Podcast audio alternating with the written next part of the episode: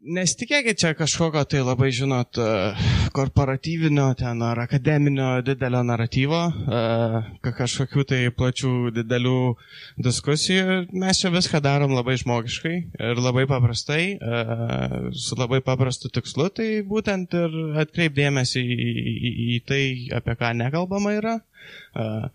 Mes neseniai paleidom naujienų portalą Europos žinios LT e, su ta pačia šiokia tokia vizija, maždaug, kad e, na, atsirastų kažkokia erdvė, ar bent kaip įmanoma, kuo daugiau nešti tos tokios globalios, europinės perspektyvos į Lietuvą, kuri turbūt, e, kaip manau, ir iš pranešimų šiandien sudarysit įspūdį, yra pakankamai save izoliavus. Ir, ir, ir, ir tai yra toks didelis noras šiek tiek atsiverti. Um, Dabar šitą konferenciją, aišku, pradėjome Aušos Maldeikienės iniciatyvą. Visas finansavimas yra iš mūsų realiai parlamentinių lėšų. Aš esu jos padėjęs Europos parlamente Briselį, Gedrius Alasevičius. Um, tai čia buvo tokių klausimų, kas jūs remia ir panašiai, tai nu niekas. jo, Europos parlamentas mus remia. Uh, Lygiai taip pat e, visi žmonės, kuriuos čia matysit, atėjo savo norų, savo iniciatyvą, be jokių iš ankstinių sutarimų, su visiška laisvė sakyti, ką nori, tiek formos, tiek saviraiškos, tiek turinio prasme. E, mes tiesiog e, tikimės, kad visi šitie žmonės kažką tokio pasakys tame tarpe ir aš, kas galbūt nelabai įprasta yra viešoje erdvėje ar kam galbūt mažiau vietos lieka. Uh, Tai va, o per daug jūsų laiko nešvaistydamas, e, dar pakviesiu Aušą pasakyti keletą žodžių, kadangi be jos visą tai negalėtų vykti. Šitai aišku vykti, ga... čia ką nors pasakyti, aš girdžiuosi. Šitai be abejo gali vykti ir be manęs, čia nieko, nieko čia ypatingo, nebus manęs, viskas vyks, bet mm, kažkaip ne, ne, nesusireikti, nesusireikti, ai, pinigų, duos antram numeriui. E, sąraše, kas yra Rasa Žemaitė. Taip, bet jos lik ir nesimato kol kas. Tai iš tikrųjų e, tikrai mūsų tikslas yra daryti e, nors kartą per ketvirtį ką nors panašaus. Kitas renginys bus gruodžio 11, lik ir ne ketvirtis, bet prisidėsime prie Manto domieno dėl labai vienos paprastos temos, tai yra Kinijos įtakos mūsų regione. Labai labai labai labai visus, kas galite, kviečiu ateiti papiketuoti ryte prie Kinijos ambasados e, gruodžio 11, nes mes kalbėsime apie religijos laisvę Kinijai. E, po pietų bus Seime tokia konferencija su e, jau tada pranešėjais ekspertais iš vakarų šalių, Didžiosios Britanijos visų pirma, keltas ekspertų bus, kurie pasakos, mes kalbėsime apie uigūrus, apie krikščionis, apie e, situaciją. Nu, tibetiečius, tokia lietuviška perspektyva, paprastai tibetas egzistuoja. Tai aišku, visais turime visų šalių vėliavų, e, Vatujgūrai irgi pažadėjo duoti, tai galima linksmai praleisti laiką, pamojuoti vėliavos, vėliavoms kinams prieš nosį. Tai, e, nu ir kaukės pasidarysim. Ta prasme, iš tiesų, jeigu jie paremė ir prisiminė mūsų Baltijos kelią, mes galime tiesiog padėti jiems. Uigūrų situacija iš tikrųjų yra tragiška. Europos parlamente tam jau paskutiniu metu pastebėjau, kartą per savaitę jau būna koks nors ten kreipimasis kreipimasis ar, ar pasipriešinimas, ar kažkoks susitikimas ir taip toliau, tampa tokio labai aiškiai europinė perspektyva, nes iš tiesų tauta yra suvaryta į konslagerius ir žudoma taip tyliai, metodiškai ir, ir tiesiog žmonės nyksta, vyrai, vyrai visų pirma. Tiesiog jie išnyksta iš žemės rutulio ir niekas po to jų neberanda. Tai, tai iš tikrųjų, nu aš tą lietuvišką diskursą žinau, musulmonai nebroliai, žinot, yra visais atvejais ir iš tikrųjų turbūt vienintelis dalykas, dėl ko aš esu ir politikoje, ir kas kiekvieno mano judesio mąstymas, čia bus ir paskutinė mintis, yra tas, yra tas pusiau anegdotas, pusiau pryčia, kuris pasakojamas daugelį variantų, priklausomai kartais kalbama apie holokaustą, kartais kalbama apie Staliną, apie tai, kaip atvažiuoja prie namų Varonokas ir išsiveža kaimyną iš dešinės. Na tai su juo viskas tvarkoj. Nu, vienose variantuose jis buvo ten kažkoks, tai kitose ten trotskistas, nu, bet tipo nesavas. Kitą naktį išveža iš kitos pusės, paskiau iš priešų ir kai atvažiuoja veš tavęs, nebėra kam pasakyti, kad aš tai tikrai nieko nedariau. Nes formaliai žmonės nieko nedaro ir užatima laisvę.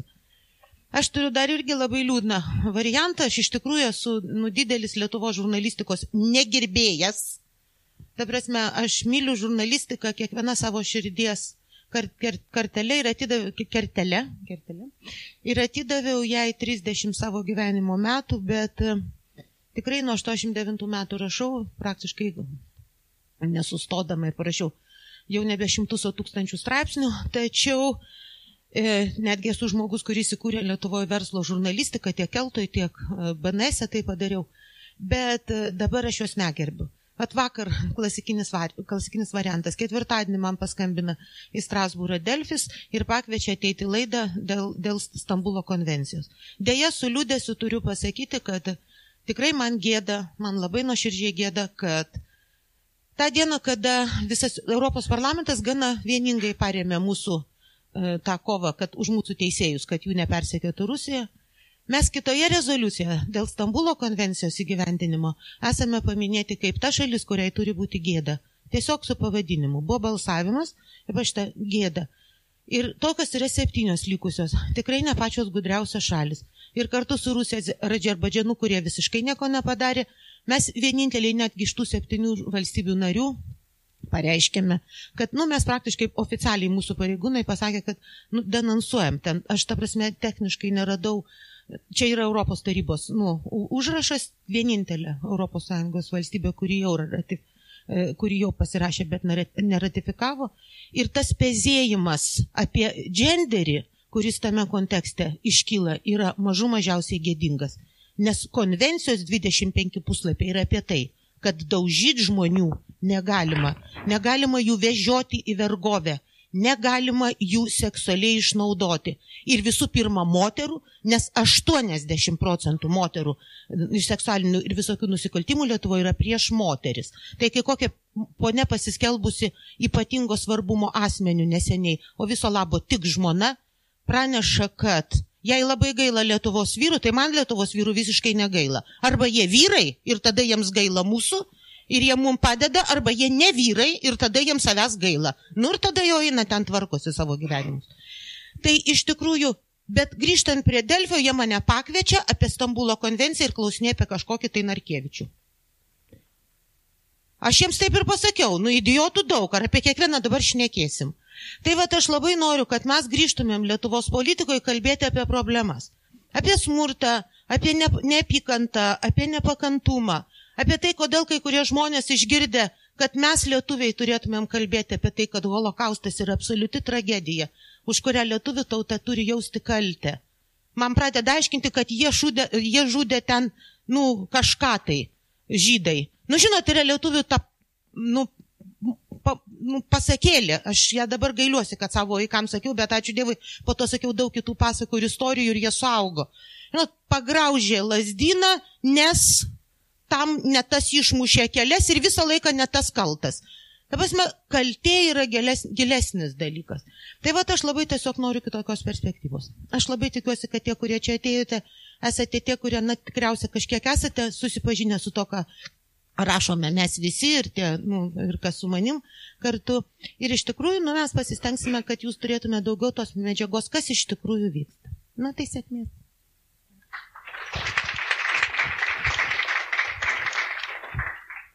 Tai kadangi aš sakiau, kad čia nesitikėkite jokių akademinių dalykų, tai pradžiai pakviesim ir Miną Matnytę, ISM dėstytoją politikos mokslų, profesorė, Vauša mane taiso. Aš labai nemėgstu titulų ir hierarchijų, tai man labai sunku.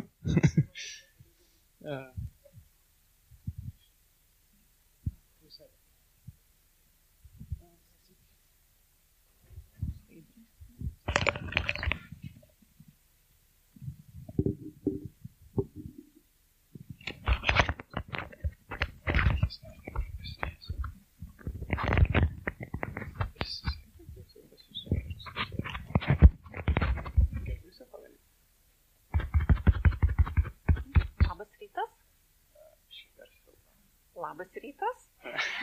Dar labas rytas. Jau. Gal tada jau. Geriau girdėsi. Labas rytas. O, ketvirtas kartas. Labas rytas. Gerai. Jau dabar. Labas rytas.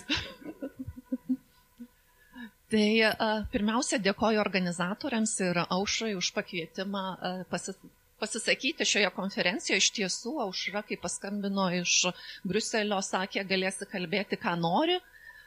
Tai nežinau, ar aš tų norų labai daug turiu pasakyti, bet iš tiesų yra dalykų, kurie, kurie, kuriais galvoju, kad galėčiau pasidalinti. Tai Pereidama prie savo pranešimo, kurį paruošiau, tokiu gal vaizdas bus šiek tiek akademinis, norėčiau, reaguodama į aušros e, pasisakymą paskutinę mintį, pasakyti, kad vakar lemtingoj natoj spektaklį e, Tumino jį žiūrėjau ir iš tiesų tas holokausto tematika, jinai Tam spektakliai yra puikiai atskleista ir dviejų tų didžių autų, aktorių vaidinimas yra tas, kuris uh, padarė, kad šią naktį buvo sunku ir miegoti. Ir dėl to, ką spektaklį mačiau ir galvojant apie šią konferenciją. Uh, Pereinant prie uh, pranešimo, tai iš tiesų mano tikrasis pranešimas bus tikriausiai antrasis, aš labiau norėčiau kalbėti apie senatvės globą ir mokslinio tyrimo rezultatus, kuriuos, kurių mes pasiekėme ISM su kolegomis atlik, atlikę tą trijų metų trukmės tyrimą, bet e, pradžiai, kaip ir organizatoriai pasiūlė, tokiam gal apšilimo dvasia keletą, keletas minčių, keletas duomenų susijusių su tokia kaip akademiškai suformuoluota tema vaizdiniai ir atsakomybė viešosios politikos sprendimuose. Tai tikriausiai labai e, čia daugeliui bus aišku, mes daug kartų sugrįšim prie tos temos e, į, įvaizdžio kainą politikoje, e, kas tą kainą nustato ir kas ją užmoka, ar tie žmonės, kurie įvaizdį nešiojasi, ar tie, kurie įvaizdį naudoja arba tampa to įvaizdžio įkaitais. Aš norėčiau šiek tiek plačiau kalbėti apie vaizdinius ir atsakomybę, bet vis dėlto pirmoji skaidrė ar pirmasis tas vaizdas ar įvaizdas bus apie tą įvaizdžio komunikaciją ir galbūt vėlgi europinę perspektyvą. Mes ar europinį rūpestį mūsų kaiminystėje yra šalis, kurioje įvaizdžio komunikacija yra ta, kuri veikia tokios tais ir tokiu gyliu, kokį sunku įsivaizduoti. Ir čia vienas paveikslėlis iš naujai išrinktos E, nauja. Čia tuo metu, kai šoko e, Marija Valentinovič, man atrodo, pavardės su prezidentu jinai dar nebuvo aukščiausios tarybos deputatė, bet dabar jinai jau yra išrinkta.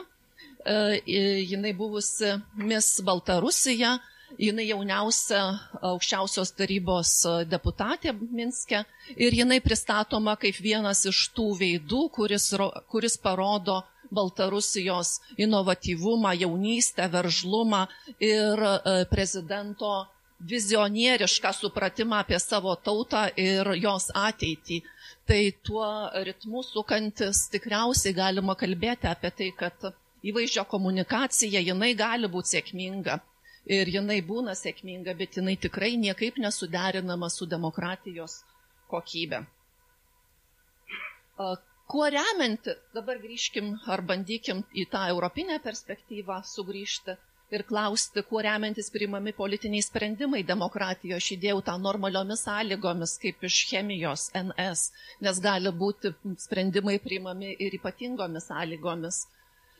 Bet normaliomis sąlygomis yra ekspertinės žinios ir jas atstovauja technokratai, biurokratai dažniausiai, dėl ko yra pliusai ir minusai ir ekspertiniam žiniom taip kaip jos pateikiamos, kaip jos yra matuojamos, suinteresuotų šalių lūkesčiai ir patirtys. Tai yra interesų grupių konkurencija, pagrystas žinios, žinojimas, supratimas ir tikriausiai čia yra tas aspektas, kuris e, reikalauja didžiausio dėmesio ir didžiausio įsiklausimo, didžiausio supratimo nesuinteresuotųjų šalių demokratiniai visuomeniai nuo dal klasikinių veikalų.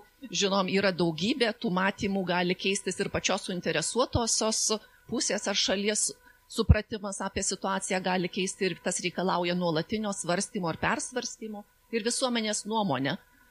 Demokratija arba populizmas, galima sakyti. Ir čia visuomenės pažiūromis arba simpatijomis. Tai va čia paprasčiausia būtų tą įvaizdžio komunikaciją daryti.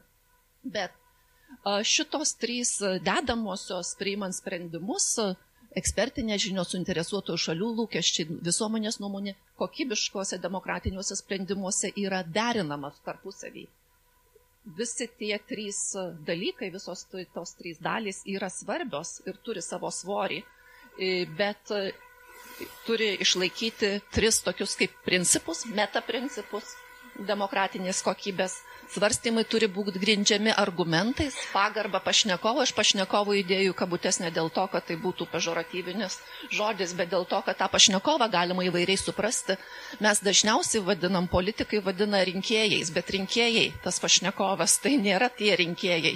Tai nėra rinkėjai, mokesčių mokėtojų, naudos gavėjai, piliečiai, interesų grupės ir atsakomybė už sprendimus.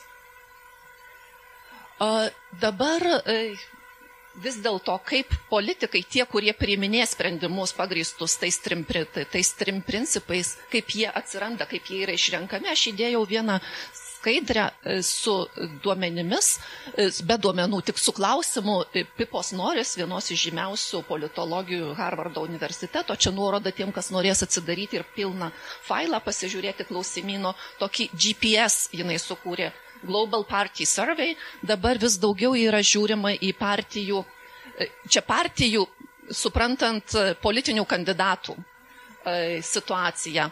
Yra žiūrima ne tik į ekonominės, socioekonominius klausimus, kaip partijos kairė, dešinė kvestionuoja arba atsako į klausimus susijusius su mokesčių surinkimu, piliečių įgalinimu, su moderniu ar tradicinių vertybių skatinimu, bet ir su tuo, kokio pobūdžio retorika yra naudojama lyderių kalbose, pranešimuose spaudai, viešuosiuose susirinkimuose, partijų programuose ir kampanijų komunikacijoje.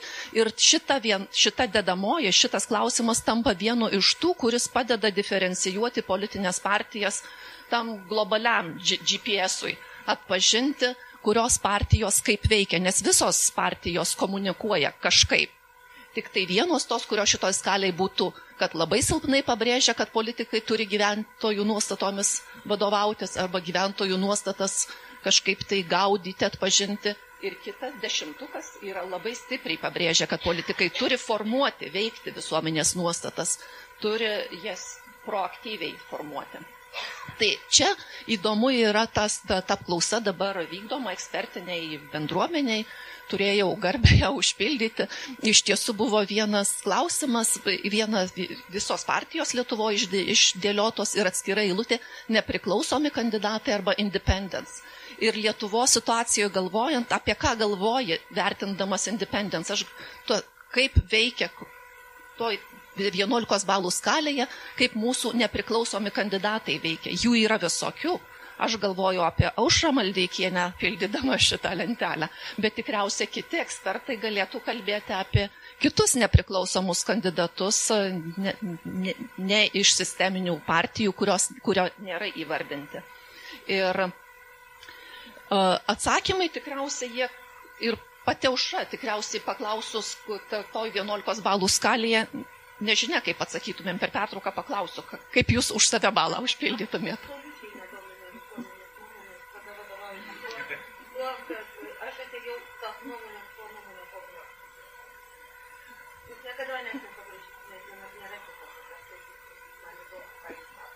Po šitos skaidrės aš turiu kitą skaidrę, kurioje aušros atsakymas yra įdėtas, bet anonimizuotas, aš negaliu pasakyti tiksliai, kuris. Lietuvoje mes esame darę apklausas e, ir elitų tarpe, politinio administracinio žiniasklaidos ir gyventojų tarpe šiek tiek politinės komunikacijos principai suformuoti neskalės pagrindų yra paprasčiau analizuoti, analizuojami, tai mes turim du tokius klausimus klausę esam. Bendraudami su rinkėjais politikai gali akcentuoti skirtingus dalykus. Kaip Jūs manote, kuris iš dviejų pateiktų aspektų yra svarbiausias? Kuo tiksliau piliečių politinės nuostatas priskirti viešai politiką ar siekti rinkėjų paramos partijos parengtai politiniai programai arba nebūtinai partijos, bet parengtai kandidato parengtai politiniai programai gyvendinti. Ir politiniai sistemoje rinkimai atlieka įvairias funkcijas, jūsų nuomonė, kuri šių dviejų funkcijų yra svarbiausia, Rinkimuose politika atsiskaito rinkėjams už savo veiklą, rinkimuose politikai pristato savo ateities veiklos planus rinkėjams. Ir įsivaizduojame, kad iš šitų keturių atsakymų galimos keturios kombinacijos. Žmonės gali sakyti, kad kuo tiksliau piliečių politinės nuostatas priskirti viešai politikai ir atsiskaityti rinkėjams už veiklą. Kuo tiksliau pilietinius nuostatas priskirti viešai politikai ir pristatinėti ateities planus. Siekti rinkėjų paramos programai ir atsiskaitinėti už veiklą praeitįje ir siekti paramos parengti programai ir pristatinėti ateities vizijas. Tai tikriausiai čia nesunkiai atpažinsim, klasikinis, tos klasikinės tradicinės demokratijos principas būtų geriausia derinti antrąjį, antrąjį punktą ir pirmąjį - siekti rinkėjų paramos parengtai politiniai programai, įsivaizduojant, kad programa renka, rengiama apmastant, diskutuojant ir politikai atsiskaito rinkėjams už savo veiklą praeitie, reiškia, ta programa vis yra patikslinama, pakoreguojama, rinkėjams leidžiama retrospektyviai įvertinti, kiek politikai, partija ar asmenys pasiekė tų, to, ką žadėjo savo programoje. Čia skaidrė su daug skaičiukų, bet tikriausiai įdomiau aš tik tai prie vieno žurnalistų žiniasklaidos elito apsistosiu. Matom pagal šitus du klausimus, kaip pasiskirsto Lietuvos elitai pagal kategorijas politinis žiniasklaidos, ekonominis ir administracinis elitas. Tai e, būtent kalbant apie žiniasklaidos elitą, tai iš jo galima matyti tą domėjimąsi politinių partijų e, rengiamomis programomis, jų e, jų pristatymų rinkėjams. 59 procentai palyginus su 40 procentų, kurie renkasi, kad nuomonės reikia atspindėti. Ir iš dalies tai atspindi tai, kas angliškai sakoma apie e, suinteresuotųjų grupių mąstymą you stand where you sit. Pozicija žiniasklaidos elitas, žiniasklaida uždirba iš rinkiminės kampanijos viešinimo, ar tai yra programos, ar nuostatos, ar su rinkiminė programa tik susiję dalykai, bet čia yra stipriai žiniasklaidos elitas į tą pusę linkęs daugiau negu kad kiti, kiti kategor, kitos elito kategorijos. Žiūrint į, į kaip politikų atrinkimo principai turėtų būti e, formuojami, ar atsiskaitimas už praeities veiklą, ar ateities planų pristatymas, Čia tikriausiai įdomiau būtų žiūrėti į patį politinį elitą ir žiniasklaidos elitą, kurie labai nureikšmina, labai mažai vietos teikia atsiskaitimui už praeities veiklą, tam retrospektyviniam, supratingam, sąmoningam, įgalintam rinkėjui, kuris analizuotų ir pagal praeities veiklą, pagal reputaciją buvusią ar esamą vertintų ir rinktųsi politikus, kurie atiduotų svertų sprendimų prieimimo, o didesnis akcentas yra ateities planų pristatymui, kas yra susiję su vizijomis, už kurias galima laikyti, už, už kurias toliau atsakomybės kaip ir nėra mechanizmo įgyvendinto. Lietuvos gyventojų požiūriai, pats tyrimas mūsų buvo darytas su šitais klausimais labai seniai, bent dešimt metų atgal, kitas gavosi nereprezentatyvus. Tai čia tie duomenys yra, aš ir parašiau, čia toks ekspertinis vertinimas su apvalinu, su kolegom perkalbėjus. Tai mūsų yra maždaug ketvirtadalis piliečių, kurie sako rinkėjų, kad kuo tiksliau priskirti viešai politiką, o du trečdaliai laukia politinių programų arba politinio pasiūlymo, to nuomonės formavimo. Pasiūlymo, kaip galima būtų spręsti problemas. Ir iš kitos pusės, politika atsiskaito rinkėjams už savo veiklą praeitį, tai to sąmoningo rinkėjo elementas yra labai nedidelis, tik 25 procentai rinkėjų sako, kad jie yra nusiteikę ir reikėtų, kad politikai atsiskaitinėtų jiems už savo veiklą praeitie, o dauguma tikisi ir nori ateities e, perspektyvų, vizijų. Ir matome tasai e, sveikas demokratinis elementas, kuris būtų derinys tarp pozicijos siekti rinkėjų paramos, parengti programai ir atsiskaityti rinkėjams už savo veiklą. Geriausiu atveju Lietuvoje apima ketvirtadalį rinkėjų, bet realiai tikriausiai yra vos aštuntadalis rinkėjų, kuris turi tą mąstymo matricą, kurioje reikalaujama, kad ir politikai apmastę, parengę programas jas pristatytų, išdiskutuotų, o paskui atsiskaitytų ir įgyvendindami leistųsi būti kontroliuojami. Tai čia, čia aš galėčiau baigti keletų tokių vaizdingų klausimų. Ar mes einam tokiu užburtų rinkimų ratu pagal tai, kaip ir mūsų elitų nuostatos ir piliečių nuostatos vis uh, piliečių nuostatas atsta, atpažinti, pelenguoti kažkaip, bet visi ateitį jas projektuoti ir tas užburtas rinkimų ratas, kuris neveda į spiralę, į tą mokymosi, pilietinio mokymosi spiralę atsirastų arba atsiranda tada, kai yra atsiskaitimo, atsiskaitomumo elementas, tas retrospektyvinio vertinimo, įgyvendinimo rezultatų pasiekimai yra svarbus. Yra gel, tokioje aplinkoje ta gelbėtojų kultūra gali būti labai gaji ir yra gaji, nes ateities e, perspektyva mes e, išgelbėsim, mes panaikinsim korumpuotą elitą, mes, e, o kokiais žingsniais ir ką turinio prasme pasieksime.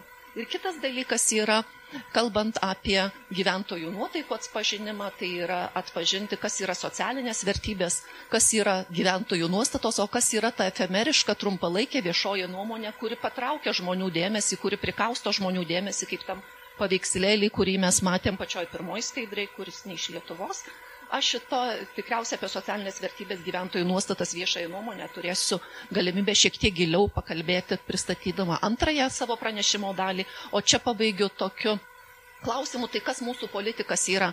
Samdinys, patikėtinis, laivai, laisvai samdomas darbuotojas ar apsišaukėlis. Tai e, iš politikos e, mokslo teorijos, kaip ir žinome, kad samdinys yra tas, kuris būtų politikas samdomas tam tikrą interesų, grupė, interesų grupių norams įgyvendinti, lobistas. Patikėtinis būtų tas, yra tas modelis politiko, kuris būtų demokratijoje pats veikiausias, kad rinkėjai jį išrenka kaip e, įgaliojimą parašo patikėtinį, kuriam suteikiama galimybė veikti plačiau, įsivaizduojant, kad atstovaujami, geriausiai atstovaujami patikėjusio jo interesai, tai yra tas delegavimo graži, grandinė suvaržytas arba įgalintas politikas. Delegavimo grandinė yra mintis ta, kad rinkėjai išrenka, politikas atstovauja, bet jis renkasi savo patarėjus, jisai renkasi būdus, kokiais įgyvendinti į sprendimus arba į kuriuos pageidavimus, norus savo to pirm, dele, jį delegavusiųjų asmenų grupės atsižvelgti srities specialistas čia yra tas, kuris tikriausiai Lietuvoje yra gana mažai e, eksploatuojamas, kad tam tikrų srities specialistų e, turi būti politikai, vienas iš e, politiko atstovavimo, vienas iš įdomiausių arba svarbių ir iki šios dienos labai pastebimų kalb, tarptautiniuose lyginamuose projektuose, kalbant apie Lietuvos parlamentarus, pastebimas dalykų, kad mūsų tarpė, mūsų politikų tarp yra mažai mokytojų ir gydytojų, tos viešosios ryties specialistų, viešosios ryties politikos specialistų. Ar tai yra viešųjų ryšių produktas, čia galėtumėm grįžti prie to įvaizdžio, kuris, kuris gali būti ir būna sukurtas. Ir čia aš tą, tą e, vaizdinį panaudosiu, kurį čia jau anonsavau. Apsišaukėlis, mes gal žinom iš Rusijos, carinės Rusijos to, istorijos, ten Lžai Carevič, kuris atsirasdavo dėl tikrų, dėl labai aiškaus politinio tokio pavogimo legitimumo. Bet paprastai apsišaukėlis yra vadinamas tas, kuris dedasi kitų, neteisėtai savinasi kokį titulą, kas apsišaukęs, išsigyręs, išsigarsinęs, bet aš pabraukiau žodį neteisėtai rinkimai suteikia teisėtumą, bet, kuris, bet, bet kuriais būdais iškovotas mandatas, jis jau leidžia žmogui nesijausti ir nesivadinti apsišaukeliu. Ir čia paskutinis akcentas, ir tikriausiai šito auditorijoje daug kas žino ir esate girdėję savo aplinkoj e, intelektualų darbą, e, vadybinį, atsakingą darbą, startų po kultūrose. Kultūroje yra plačiai paplitęs, e, paplitusi savoka diskusijos apie apsimetėlio arba apsišaukelio sindromą. Atsakingam darbė sakoma, kad apie 70 procentų žmonių dirbančių tokį darbą jaučiasi apsimetėliais arba apsišaukėliais, turi tą sindromą, tai yra psichologinis reiškinys imposter syndrom.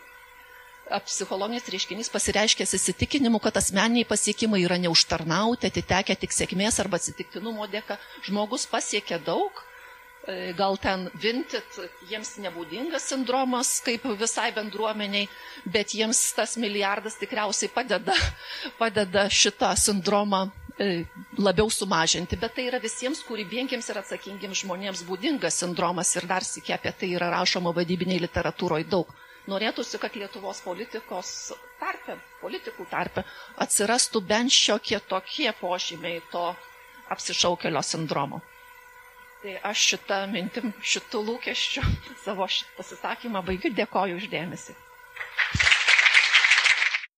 Duosime taip, taip tipiškai sėdi, galvoji, galvoji, prisigalvoji kažkokių nesąmonių, po to galvoji, reikia ir edukuoti visus čia truputėlį, nes, nu ką, ką žinau, kiek čia bus studentų, protingų žmonių ir taip toliau, gal reikia biškai to backgroundo duoti, statistinių ir panašiai.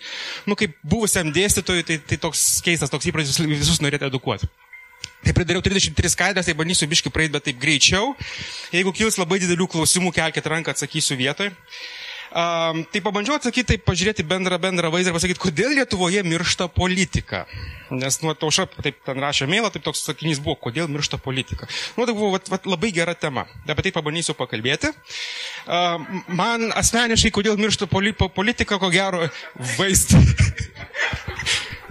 taip, čia yra, mes juo pradėsim, mes juo ir pabaigsim, jeigu ką. Um, taip. Čia yra vaizdinys, kaip Lietuvoje miršta. Čia kaip miršta, gerai, bet ne kodėl.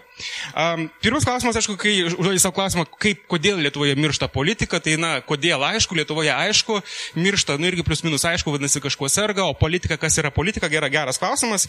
Jeigu paklausim Lietuvoje žmonių, kas yra politika, pasakys labai nuobodus dalykas, visi tenais uh, ginčijasi ir taip toliau, nieko įdomaus. Šiaip per definiciją, tai politika yra the art and science of government.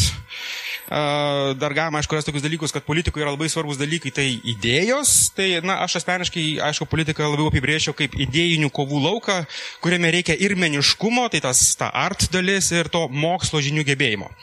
Tai meniškumas, tai ko gero, aš tai priskirčiau prie tokio gebėjimo dylinti, rasti kompromisus bendradarbiauti ir panašiai.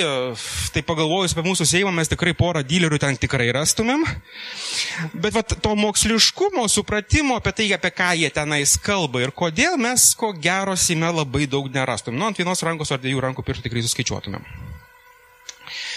Tai bandydamas atsakyti, kodėl Lietuvoje miršta politika, a, darėjau pers, bet skaidrės jau yra mano blogė, tai fotkinti nereikia, viskas jau yra. Um, tai e, kodėl miršta politika, aš manau, kad pagrindiniai dalykai, pagrindinis tai priežastis yra tas, kad visų pirma mes sunaikiname valstybės valdymą, viešai sektorių iš esmės, e, naikiname švietimą arba inteligenciją šalyje, na ir aišku, tam, kad būtų visiems smagiau, šiek tiek pudruojam smegenis visai tautai. Tai apie tai vat, ir pabandysiu trupai praeiti su piškiai ir su skaičiais, aišku, kad nes, nu, tai ja. Kaip naikinamas valstybės valdymas? Pradžioje buvo žodis Lietuvos laisvos rinkos instituto žodis, savame suprantama, maži mokesčiai skatina ekonomikos augimą. Na, o tokia ideologija nugulė giliai į lietuvių pasąmonę ir jeigu paskaitysime apie kokius nors mokslinius straipsnius, kad ir mūsų pačių lietuvių apie tai, kokią mes turim gerovės valstybę Lietuvoje ir panašiai, panašiai, rasime labai aiškiai, kad ideologija persismelkė 90-ųjų pradžioje ir iki šiol jinai yra neiškrapštoma. Kaip labai jinai neiškrapštoma, matote skaidrėje, kur, me, kur mūsų mokesčių ir BVP santykis, tai Lietuvoje 30,2 buvo 18 metais, ES vidurkis 40. 10 procentinių punktų skirtumas, priminsiu, kad nu, mūsų BVP beveik 50 e, milijardų, tai galite įsivaizduoti, vienas procentinis punktas 500 milijonų, daugmaž taip. Nu, tai mes taip gražiai atsiliekam. Um, pačiam, pačiam, pačiam galiukė, nes už mus mažiau uh, perskirsto arba resursų viešai uh, turi tik tais rumūnai ir bulgarai. Na ir aišku, statistiškai airiai, bet, na, e, jeigu išgirsite politiką kada nors ar kokį nors bankų piarčiką, kalbantį, kad žiūrėkit, kaip airijoje gerai tiek mažai perskirto tokia nuostabi šalis, nu, tai nulinčiuokit tą žmogų gyv, negyvai, nes, e, vadinasi, žmogus kalba ir nesupranta apie ką kalba, nes airijoje yra labai daug tarptautinių organizacijų, jos neva pardavinėja, eksportuoja savo prekes ir paslaugas, na, Apple'as, Google'as ir panašiai, tai išpučia techniškai išpučia jų BVP, na ir gaunasi, kad jų perskirstimas tada pasidaro labai mažas ir visi rodikliai Airijos, kurie yra susijęs su, susijęti su BVP, iš esmės yra absoliučiai niekiniai. Na, bet paaiškinkite tai kokiam nors, nežinau, Mauricui ir dar kam nors. Niekada neišmoksta. Taip, Kodėl Lietuvoje, a, taip, valdžios sektoriaus išlaidos pagal, pagal sritis. Tai aš tiesiog paėmiau ir palyginau Lietuvą ir ES vidurkį procentinių punktų skirtumą. Tasme, kad mes jau nu, taip mažai skiriamės ir taip, aišku, bet klausimas, o vat, kam mes skiriame, kam, kaip, kaip, kaip, kaip mes vat, ES vidurkį vat, pagal sritis. Tai pažiūrėsim, kad vat, General Public Services yra čia didžiausias skirtumas, 2, ten beveik 3 procentinio punkto procentais nuo BVP skiriame mažiau negu ES vidurkis. Na, Economic Affairs irgi skiriame vis dar ganėtinai mažai, bet vat, kam sugebam skirti, tai Education, čia toks biški paslėptas rodiklis, kas e, mano blogą nuės e, į, į prieš tai buvusią prezentaciją, kurią skaičiau pas mokytojus, tai pamatys biški daugiau info. Ir aišku, mes, labai, ir mes daugiau negu vidurki, vidutiniškai sugebam skirti saugumui saugumui, nes nusavame suprantama, rusas puola, reikia būtinai naujų tankų ir tankėčio, o kas darysi su viešoju sektoriu, ah, tai kaip nors. Jeigu tą patį išreikšti biškis skaičiukais, nes visiems patinka dideli skaičiai, tai viešajam sektoriui maždaug trūksta taip gero 1,1 milijardo eurų. Nu, tai dar, jeigu pridėsime sveikatai 600 milijonų, kurių mums trūksta iki ES vidurkio, tai pagal, na ir dar ekonomikai dar 500 milijonų, tai mes matom, kiek iš tikrųjų mums reikėtų tam visam viešajam sektoriui, kad, kad mes galėtume pilnai funkcionuoti. Taip. Uh, Seimo komiteto, Seimo narių darbuotojų atlyginimai yra beje ganėtinai apvertini. Čia aš manau, kad aušrai yra nekartą apie tai irgi kalbėjusi. Vakar pasižiūrėjau, kokie skelbimų. Finansų ministerijos skelbimas. Finansų politikos departamento fiskalinės priežiūros skyriaus vyriausias specialistas pareiginės algos koeficientas bla bla bla 7,7 iki 8,2. Tai pavertus bruto gaunasi 1200-1400 eurų, neto 700-900 eurų maždaug. Mm, galite eiti, aukšto, reikia, reikia aukštojo, anglų kalbos, mokėti ir švedį. Ne, tai be abejo, čia viskas be abejonės. Jeigu pasiseks, rasite specialistą už 1000-1200 eurų e, į rankas. Um, Ukmino, speci... Ukmino skelbimas verslo aplinkos departamento geresnio reglamentavimo politikos skyriaus vedėjas. Uh, mėlyni yra linkai, tai jeigu atsidarysit skaidrės, galite nuspausti, pateksit tiesiai į skelbimą. Reikia mažiausiai trijų metų teisininko darbo patirties. Bruto 1990, netų į rankas gaunasi 1200. Pagalvojau, nu gerai, o einam pasižiūrėsim į, į, į CV online, kas gero. Nu tai atsidarom PR Manager. Atlyginimas nuo 2000 iki 3300 bruto. Galite įsivaizduoti, nu, jeigu jūs esate kažkiek kažką sugebantis, koks ir kokia yra jūsų milžiniška motivacija eiti viešai sektoriu. Kolega dabar įsidarbinęs yra Lietuvos bankė, tai jo atlyginimas yra irgi daug maž taip apie 1200 eurų į rankas. Tai ta prasme, tai na, Lietuvos bankė dar geriau negu, negu, negu, negu ministerijose, bet taip bendrai paėmus, man irgi yra iš tikrųjų gana apvertina situacija. Na ir kur link visą tai nuveda? Na, visą tai aišku nuveda link to, čia statistikos departamento e, skaidrė, jog laisvų vietų uh, santykis su užimtomis viešame valdyme gynybų ir, ir privalomų socialinio draudimo srityje yra didžiausias - 2,9 procentai. Ir tai jau metai iš metai nekinta. Mums tiesiog žiauriai trūksta žmonių. Aišku, aš suprantu, kad čia yra tokio šiokio tokio šalai valai, nes labai gerai yra išlaikyti tuščias darbo vietas, nes, tada, nes tau nes gauni asignavimus, tada tu juos perskirstai, iš to biški padinė atlyginimus. Nu, e, yra tokio šiokio tokio žaidimo, bet e, daugiau ar mažiau kažkas vis tiek dirbti tai turėtų, tai tą darbą perskirsto tiem, kurie, e, tiem, kurie dirba. Na, tu tarpu mūsų tauta. Mūsų tauta e, Delfija, po, po bet kokio, jeigu atsidarysite kokį nors straipsnį, aš dabar čia nepamenu čia iš kur tiksliai, bet balvonams komentaras. Balvonams. Pirmą sumažinkit biudžetininkų skaičių, o po to jau kelkite atlyginimus, nes vėl apkrausite visus mokesčiais ir tik bus visiems dar sunkiau gyventi. Tiek biudžetininkų neturi ne viena šalis. Tuoj bus ir be atlyginimų kelimo šaliai galas. Kas pakels ne valstybės tarnautojų algas? Jų atlyginimai privalo būti penkis kartus didesni už valstybės tarnautojų algą, nes būtent iš savarankiškai dirbančių žmonių algų nemel, nemeldžiamų mokesčiais ir išlaikomi tik valstybės tarnai. Nu, vienu žodžiu. Galite įsivaizduoti, tokių komentarų, ta prasme, gali prisirinkti kiekvieną dieną. Nu, tai pasižiūrim, tas, ai, beje, į tai labai, labai tendencingai reaguoja ir mūsų dabartinė valdžia ir sako, kad kiekvienais metais 15 procentų mažinsis, siaurinsis ir taip toliau ir, na, čia jų kažkoks idealas. Nu tai pasižiūrim į, į, į tas realijas, ar ne? Tai čia aš paėmiau OPA, OPA ir QQ sektorius, tai viešasis valdymas, švietimas ir sveikatos apsauga, kiek mes turime toje srityje, bendrai paėmus dirbančių žmonių. Nes ką, ką mūsų valdžia pastoviai daro, jie paima OECD statistiką ten, kur kažkaip uh, suskaičiuoti skaičiai, kai nežiūrima, ar, ar, ar, ar, ar ta įstaiga, universitetas yra privatus ar neprivatus, asme, kai, kai, kai viską tas sukratai, tai tada gaunasi tokios biški nesąmonės. Tai yra protingiau pasimti aplamai sektorius ir pažiūrėti, kiek tose sektoriuose dirbo žmonių ir pasakyti, nu, ar mes tose sektoriuose kažkaip labai daug žmonių įdarbinom, ar, ar mes nelogiškai paskirstom pas mus tos resursus. Nu, taigi pasižiūrim Lietuvą, yra 22,4, va štai čia, Ir galite matyti, o ES vidurkis yra va, ta juoda linija. Tai galite matyti, kad nu, mes toli gražu nesam kažkaip labai jau daug tų įdarbinę. Tų žmonių tame tam viešajam sektoriui jau taip išmeldžiam baisiai. Nu gerai, pasižiūrim, susisiaurinam, pasižiūrim į, tik tai į viešą įvaldymą. Turime 5,7 procentus, ES vidurkis 6,8 irgi mažiau negu ES vidurkis. Taip kad tas pasakymas, kad oi, kiek pas mus šito viešajame valdyme ir taip, kiek pas mus išpūstas, išpūstas, kad reikia mažintis, mažintis, nu, taip efektyvumo reikia siekti, kas be ko, biurokratijos, tas metos tokios administracinės biurokratijos mažinti, taip, bet, nu, žmonių mes neturim. Aišku, mažiausiai turi Suomiai, ten 4,6, jie, jie efektyviau susitvarko, nu, bet um, jeigu nežinau, galim ir ten link judėti, bet, nu, bet kažkaip verkti, kad pas mus tiesiog ženkliai per daug ir išsipūtė ir panašiai, tai tikrai neturime ko. Jeigu paskutiniu metu pasiklausysite kokios Skirmanto Malinausko ar ten dar kažkokių protingų žmonių, e, išgirsite, kaip nuostabiai Lietuvoje išaugo viešojo sektoriaus atlyginimai. Tai gerai, tai čia tokia, e, tos nuostabus grafikas, tai oranžinė linija yra, yra Lietuvos vadovų. Tai matote, žalia linija yra mokytojų atlyginimus, švietimo sektoriaus darbuotojų atlyginimai. Jie nesakė vadovų, ten yra labai smagu dirbti. Kalba žmogus, buvęs dėstytojų.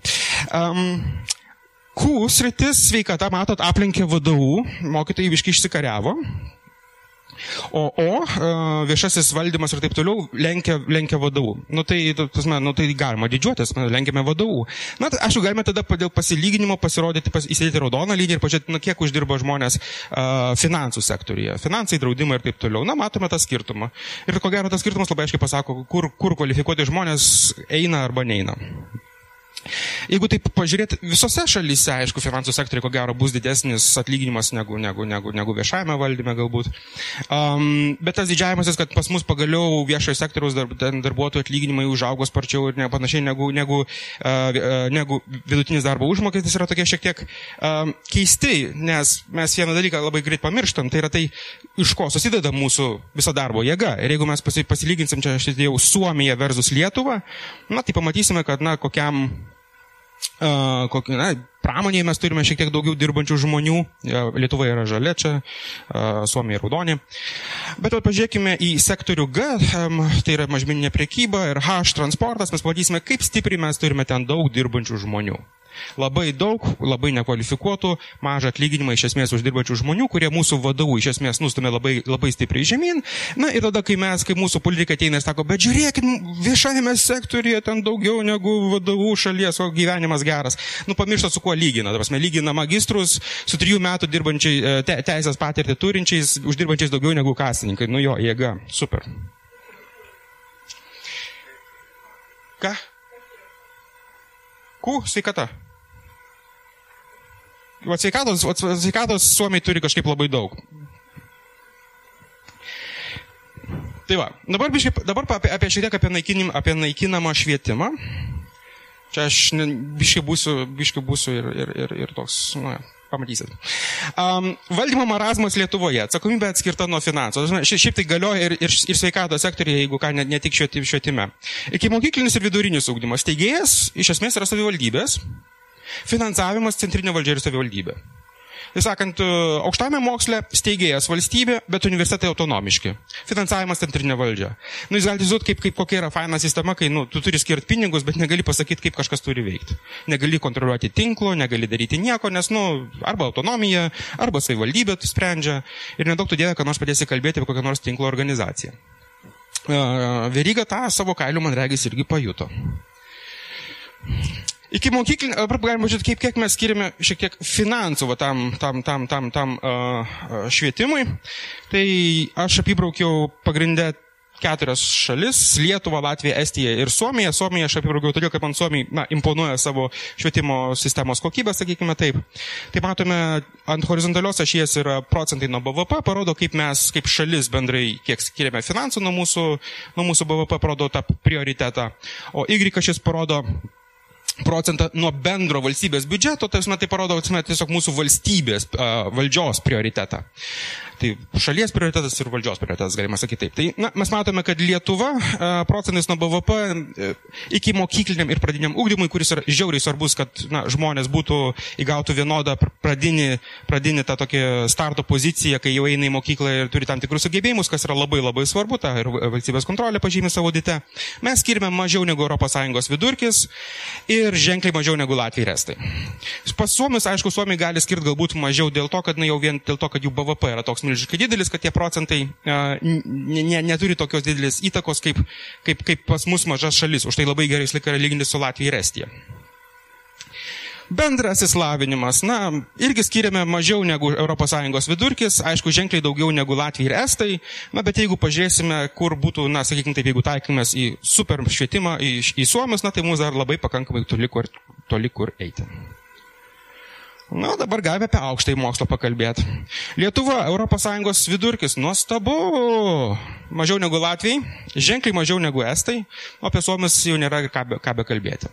Aišku, skvarnelis ateina ir sako, nu tai jau palaukite, kur jūsų moksliniai darbai, kur, jūs, kur jūsų pasiekimai. Na taip, pakonkuruokit jūs tarptautinėje rinkoje su, su, su, Lietuvos, su Lietuvos finansavimu ir su Suomijos finansavimu procentais nuo BVP. Aš jau nekalbu to, kad jų BVP yra biški didesnis negu mūsų nu, man patinka biški. Taip, negalėdami, negalėdami suvaldyti tinklo problemos, negalėdamas suvaldyti tinklo problemos, valstybė nusprendė, kad reikia įvesti mokinių krepšelius. Paskutinis bandymas tai aišku, etatinių mokytojų atlyginimų sistema, nes, nu, kai tu negali kontroliuoti, tai tu bandai kažkaip per finansus, per, per kažkokį, per, per, per galinės duris sutvarkyti. Na ir, aišku, įvestas studentų krepšelis irgi buvo nuostabi idėja liberalų su tas LKD kartu, man reikės valdymo laikotarpiu. Uh, viskas būtų buvę gerai, jeigu, jeigu populiacija Lietuvoje būtų augusi. Bet vat, tai, vat, tada nu, įvyko toks labai neprognozuojamas demografinis dalykas, pradėjo mažėti gyventojų. Suprognozuoti buvo neįmanoma, tik absoliučiai ne. Taigi, mažėjant populiacijai ar ši kova dėl išlikimo tarp institucijų prasidėjo, aišku, nu ką daryti, nu, studentų mažėja, krepšelė ateina, per krepšelius ateina pinigai. Nu, tai ką, prasidėjo bado dieta darbuotojams. Jis, galima sakyti, pradėjo tai po truputį atsigauti jau prieš kokius tik tais gerus metus pasiekmes. Mokytojai tampa korepetitoriais, kas yra labai natūralu, nes nuo pinigų tai reikia, užsidirbti reikia, o ką dar mokytojai darys į kasą, neįsi maksimą sėdėti. Na, nu, dėsi, vietoj to, kad laiko, kad, kuris yra jiems numatomas uh, tyrimams, pasiruošti paskaitoms, tai sudaro maždaug du trečdalius dėstytojų darbo laiko. Ką jie daro, jie būna žiauriai pervargę. Kodėl? Todėl, kad vietoj to laiko, kurie sėdėtų kabinete, skaitytų mokslinius straipsnius, kažką rašytų, jie lėkia kitą universitetą padėstyti. Pasme, ten irgi užsidirbo, bet ten irgi turėtų šiaip turėti, turėti irgi tos du trečdalius laiko skirti pasiruošimui ir moksliniams tyrimams, bet, kai, bet ir tą laiką jie lekia kitą universitetą. Galų galiai jie per, dirba per tris, per tris institucijas, mokslinio darbo nulis, o nuvargimas žiaurus. Nu tai va taip ir paaiškina mūsų sistemą. Na ir aišku, kas dar smagaus nuvyksta, įvyksta universitetuose, tai uh, tampa labai svarbus publikavimo, uh, publikavimas prestižiniuose žurnaluose. Vat, tai yra labai labai svarbu, nes tai labai geras dalykas, nes nu jau reikia, kad, pavyzdžiui, koks VAU būtų ten top 500, top kažkiek 600 ir panašiai. Bet problema ta, kad finansinių paskatų tam tai visiškai nėra, nes skaičiuojamas tiesiog iš esmės yra e, kiek publikacijų, o publikacijas išleisti tarptautiniam žurnalė yra ženkliai sudėtingiau, o lietuviškam kokiam žurnalėlėje tai ženkliai paprasčiau. Nu, tai kai, kai, kiekis, kai kiekis lemia, tai galite įsivaizduoti, e, į ką yra orientuojamasi. Studentai, aišku, tampa klientais, nes nu, krepšeliai, kurių nevalia prarasti. Uh, bent jau pas mus, VU EVAFE, tai studentų pasitenkinimo metrika sprendžia tai, ar profesoriai galės dirbti toliau ar negalės. Jeigu studentai nebu, bus, bus labai nepatenkinti, tai profesorius gali iš esmės ir nebedėstyti ateityje, nes nu, studentai nepatenkinti. Na nu, taip ir prasidėjo mūsų štampuojami diplomai, kurių, kurių pasakoje mes turime labai daug procentualių išsilavimą įgyjusių šalyje gyventojų jaunimo, bet apie jų kokybę mes kažkaip labai stipriai tylim. Na nu, ir aišku, kas būtų, kai, kai jau turim tokią, va, tokią verslo, verslo sistemą viešajame sektoriuje, nu, tai kaip be PR, ar ne? Nu, tai reikia dabar ir apie reklamą. Nu tai va, čia VU EVAF alumnis, 18 metų, lapkričio 7 dieną, čia iš e, VU EVAF Instagramo. Jau prasidėjusi iš esmės rinkiminė kampanija, nu plus minus, kaip oficialiai dar ne, nu, bet jau visi žinom, kad jau jo. Nu va, nausėda labai gražiai su dekanė diskutuoja. Uh, alumni, taip, po gausios paskaito, uh, paskaitos susitikimas su pokyčių dekanė. Taip, nuostabus pokyčiai pas mus vyksta. Toliau. VVF reklamuoja Tech Hubą, įkūrėm, sugebėjom su kitais, su kitais fakultetais, išplausom kažkur, man regis, ar 8 milijonus eurų. Literaliai.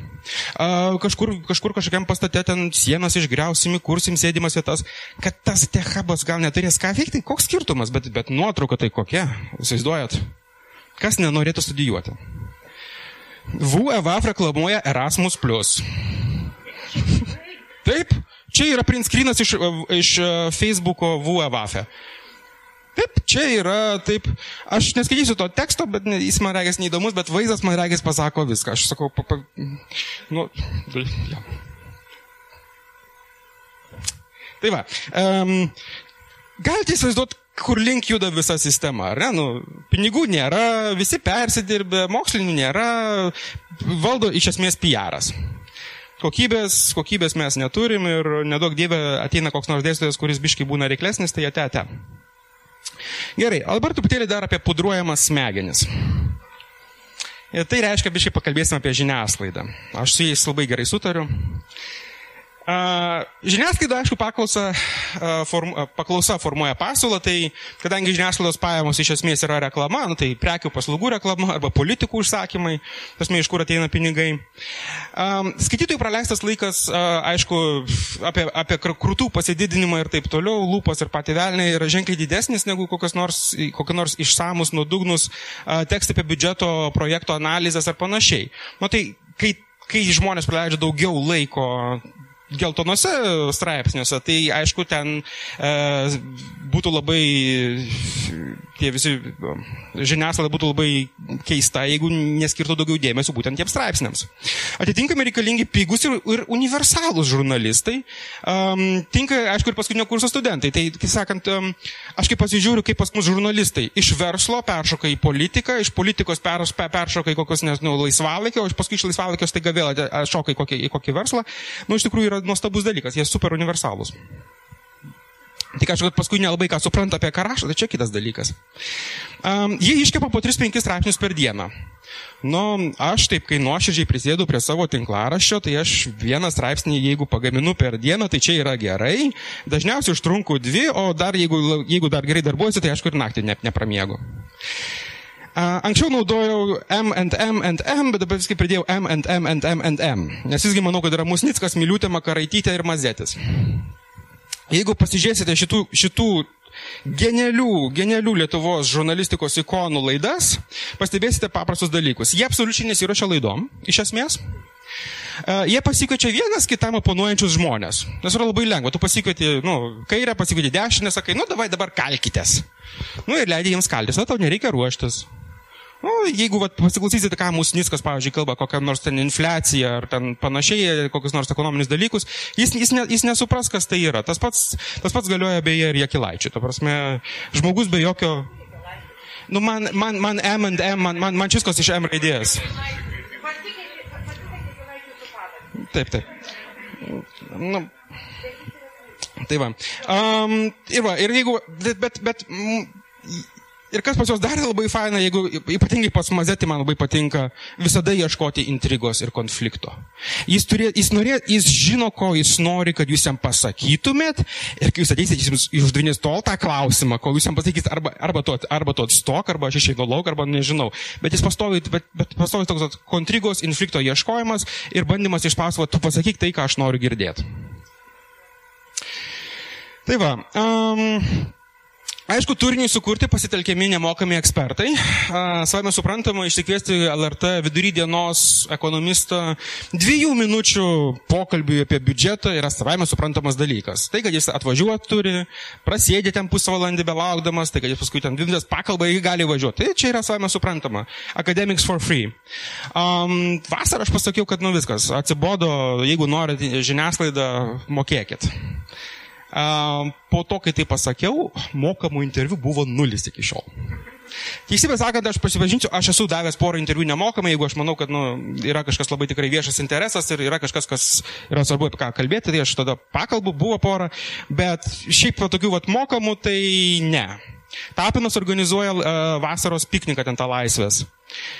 Atvažiuok, pakalbėk apie socialinę sritį. Sakau, nu gerai, kiek mokat? Oi, ne, ne, ne bet pietus nemokamus duosim. Nu taip. Bet į Kauną tai nuvažiuoti iš Vilniaus reikia, bileto tai reikia, pirmin atgal. Nu? Nu, tai, ta prasme, vėl, nu, nežinau. Um, bet tai vat, su, su, su nemokamais atlyginimais, su, su, su, su nemokamais pėdomis Tapinas bando. Kvietė mane iš kažkokio ten verslo, verslo lyderių klubo, kažkokio irgi. Pasakiau, sako, sako, klausiau, kaip ilgai norit, kad kalbėčiau, nes turėjau paruošti prezentaciją, pakalbėti, nu, maždaug valandos trukmės. Sakau, matėt mano įkainius tinklarapiai? Sakau, nu, kainuos 600 eurų. Oi, ne, ne, ne šį kartą. Nu, tai, taip, va, tai realiai viskas ir, ir nulūšta. Tasme, kai įvedi kainą, kad pasakai gerai, nebesi iš esmės nemokamas, nebent tam tikrais atvejais, viskas baigėsi, tasme, nes, nes, nes, nes, nes, nes nemokamų nereikia. Problema, aišku, pas mūsų pas akademikus yra, kad mes nemokam pasakyti labai dažnai ne. Ir jeigu, jeigu va, vienas aš atsistoju ir sakau, va, mano įkainį ir kitaip aš jums neduosiu interviu, nes jūs iš to uždirbate, nes, ne, nes aš užpildau jums turinį, jūs iš to gaunat pajamas. Jeigu jūs iš to gaunat pajamas, dalinkitės mumis pajamomis su manimi. Mm. Taip, man, man, man, man žinomumas. Taip, taip, čia, čia irgi, irgi dažnas siūlym, jo, jo, labai geras argumentas. Man, man tai labai, man kaip akademikui šiaip planavusiam būtai tai yra žiauriai svarbus dalykas, ta prasme, viešumas tas. Um, Bet problema yra taip, jo, kad akademikai nėra vieningi, mes nesam susitarę, mes, ne, mes nediskutuojam tarpusę, mes neturim jokios profsąjungos normalios, mes nieko neturim, vaikštom visi nemokamai, kaip pakviečia ir, ir šokaliuojam. Nu, bet problema yra ta, kad kol, kol visi taip darys, tol aišku niekas nesikeis. Nu, bet aš jau bent kaip Don Kichotas pabūsiu. Man šių klausimas iškyla, čia mes pakalbėjome apie Delfį ir taip toliau ir taip toliau, bet klausimas va, iškyla, ar verslo žinios yra, gal verslo žinios yra geriau tai atsidariau redakcinį straipsnį Įspūdinga ekspremjero solo partija. Čia aš truputėlį perskaitysiu. Pradžioje įrašo, ekonomistai bei ekspertai ilgai laužia galvas, kasgi Lietuvoje yra vidurinė klasė, vakar sulaukė atsakymo iš išminčiaus kabutėse lūpų. Parlamentaras Algirdas Butkevičius nusprendė, kad žmogus ant popieriaus uždirbantis nuo 1500 eurų jau yra tas viduriniokas. Todėl jam nepokesimo pajamų dydis NPD jau nebus taikomas. Tada straipsnėje eina daug bla bla bla, ką mano tas LKD, tada bla bla bla, ką mano liberalai, tada bla bla bla, ką mano LSDP, tada bla bla bla, mokesčiai yra blogis, dar bla bla bla, nu ir tada užbaigiama. Važa nuomonė toks žaibiškas valdančiųjų surprizas, ko gero dar blogesnis nei vadinamoji naktinė mokesčio reforma. Ja bent ruošė vyriausybė, finansų specialistai, buvo pagrįsti skaičiavimai, galiausiai jie diktavo pasaulinį finansų krizę. Dabargi turime netikėtą Abutkevičiaus solo partiją, kuriai ovaciją sukėlė valdantieji, nesusimastantis apie pasiekmes. Um, aš nieko prieš verslo žinias, aš suprantu, kad jie yra proversliškas dalykas, viskas yra tvarkoj kur aš turiu problemą su šitos straipsniu, linkas irgi atsidaro, um, kad jie nepatikė, o kodėl jie taip mano. Jie nepatikė, o kaip, kaip vat, kistų, kas kistų mažesnės pajamas turinės, didesnės pajamas, kokios tai turėtų ekonominės, socialinės pasakas, jie nepatikė. Ir tiesiog iš esmės laikosi, mokesčiai yra blogai, mokesčių didinimas viduriniai klasiai yra blogai ir iš tos pusės viskas, va, tik aš tampuoti. Aišku, būna verslo žiniuose ir gerų straipsnių, aš nieko nesakau, bet būna ir tokių štampuočių. Taip kad verslo žinios, vien, vien tai, kad verslo žinios irgi mūsų neapsaugo. Dabar epilogas. Tauta bunka.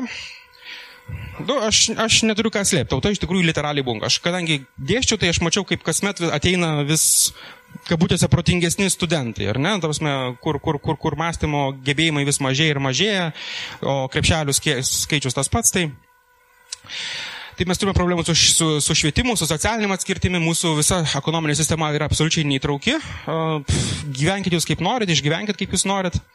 Tauta, aišku, tampa nepatenkinta institucijomis, nes nu jau apkalbėjom, kad mes per mažai perskirstam, per mažai finansuojam, tada, aišku, visi bando kažkaip išgyventi iš viso to. Tada mes turime nuostabų dalyką, dar prie to prisideda, kad centro kairė, centro kairės LSDP, centro dešinės tas LKD. Dar mes tų centro partijų turim gal, gal dar ne vieną. Kuo jie galų galę skiriasi, pasidaro tikrai jau nebeaišku ir tautai pas, e, politika pasidaro tiesiog nebeįdomi. Na, apart tos sensacinės žiniasklaidos. Tada, aišku, siekiant pritraukti bent kiek dėmesio, mes ką pamatome, tai nuolatinį partijų atsinaujinimą. Atsinaujino LSDP, dabar atsinaujinėja, prieš tai buvo atsinaujino TSLKD, dabar dar, dar, dar, dar, dar šitas uh, Pakso buvusi partija irgi atsinaujina. Tarsi mes, mes matom, kaip jie visi atsinaujina, atsinaujina, bando pritraukti dėmesį. Tik pastoviai jie tai nuvilia ir kas laimi po to, kai jie nuvilia, iš esmės tai gelbėtojai, visokie profesionalų, visokie profesionalų vyriausybės, nepriklausomi ekspertai, ekonomistai, kurie ateina, nes nu jie supras, ką daro, kaip valdyti šalį reikia ir taip toliau. Tai, kad jie nėra prasidėję, nėra prasidėję, nežinau, savivaldybės taryboje ne vienos kadencijos, ne toliau ateina tiesiai į Seimą, neišmano, ką, ką daryti reikia. Na, aišku, arba, arba laimė apie gerovės valstybę, uh, pažadus apie gerovės valstybę dalinantis viešojo sektoriaus finansavimo didinimą žadantis ir Reigonomics išpažįstantis banko piarčikas. Tai vad, piarčikas tampa prezidentu. Tokias fainas žodžių žaidimas. Kas galėjo pagalvoti? Nu ir va vakar, va, galvojau, galvojau, ką aš čia rašysiu ir ateina man e-mailas. Uh, aš dar, aš dar neatsakiau, aš dar galvoju. Labadiena, gerbiamas Justai. Norėtume Jūs pakviesti pasikalbėti su Lietuvos Respublikos prezidentūros ekonominės ir socialinės politikos grupės atstovais ir pasidalinti išvalgomis dėl gerovės valstybės tematikos, dėl viešojo sektoriaus, dėl mokesčių sistemos. Ar turėtumėt tokią galimybę susitikti Lietuvos Respublikos prezidentūrai gruodžio 4 dieną, trečiadienį 14 val. Maloniai lauksime žinių su pagarba. Vaidas Augustinavičius. Mes išrinkam prezidentą, kuris specialistas, ekonomistas, viską žino, o dabar kviečiasi kokį tai buvusią lektorių iš esmės pakalbėti apie viešąjį sektorių. Nu, on, nu, aš nežinau. Aš manau, aš jam nusiųsiu, aš pirmai parašysiu laišką, žinot, kiek mano valanda kainuoja, jūs, nu, jūs apmokėsite, aš, aš, šitą, aš šitą galvoju irgi, kad nemokamai ateisiu. Um, ne, ne, aš, aš, aš pirmą nusiųsiu, aš pirmą nusiųsiu, aš pas, galvoju, kad, nu, šiaip mano sadarnis įkainis. E, ne, aš galvoju, nu, standartinės pokalbio valandos kaina 50 eurų, ne, ir aš tą galvoju, bet jeigu jau pas prezidentą, tai gal reikia biški, nu, labiau, nu, taip, nu. Nu, tai va, va, va, būtent. Um, tai, tai, bet aš dar neatrašiau, bet aš dar atrašysiu. Bet aišku, kad, kad, šitam, kad, kad šitą meilę labai e, svarbu ir aš vat, taip papaunuosiu biški aušrai, tai Facebooko Twitterio, YouTube'o, Instagram'o, tos, tos ikonėlės. Esmė, jos užima beveik tiek pat vietos vos ne kiek, kiek tekstas. Ir čia yra man regis priežastis, kodėl aš manau, kad aušra klysta, aš manau, kad pas nausėdą eis dar daug žmonių ir dažnai. Todėl, todėl kad nausėdai reikia žinot, kaip galvoja tauta. Jis iš esmės jam, jam, jam reikia jaus, kur, kur, kur, kur, kur, kur srautas eina. Ir kadangi šiaip idėjų jis nelabai, nelabai daug turi žmogus, nu, jo padėjai gal biškai daugiau turi negu jis, tai Tasme, tam, tam jis man regis kviesis žmonės, tamsme, kad rodytų, kaip jis rūpinasi, kaip jis bendrauja ir taip toliau, ir taip toliau. Nes, nu, savo rinkinių pažadų tai žmogelis tai tikrai neištesės 5 procentų perskirstimo per, per BVP padidinti per, per porą metų, kai mūsų biudžetas yra planuojamas ir taip toliau, ir taip toliau, dar rinkimai artėja. Tai va, tai aš manau, kad aš manau, kad aš jums atrašysiu kažką gražaus, smagaus, bus, galės pasijuokti. Tai va, tai e, klausimas buvo, aišku, kodėl Lietuvoje miršta politika, tai mano atsakymas iš esmės yra labai paprastas. Viešojo sektoriaus institucijos ir žiniasklaida neatsveria nekokybiškos politikos, tad politikos laukia pradeda dominuoti PR'as, o ne idėjų kovos. Tai va, štai tiek. Dėkui. Apie privačius, apie, apie, apie valstybės rėmimą privačių institucijų. Galim remt, nėra, net, tai nėra savami blogis, bet turim nustatyti žaidimo taisyklės. Jeigu, nusta, jeigu remiame lig, privačią ligoninę, bet turime jai pareigoti, kad jinai teiktų visas paslaugas, kurias teikia ta ligoninė, jeigu, tai, jeigu tame regione mes negalim suteikti tų paslaugų patys. Arba jeigu, tai, jeigu, jeigu yra kažkokių mokyklų ar darželių trūkumas toje vietoje, tvarkoja, atsidarykit, bet tada jokio, jokio, jokio ten skirstimo arba atrankos.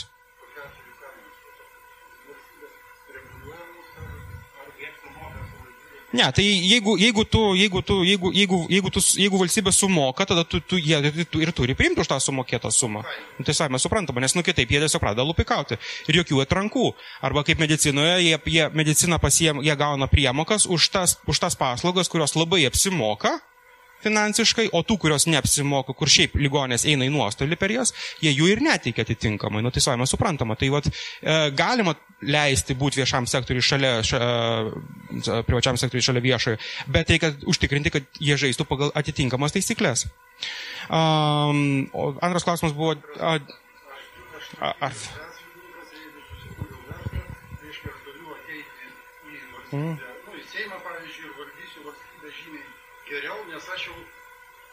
Aš manau, kad tai žmogus ar turi ar neturi verslo savai nieko nepasako. Klausimas, aišku, kaip jis tą verslą turi ir, ir ką jis turi savo galvoje. Tai man, man verslo turimas nėra kažkoks argumentas nei už, nei prieš.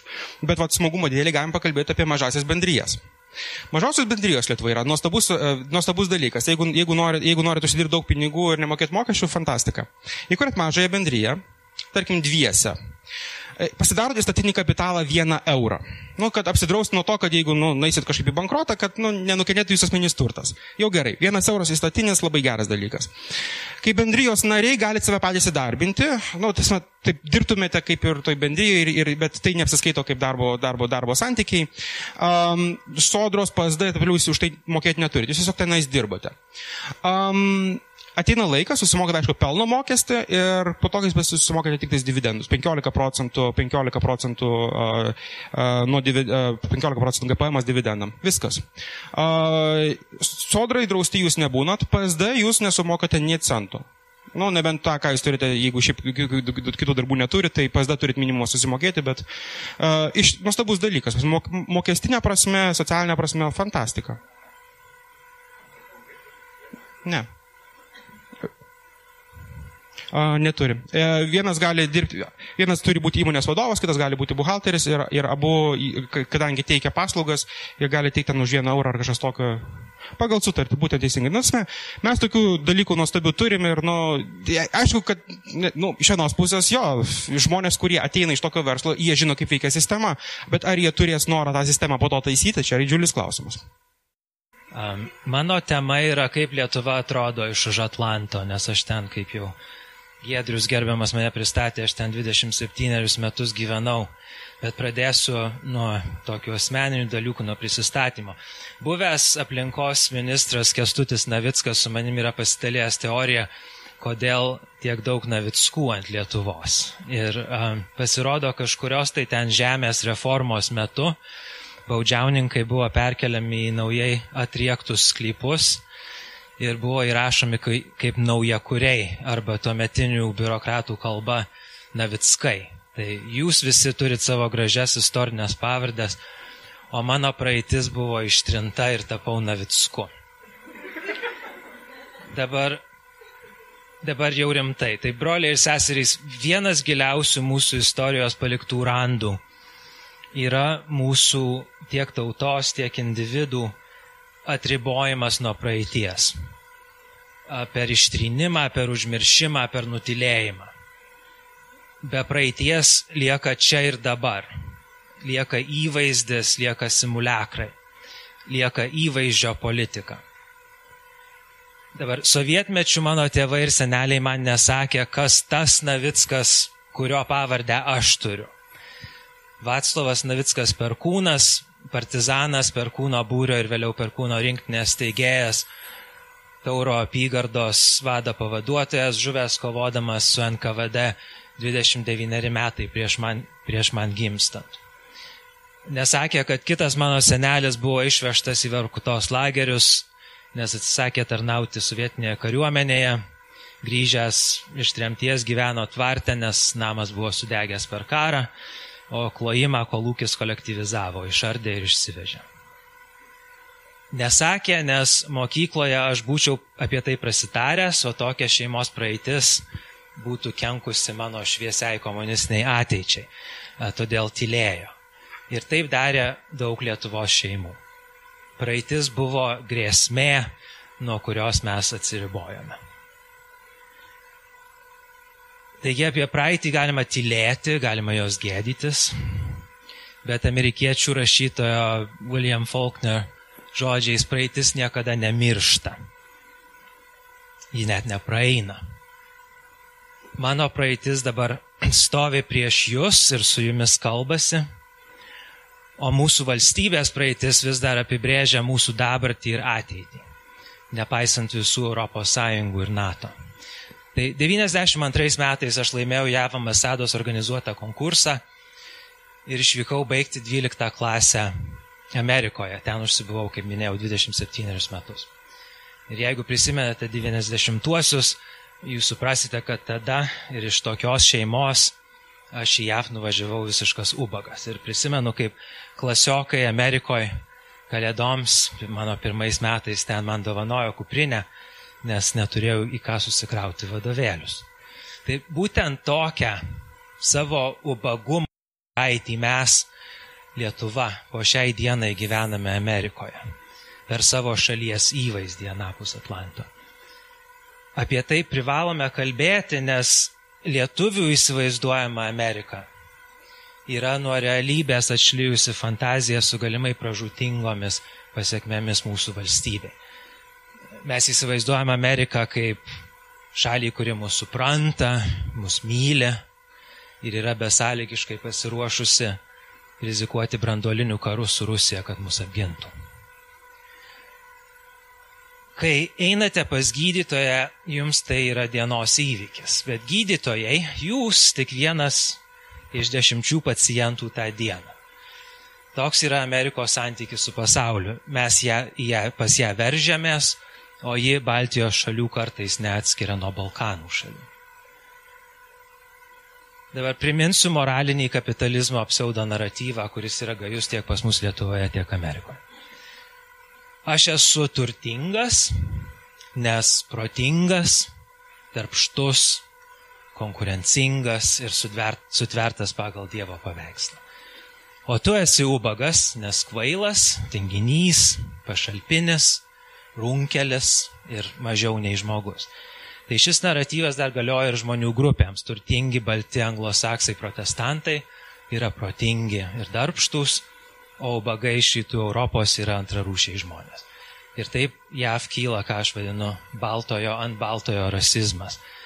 Ubagas esi ne todėl, kad tavo šeima žudė ar trėmė, o esi toks, nes esi antrarūšis žmogus. Ir aš dabar priminsiu Jums 2011 metų puikią užsienio reikalų ministerijos idėją sukurti Lietuvos kvepalus. Ir kaip iš to buvo išsityčiota populiarioje JAV televizijos laidoje. Laidos humoristinis formatas ten tapo pretekstu nusijimti politinio korektiškumo kaukės ir pasakyti, ko man ar jums į veidą niekas nepasakytų. Tai aš pacituosiu ką šitas žmogienas kalbėjo, kai rodė šitą nuotrauką. Visi žino, kad didžiausias komplimentas moteriai yra tu kvepi kaip lietuvė. Juokas ir aplodismentai. Kai aš pasikviečiu draugų ir noriu apsitvarkyti namus, pasodinu kelias lietuves vonios kambaryje. Vėlgi juokas. Jos kaip gyvas aromatinis mišinys, kuris nekenčia čigonų. Tai va tokie, tokie buvo juokeliai. Tai broliai ir seserys, va taip va atrodo rasizmas. Ir aš ilgai tą neigiau, bet jo yra. Ir JAF yra gana aiški baltųjų hierarchija. Pirmoje vietoje ten žinoma anglai, vokiečiai, skandinavai, paskui airiai, italai, o paskui rytų europiečiai. O tarp kitko rusai, um, JAF yra, mano manimo, atskira daugmaž lygia verčių amerikiečiams kategorija Ir čia turbūt todėl, kad šaltojo karo metu jų buvo prisibijota. Bet ši rasizmo atmaina yra ne geografinė rytų Europos, o būtent ekonominė. Ubagumo, kaip aš vadinu. Čia jums rodau airių, kaip airiai buvo vaizduojami JAV, JAV spaudoje, kaip beždžionės. Nes tuo metu airiai plūdo iš Airijos į Ameriką bėgdami nuo bado ir nuo skurdo. Taip kad mes nesame ten kažkaip tai išskirtiniai, bet tokios yra visuomenės. Bet šiais laikais Airija yra viena iš turtingiausių šalių ir visi mėgstam švesti Švento Patriko dieną, tai požiūris keičiasi, bet į mus, sakyčiau, žiūri dar ganėtinai taip. Ir sugrįšiu dar prie tos citatos frazės nekenčia čigonų. Ir greičiausiai tai yra pridengta užuomina į antisemitizmą, nes rytų Europos, tame tarpe Lietuvos, siejimas su holokaustu yra svarbi Europos istorijos mokymo dalis Junktinėse valstijose. Prisimenu, kaip 92 metais, kai aš ten nuvykau, mokiausi mažoj privačioj mokykloje Merilendo valstijoje, pas mus buvo atėjusi holokaustą išgyvenusi moteris kilusi iš Lietuvos, pasakoti apie, apie šią tragediją. Ir manau, kad dėl šio tragiško mūsų istorijos puslapio ir jo nušvietimo JAV švietimo sistemoje nemaža dalis amerikiečių turi Lietuvos, sakyčiau, kaip moralinio Černobilio įvaizdį. Kad tai yra baisi vieta kažkur rytų Europoje, kur kažkas neapsakomai siaubingo yra atsitikę, bet apie kurią jie nelabai žino. Ir prieš porą dienų paviešintame Lietuvos žinomumo ir reputacijos tyrimė tai patvirtino, aš pacituosiu, kaip Lietuvos įvaizdžio problema visose tirtose šalyse išryškėjo holokaustas. Čia problemą labiau akcentavo Junktinėje karalystėje ir JAV kalbinami ekspertai. Todėl į Kremliaus finansuojamų, bent jau mano manimu, mūsų profesionaliųjų patriotų, jie būtent todėl ir kursto ten visokių noreikos lentų ir škirpos alėjų temas, nes tai stiprina lietuvių antisemitų įvaizdį Junktinėse valstijose, patvirtina tuos egzistuojančius rasistinius stereotipus ir silpnina amerikiečių paramą mums. Ir dabar aš užklysiu į temą, kurios tikriausiai gailėsiuosi, nes bijau, kad mes vieni kitiems apskritai neleidžiam apie tai kalbėti ar mąstyti. Ir aš sakyčiau, viena iš tokios kategorijos kaip ateiviai, ufonautai arba landsbergiai. Jeigu kalbė apie šią temą, tai automatiškai reiškia, kad esi arba vatnikas, arba marginalas. Bet aš sakysiu, kad čia viena iš svarbiausių mūsų valstybei temų. Mūsų valstybės gynybinės strategijos alfa ir omega yra amerikiečių noras mums padėti.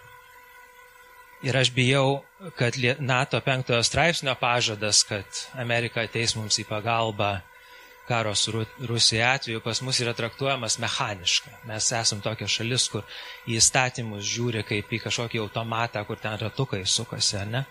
Kitas pavyzdys yra Lietuvos pilietybės atiminėjimas iš žmonių, kurie išvyksta taip parašyta, todėl taip reikia daryti. Jeigu, kaž... Jeigu į Konstituciją įrašytume, kad reikia remti lietuvius į Vorkutos lagerius, aš manau, kad mes vienas kitą remtume, nes mes taip suprantam teisę. Bet vakaruose yra suprantama, kad sutarčių laikymasis yra galų gale politinis sprendimas. JAV prezidentas, kaip šalies ginkluotųjų pajėgų vadas, nutars, ar ir kaip tesėti penktojo straipsnio pažadus. Ir, o juk prisimename, kaip pats Trumpas neseniai abejojo, ar būtų verta ginti NATO narę Jotkalnyje. Čia toks ganėtinai atsitiktinis straipsnelis iš Financial Times prieš kelias dienas. Aš būtent įrodau, kad jisai yra grinai neišskirtinis straipsnis. Ir aš pacituosiu, ką šį įrašo. Visada yra buvęs dažniausiai nepripažintas klaustukas ties NATO penktojo straipsnio garantija.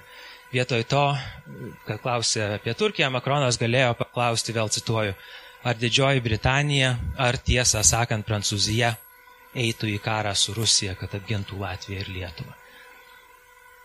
Tai čia visi, visi tą žino ir visi tai supranta, bet o, o ką mes apie tai girdime Lietuvos viešoje erdvėje. Paskutinį dalyką, kurį girdėjau apie gynybą, tai Seimo biudžeto ir finansų komitetas siūlo mažinti kitų metų gynybos išlaidas nuo 2,05 iki 2,01 procento BVP, nes kaip visada pinigų neužtenka.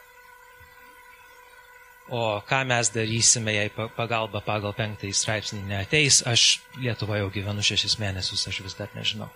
Ir apskritai, o ką veikė mūsų šaunioji užsienio reikalų ministerija, išlaikoma brangiuose Paryžiaus apartamentuose pastaruosius 30 metų kad prieitava iki to. Tai aš bijau, kad įvaizdžio politikos kaina galų gale mums bus pati Lietuvos valstybė. Bet aš manau, kad yra dar blogiau. Ir čia prašysiu Jūs pamastyti strategiškai iš tokios pusiau žaidimų teorijos pusės. Aš užduosiu Jums du, du retorinius klausimus. Pirmas klausimas. Rusija turi prezidentą Baltuosiuose rūmose, kurį Kremlius rėmė rinkimuose. Ir čia aš cituoju Malerio raportą. Tyrimas, cituoju, tyrimas nustatė, kad Rusijos valdžia jautė, jog gautų naudos iš Trumpo prezidentavimo ir dirbo, kad pasiektų tą rezultatą. Buvo daug iškraipimų Lietuvos ten visokiai spaudo ir dešiniuosiuose užkaboriuose, bet aš čia pacitavau tiesiogiai iš, iš to tyrimo rezultatų. JAV prezidentas periodiškai kvestionuoja NATO jau, tą irgi citavau. Dabar klausimas. Jei Rusija turi planų Baltijos šalyse, ar jai apsimokės dėlsti tuos planus įgyvendinti, jei dabartinis Kremliaus remtas prezidentas pralaimės rinkimus kitų metų lapkritį, ar visgi Rusija apsimokės veikti iki naujo prezidento inauguracijos 21 metų sausį. Tai čia retorinis klausimas numeris vienas. Retorinis klausimas numeris du. Baltijos šalių NATO kol kas nesugebėtų apginti. Ir čia cituoju praeito mėnesio RAND korporacijos studiją ir tokių yra daug. Cituoju dabartinę NATO atgrasimo laikyseną Baltijos šalyse yra karinių požiūrių silpna ir bendrai kvestionuotina. Rusijos invazija beveik neabejotinai užimtų kai kurias arba visas šių šalių sostinės kelių dienų bėgyje palikdama NATO prieš įvykusį faktą. Dabar mano retorinis klausimas. Jei Rusija turi planų Baltijos šalyse, ar jai apsimoka dėlsti tuos planus įgyvendinti, kol NATO susitvarkys ir Baltijos šalys taps apginamos, ar visgi Rusija apsimokėtų veikti anksčiau? kol NATO mūsų vis dar negali apginti. Tai birželį prieš grįždamas į Lietuvą aš kalbėjausi su savo draugais ir aš jiems sakiau, kad jeigu pas mus kas nors atsitiktų, tai iš manęs turbūt net neišgirstų. Nes vienintelis sausumos kelias iš Baltijos šalių mums bus atkirstas, internetas tikriausiai išjungtas ir nelabai mes ką čia galėsim daryti. Tai aš asmeniškai prieš savaitę daviau priesaiką Lietuvos Respublikai, esu dabar šaulys Navickas. Dėkoju. Ir dabar dar pabaigai, jeigu aš per daug laiko neužėmiau, apie Lietuvos viešąją erdvę. Amerikos vidurio vakarų miestas yra toks St. Louis, St. Louis, Mizūro valstijoje. Su priemieščiais jis yra lygiai tokio pač dydžio kaip visa Lietuva - 2,8 milijonai gyventojų. Ar jūs ten tikėtumėte surasti pasaulinio lygio ekspertus visose srityse? Ekonomikos, kultūros, gynybos, diplomatijos ir taip toliau ir panašiai. Aš nesitikėčiau. Tai da, gerai, tai toliau. Aš tada jums gerai. Tai va, problema matymų su maža, su maža viešaja erdvė yra tokia. Ekspertų yra, bet jų neužtenka diskusijai. Ir tada asmeniai požiūriai ir simpatijos tampa tiesomis. Pavyzdžiui, Lietuvoje kuodžiui nepatinka progresiniai mokesčiai, lazutkai nepatinka kaupimas pensijai, bet lygiai vertės atsvaros nėra. Ir tada visuomeniai lieka už prieš myliu, nemyliu. Be išsamaus situacijos suvokimo. O ir temų pasirinkimas pas mus duoda pirmenybę parapijiniams reikalams. Žiūrėkit, kiek kalbam apie žuvininkystės eurokomisarą ir kiek kalbam apie eurozonos biudžetą. Dar didesnė mūsų problema yra tai, kad dėl kalbos barjero Lietuvos viešoji erdvė yra uždara informacija iš vakarų. Ir to įrodymas, mano manimu, yra vis dar verčiame straipsnius ir knygas iš anglų kalbos. Dabar mažosios Europos šalys, ten Skandinavija, Niderlandai ir taip toliau, visos puikiai kalba angliškai. Mes per 30 nepriklausomybės metų nesugebėjome išmokti anglų kalbos. Didžiosios šalys, Prancūzija, Vokietija, Vokietija kalba angliškai prastai, nes pas juos užtenka vidinės viešosios erdvės vidinių ekspertų šalies viduje. O pas mus, e, pavyzdžiui, dabar ekonominės politikos idėjos ateina ne iš vakarų, o iš Lenkijos. Vaiko pinigai, bankų ir parduotuvių apmokestinimas, nes Lenkų rinkiminė akcija moka lenkiškai, angliškai mes nemokam. Tai, tai, tai kas, kas pas mus kalba, to mes klausomės. Tai dabar visai pabaigai. San Franciske aš gyvenau ant Šiaurės Amerikos tektoninės plokštės pakraščio. Kaip jūs žinote, ten vandenyno plokštė trinasi prie vakar, Šiaurės Amerikos plokštės. Aš ten gyvenau žinodamas, kad bet kurią dieną gali įvykti žemės drebėjimas, kuris nusineš tūkstančius gyvybių, tame tarp ir mano. Ir tai paprasčiausiai yra, tam, tam reikia būti pasiruošusiam mes Lietuvoje gyvename ant vakarų Europos civilizacijos tektoninės plokštės pakraščių, kuri yra už 20 km į rytus nuo mūsų. Ir ta kaimininė plokštė mus periodiškai sumala į miltus. Ir jei tai vėl greitų laiku atsitiks, aš meldžiu viešpatį, kad mūsų anūkai stovėtų čia, vėl nepriklausomoje Lietuvoje, pasibaigę savo jailus, užsidirbę savo milijonus ir kalbėtųsi apie politiką ir pasimokytų iš mūsų klaidų. Ačiū. A, visų pirma, noriu padėkoti Aušrai. Aušra, kur tu? Aušra Maldeikienė. jo, puikus, puikus renginys, puikus pranešėjai. Norėčiau ir aš šiokį tokį indėlį, tikiuosi, per šį savo 20 minučių įdėti į bendrą mūsų katilą vis dėlto, kiek kokia yra įvaizdžio politikos kaina ir kas už tai moka.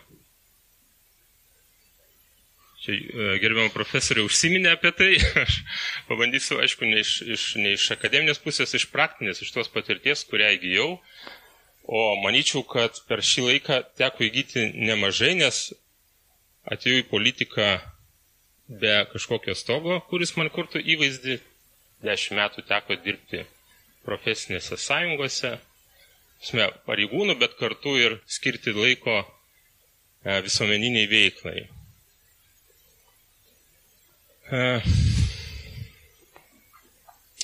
ir į politiką galiu pasižiūrėti tiek iš pozicijos pusės, kada tu turi praktiškai 58 mandatus ir tai yra be precedento matyti, e, be precedentinė dauguma, kada tikrai galima galima buvo padaryti ir sunkių darbų, bet reikalingų. E, taip pat galiu pasižiūrėti ir iš opozicijos pusės, kadangi jau pusę metų esu opozicijoje. Bet e, tai, ką čia dariau, dariau būdamas pozicijoje. Ir labai džiaugiuosi dėl to. Aišku, man dabar yra iškeltas 900 tūkstančių eurų ieškinys. E, mes prognozavom tokį scenarijų, Esu kartu su valstybės saugumo departamentu, aišku, per pusę čia mums, bet įsivaizduoju, kad man tiek nesumokės už mano pranešimus per likusį gyvenimą, tai teks kažką tai daryti. Bet iš tiesų, e, koks buvo pasirinkimas eiti tuo keliu, kuriuo, e, kuriuo eidamas patikau iki šitos salės, buvo pasirinkimas arba matant a, tai, dėl ko Lietuva praranda labai daug galimybių padėti į stalčių, nes teisės sauga, teismų sistema buvo nepajėgi su tuo susitvarkyti. Tai aukščiausio lygio politinė korupcija. Deja, bet e, Lietuvoje nėra institucijos, kurią, kuri galėtų veikti. Nu, pavyzdys, šiandien mes turime MG Baltic bylą dėl dėžutės.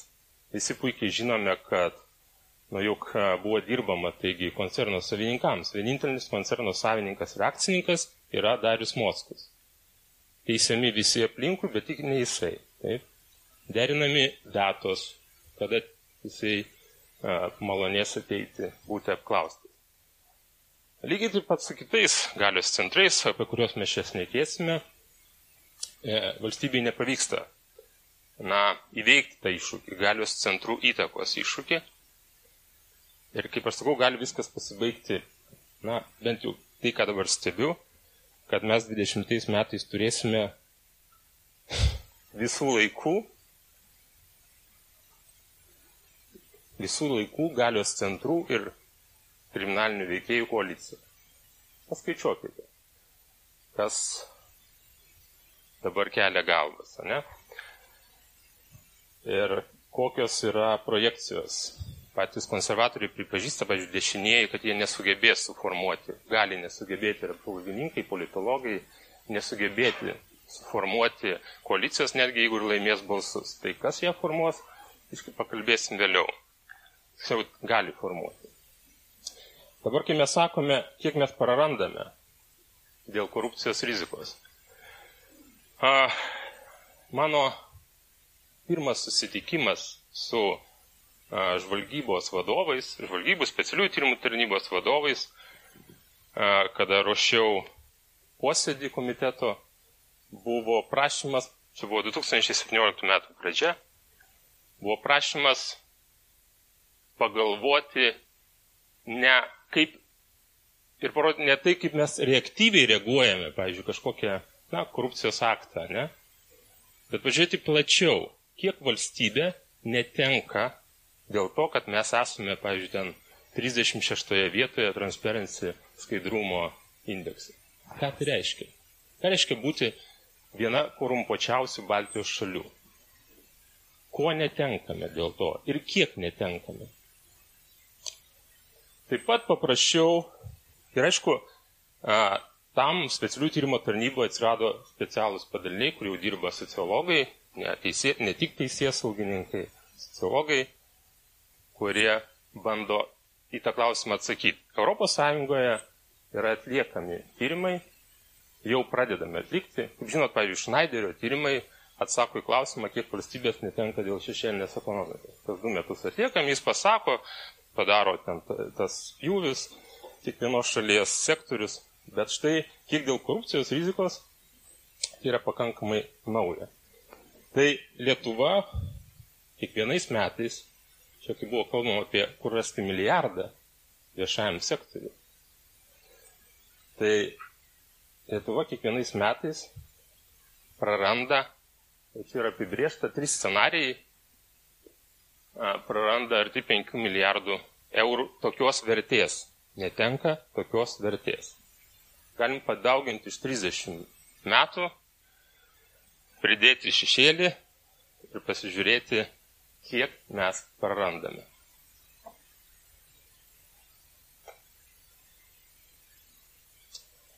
Štai a, iš čia yra skaidrė iš Nacionalinio saugumo ir gynybos komiteto atlikto tyrimo.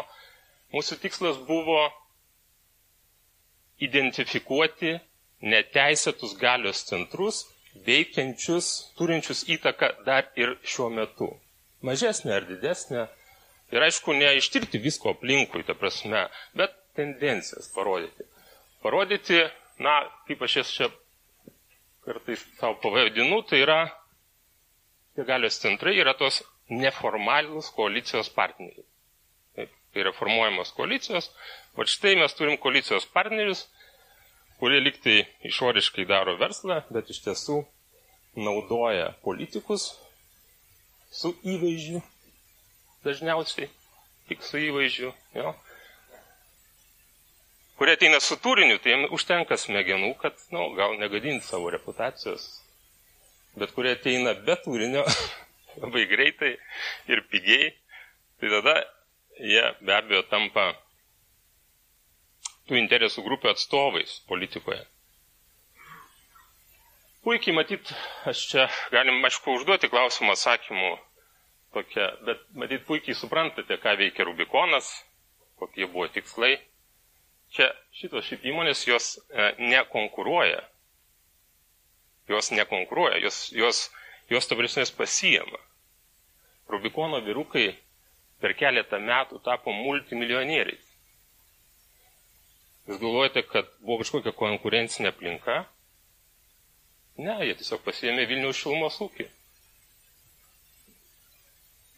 Duetekaną rėmė visą Lietuvos politinį elitą daugybę metų, per, žinoma, Gazpromas, tiksliau tariant, ne? tam, kad mus kuo ilgiau laikyti toj įtakos zonoje. Aišku, mūsų visuomeniai pavyko atsispirti. Nukiamas, nukiamas. Istorija yra apie tai, kai 3 milijardų vertės projektą, nu, pagalvokit dabar patys. Stambiausias Lietuvos projektas, jo vertė 3 milijardai eurų jo, finansuojamas ES pinigais. Ir mes pasiemą jį įgyvendinti Rosatomą, tai yra rusiško uh, Rosatomo viena iš įmonių nukiamas, kitaip tariant, ES pinigais finansuojame Rosatom, kad jis darytų poveikį mūsų politiniai sistemai ir keistų geopolitinį pasirinkimą.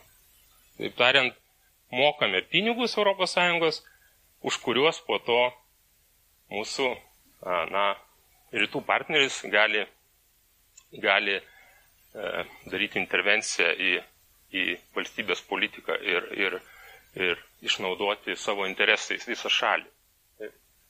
Vilniaus prekyba.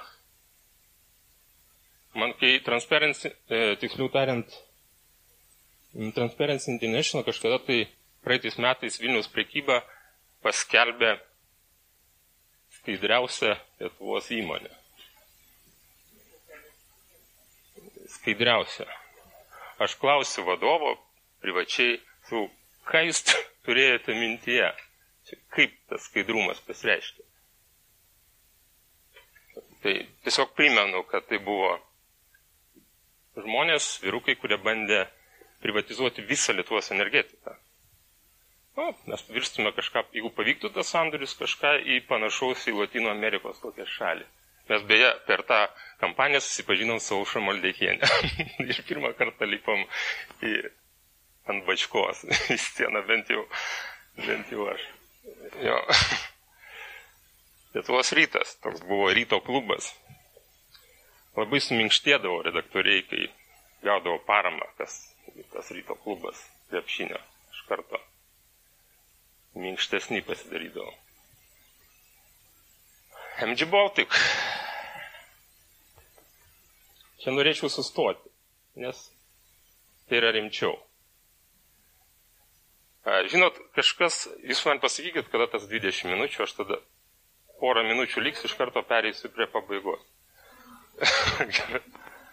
Jūs tas paėmė 40. Bet. okay.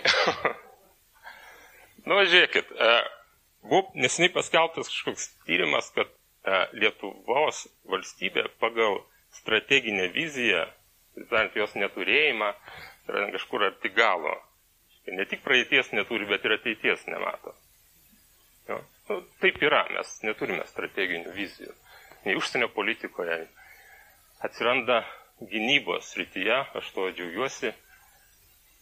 Bet štai MG Baltic koncernas turėjo strateginę viziją 2002 metais, tai yra specialių tarnybų kratų metų rastos strategijos, kur buvo užsibriežti trys tikslai. Pirma, sumažinti valstybinės valdžios valdymo, teismų ir kitų institucijų neigiamą poveikį Jo, supraskit, kad jų nebaustų, neteistų ir netikrintų. Vat įtaka teisės aktams. Antras. Sukurti ir palaikyti pastovius ryšius valdžios ir valdymo institucijose, gauti informacijos iš svarbių institucijų, Seimo vyriausybės. Nu, tai aišku.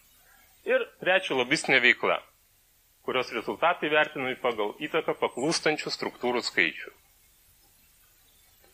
Nu, ir, tarpsime, žmonės dirba, kai yra turinio vakumas, jis tuščias nebūna, atsiranda tie, kas tą turinį užpildo, ne?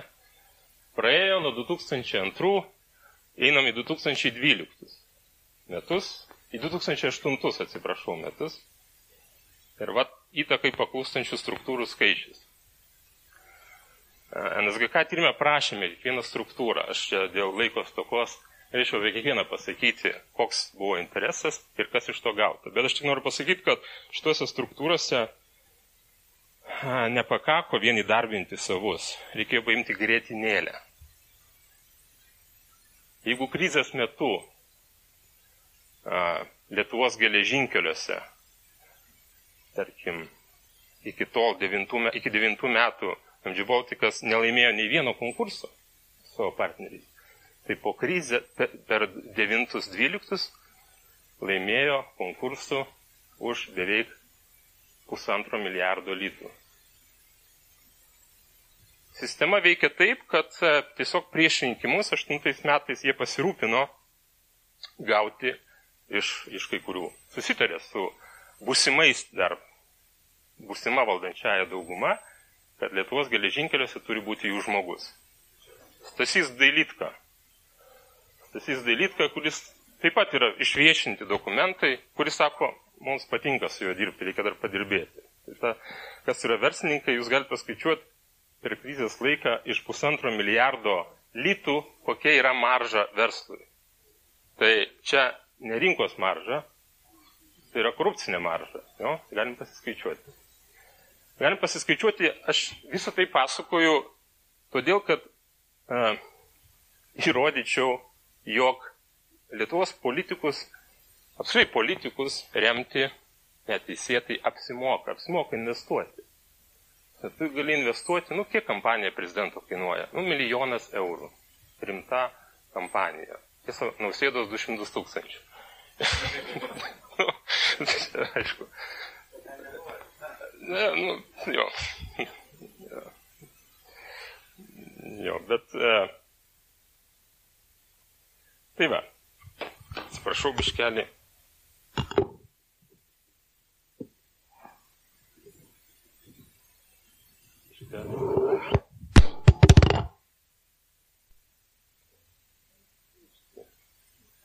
Gerai, tiek to, be užrašų.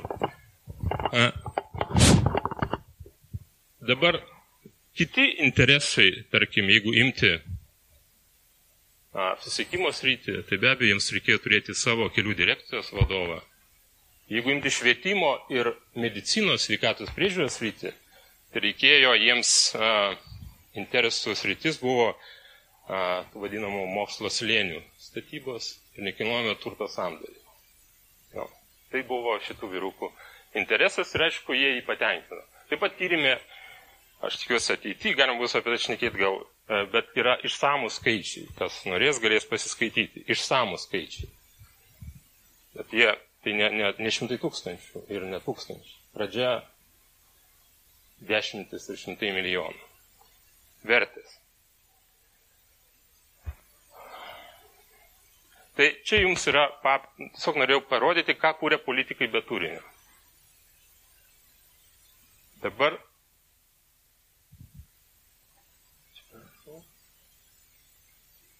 Va. Dabar ką savivaldybėse daro politikai be turinio. Taip pat susitarėme su specialiųjų tyrimų tarnyba, kad vis dėlto galėtumėm pasižiūrėti, kaip atrodo Lietuvos savivalda nepotizmo aspektu. Ir mes matome, kad yra savivaldybių, kur praktiškai, a, galima sakyti, a, gentinė santvarka, ne? Gentis, šeimos. Ir atrodo, nu kas tas nepotizmas? Nu įdarbinau savo, įdarbinau. Čia eina kalba tik tai apie giminės, čia nėra pažįstamų, su pažįstamais nenagrinėjau. Nu, atrodytų, kas tas nepotizmas. Bet žinote, jeigu turėjimas pažįstamo arba tėtės ar mamos politiko yra vienintelė sąlyga patekti į valstybės tarnybą, tai tada atsitinka taip, kad žmogus, kuris išsilavinio, jis turi susidėti lagaminus ir važiuoti kažkur. Nes netgi jeigu jis pateks į tokią nišą, jam bus sudėtinga kažką ten veikti. Jeigu taip pasisektų ir kas nors paimtų. Tai iš tiesų tai irgi yra tai, dėl ko mes netenkame. Jo, čia yra procentai, čia be mokyklų, čia sako mokyklos ten. Aš manau, jo, čia yra savivaldybės reikalai. Aišku, ką daryti su visu tuo, tai Ai, dar aš noriu pasakyti, parodyti vieną skaidrę, kadangi jau man leidžia, kaip veikia Lietuvoje, veikia atsakomybė. Yra toksai straipsnis neteisėtas praturtėjimas. Jis priimtas 2010 metais. Jis skirtas tam, kad atgrasy, kad uh, vokti neapsimokėtų. Nu? Jis priimtas 10 metais. Spėkite, kiek yra nuteistų žmonių. Nulis. Yra kažkokie vyras su žmona susipyko ten irgi, ar su Romais kažkas susiję, bet tikrai nesu korupcija. Toliau.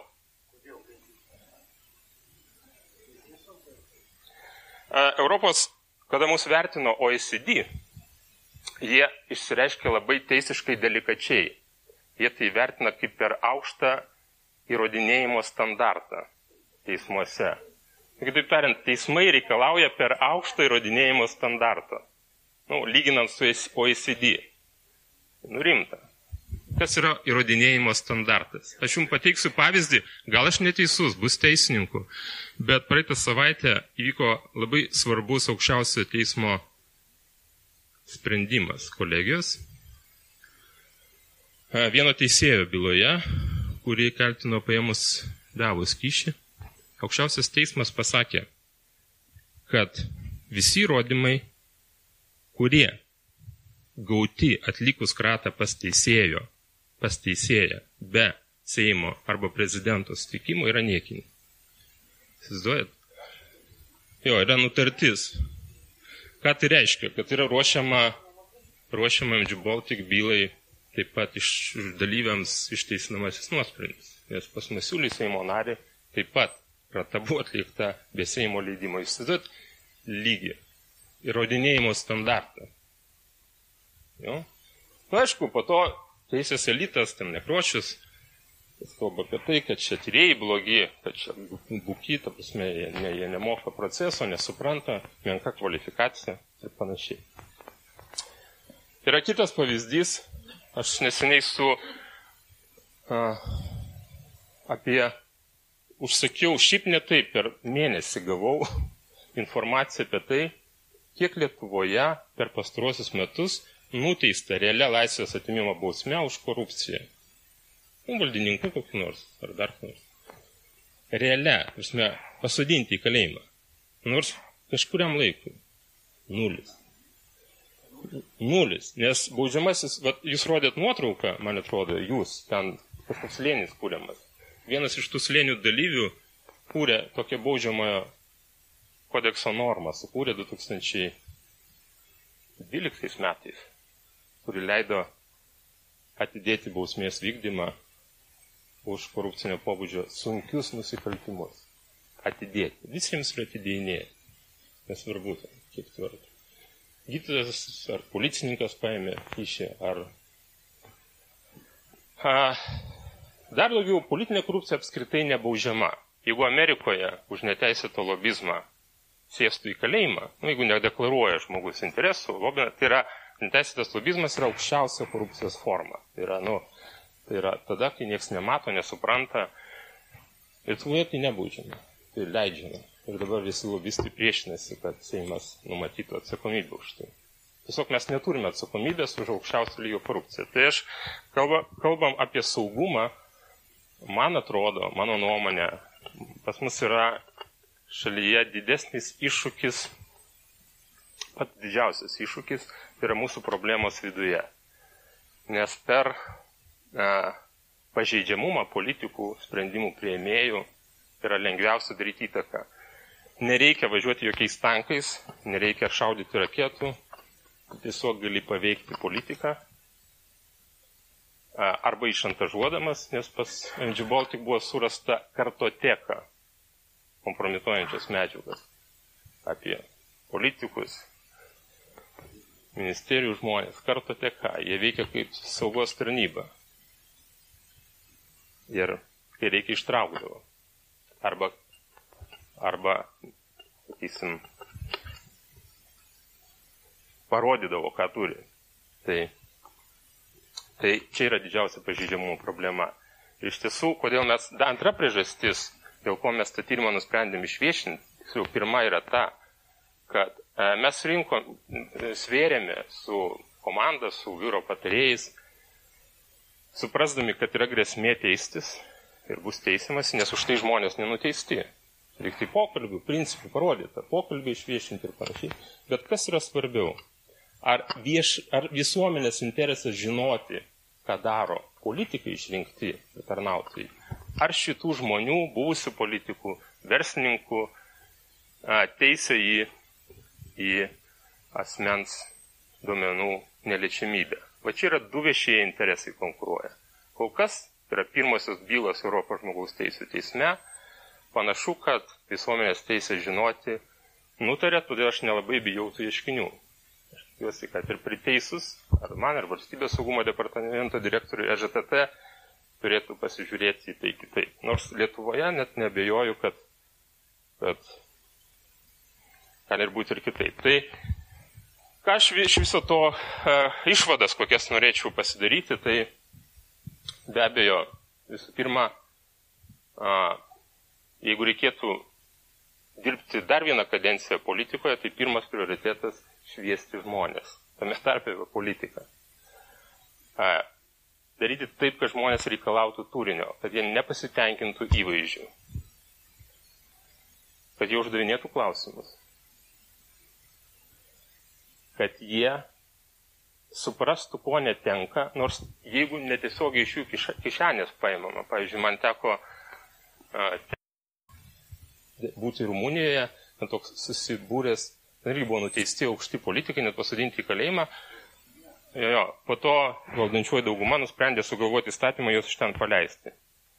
Nu, jo, tai ten susibūrė jaunimo tokios grupelės, jie kiekvieną penktadienį SMS susirašo per Facebooką ir kiekvieną penktadienį eina prie parlamento ir pasakoja apie tai, ką galvoja. Įteisiamas Moskus, kuris tikrai, sakysim, e, padarė didelės bėdos valstybei, tiksliau ne Moskus, o jo žmonės, nėra nieko. Nėra nieko. Vienas prokuroras prieš dešimt advokatų. Vieno to advokato, kuris jį gina valanda, kainuoja pus, yra verta tiek, kaip prokuroras dirba per ko gero pusę mėnesio. Jo. Buvo tokie pajokavimai. Sako, susipažinti su byla kainavo tiek, kiek prokuroras susipažinti advokatam. Buvo sumokėta tiek, kiek prokuroras uždirbo per pusę metų. Tai mes turim vieną, kai valstybės interesą reikia atstovauti. Turim vieną prokurorą. Ir gailim tiem prokuroram biškelį uh, pakelti, numatyti didesnės pajamas.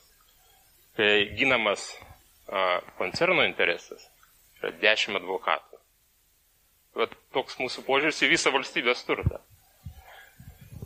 Tai ir aišku atsakomybės neišvengiamumas. Man patinka Britų premjero Tony Blairo idėja, mes ją analizavome, tai yra civilinis turto konfiskavimas, nepaisant to, kad teisininkų elitas tam priešinasi, turim padaryti Lietuvoje taip, kad a, tokios schemos neapsimokėtų, kad ir po dešimt metų žmogus, kuris dalyvavo tose schemose, žinotų, kad gali vieną dieną ateiti ir paprašyti pagrysti turto kilmę. Tiesiog pagryskite turto kilmę. Man, man atrodo, daugeliu iš esančių nėra problemų, jeigu būtumėt politikais arba tarnautais, pagrysti turto kilmę. Taip. Tai kokios problemos sprendimų prieimėjams. Tai ačiū uždėmesi, jeigu būtų klausimų, pratesime.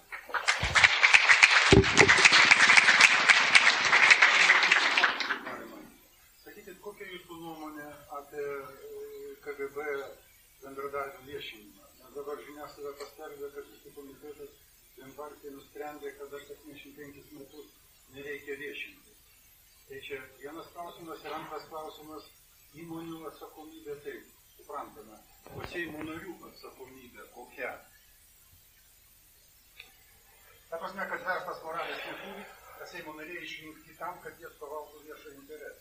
Čia, kad, da, jo, tuos vis, aš dar ką noriu pasakyti, nėra taip blogai, kaip aš čia parodžiau. Tiesiog čia nėra, mes esame visai neblogai atrodom, jeigu išvykiuoti Latvijos, Estus, Lietuvius, palyginti su tom likusiom 12 šalių, mes taip net nuo Ukrainos, Sakartvelo turim didelį atotrukį. Aš tiesiog pasakojau apie tai, ką mes prarandam. Kaip? Jo, dabar dėl KGB aš manau, kad yra e, tiesiog tam tikras politinis cirkas, iš tiesų e, buvę KGB darbuotojai ir esami, vėlgi, ką parodė tyrimas, labai nesunkiai naudojasi mūsų pažeidžiamumais ir dabar, ir labai nesunkiai pasiekia savo tam, kad to, kad jų interesai būtų įgyvendinti. Tie žmonės, kurie, e, apie, aš dabar nenoriu veltis į ginčą, bet žinokit, didžioji dauguma tų žmonių, kurie galbūt, e, kurie bendradarbiavo, dabar yra labai garbaus amžiaus, jau nieko nebeužima. Tai jo labiau šalis davė pažadą neviešinti, aš nežinau tai gerai ar blogai, bet mano nuomonė Lietuvoje arba apskritai, nu, valstybė turi turėti tam tikrą nuspėjamumą. Jeigu jinai pažadėjo, tai negali būti matuojama, kad va štai mes atėjom nauji rinkimai, populiaru paviešinti ir mes paviešinam. Nu, kažkokios turi būti kažkokia vertybė, vertybiniai stulpai, kurių mes laikytumėmės ir testinumas. Kitaip nesukursime valstybės. Niekas jie netikės tiesiog. Kaip ir žadėjau, norėčiau kalbėti su tyrimu, su konkrečiu tyrimu susijusią temą, pavadinimu tokiu pa, kaip čia, su, sužaismintų. Ar valstybė turėtų rūpinti senoliais, ar versti jais pasirūpinti anūkus.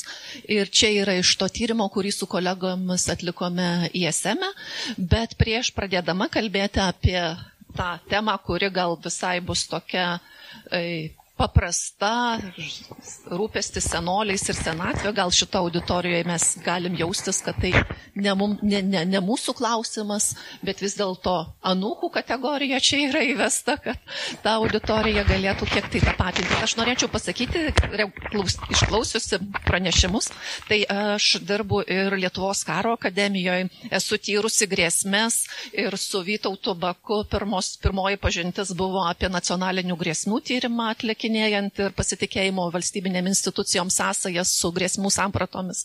Tai nesu visai tokiu, tik tai tos minkštos ir mažai politizuotos tematikos tyrė, bet šiandien norėčiau jai daugiau dėmesio skirti.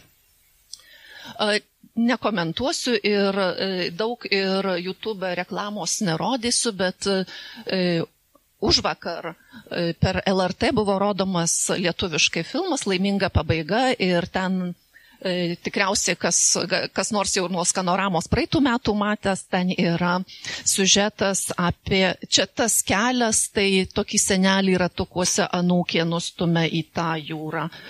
E, bet į vandenyną gal. E, bet tai nėra, e, tai nėra, filmas nėra apie senatvės globą, ta mergaitė neturėjo tiesiogiai rūpintis tuo seneliu, tai buvo bendrai situacijos e, beviltiškumo vaizdinys, bet jisai, galvojant apie šiandienos pranešimą, man atrodė, kad visai toksai aktualus ir tokią svarbę žinutę nešantis iš dalies apibūdinantis ir mūsų valstybės politiką susijusią su ilgalaikė senatvės globa. Tyrime, kurį minėjau apie grėsmės, kur mes tyrėme e, e, nacionali, grėsmės nacionaliniam saugumui, buvo vienas iš klausimų, kuriuos klausėme gyventojus apie grėsmių plačiaja prasme suvokimą ir grėsmė numeris pirmas Lietuvos gyventojų tarpe buvo senėjančios visuomenės keliami iššūkiai. Tai nebuvo Rusijos invazijos ar a, korupcijos neskaidraus valdymo klausimai. Tai buvo klausimas, kuris susijęs su kiekvieno iš mūsų šeimos pasaulyje žiūriniais, vertybiniais dalykais ir taip pat supratimo apie galimą kasdienybę. Problemos aktualumas Lietuvoje, tai Lietuva yra sparčiausiai senstanti visuomenė pagal sociodemografinius rodiklius, ta pro, kohorta žmonių senėjančių ir e, yra auganti. Vis dėlto mūsų šalyje daugiausia globos ir slaugos yra teikiama neformaliai, ne institucinėm, ne per institucijas. Keičiasi šeimos struktūra, vis mažiau yra tų tradicinių šeimos, tradicinė šeimos struktūra atitinkančių tėtis, mama, du vaikai šeimoje gyvena. Ir vyksta gyvenimo būdo pokyčiai, migracijos, daug migracijos šalyje ir iš šalies. Auga ilgalaikės globos ir slaugos paklausa, yra aiškiai nematoma nepakankama pasiūla ir yra labai sudėtingas bendradarbiavimas tarp sektorių, įstaigų ir profesijų svarba ir, ir nesusikalbėjimas. Ir čia yra tas apie tas suinteresuotasias šalis ir medicina, sveikatos apsaugos sistema, socialinių reikalų sistema, savivaldos lygyje yra tos paslaugos išskirstytos nevyriausybinis sektorius ir, ir privatus sektorius ir tų stakeholderių yra daugybė ir jų e, bendradarbiavimas yra labai apsunkintas ne jų blogos valios, ne jų kompetencijos trukos, bet įstatyminės bazės ir valstybinės strategijos, valstybės nacionalinio lygio strategijos trūkumo. Šitą, konfer... Šitą pristatinėjome medžiagą mes praeitą savaitę, jėsėme konferencijoje ir buvom pakvietę Japonijos ambasadorių kuri šiaip labai buvo įdomu sužinoti, kad dabar, dabar Lietuvoje reziduojantis Japonijos ambasadoris yra dešimt metų dirbęs Japonijos socialinių reikalų ministerijoje ir kaip tik yra vienas iš tų specialistų, kuris rengė senatvės draudimo įstatymą, yra labai įsigilinęs į tą temą ir jisai pristatė irgi 40 minučių vietoj sutartų 20 Japonijos patirtį šioje srityje ir jisai akcentavo du dalykus, daug dalykų, bet aš tik tai du norėčiau pabrėžti. Japonija, ir Japonija, žinom, yra labiausiai senėjimo požiūrį yra seniausia ir labiausiai senėjanti visuomenė. Jie kalba apie tai, kad jie eksportuoja savo gerasias patirtis į Pietų Koreją į, ir į Kiniją, bet ir plačiau pasaulyje. Tai jos patirtis čia du akcentus pasakyčiau. Jie deda dėmesį, va, jie, ir vertėjai buvo sunku išversti žodį cohesive community, tokios glaudžios bendruomenės plėtrai ir telkimui, tai yra ta bendruomenė, kur yra ne šeimos narių, o savanorių bendruomenė gyvenanti kaiminystėje, susipratusių, linkusių padėti vyresniam senam žmogui ar jį globojantiems artimiesiems.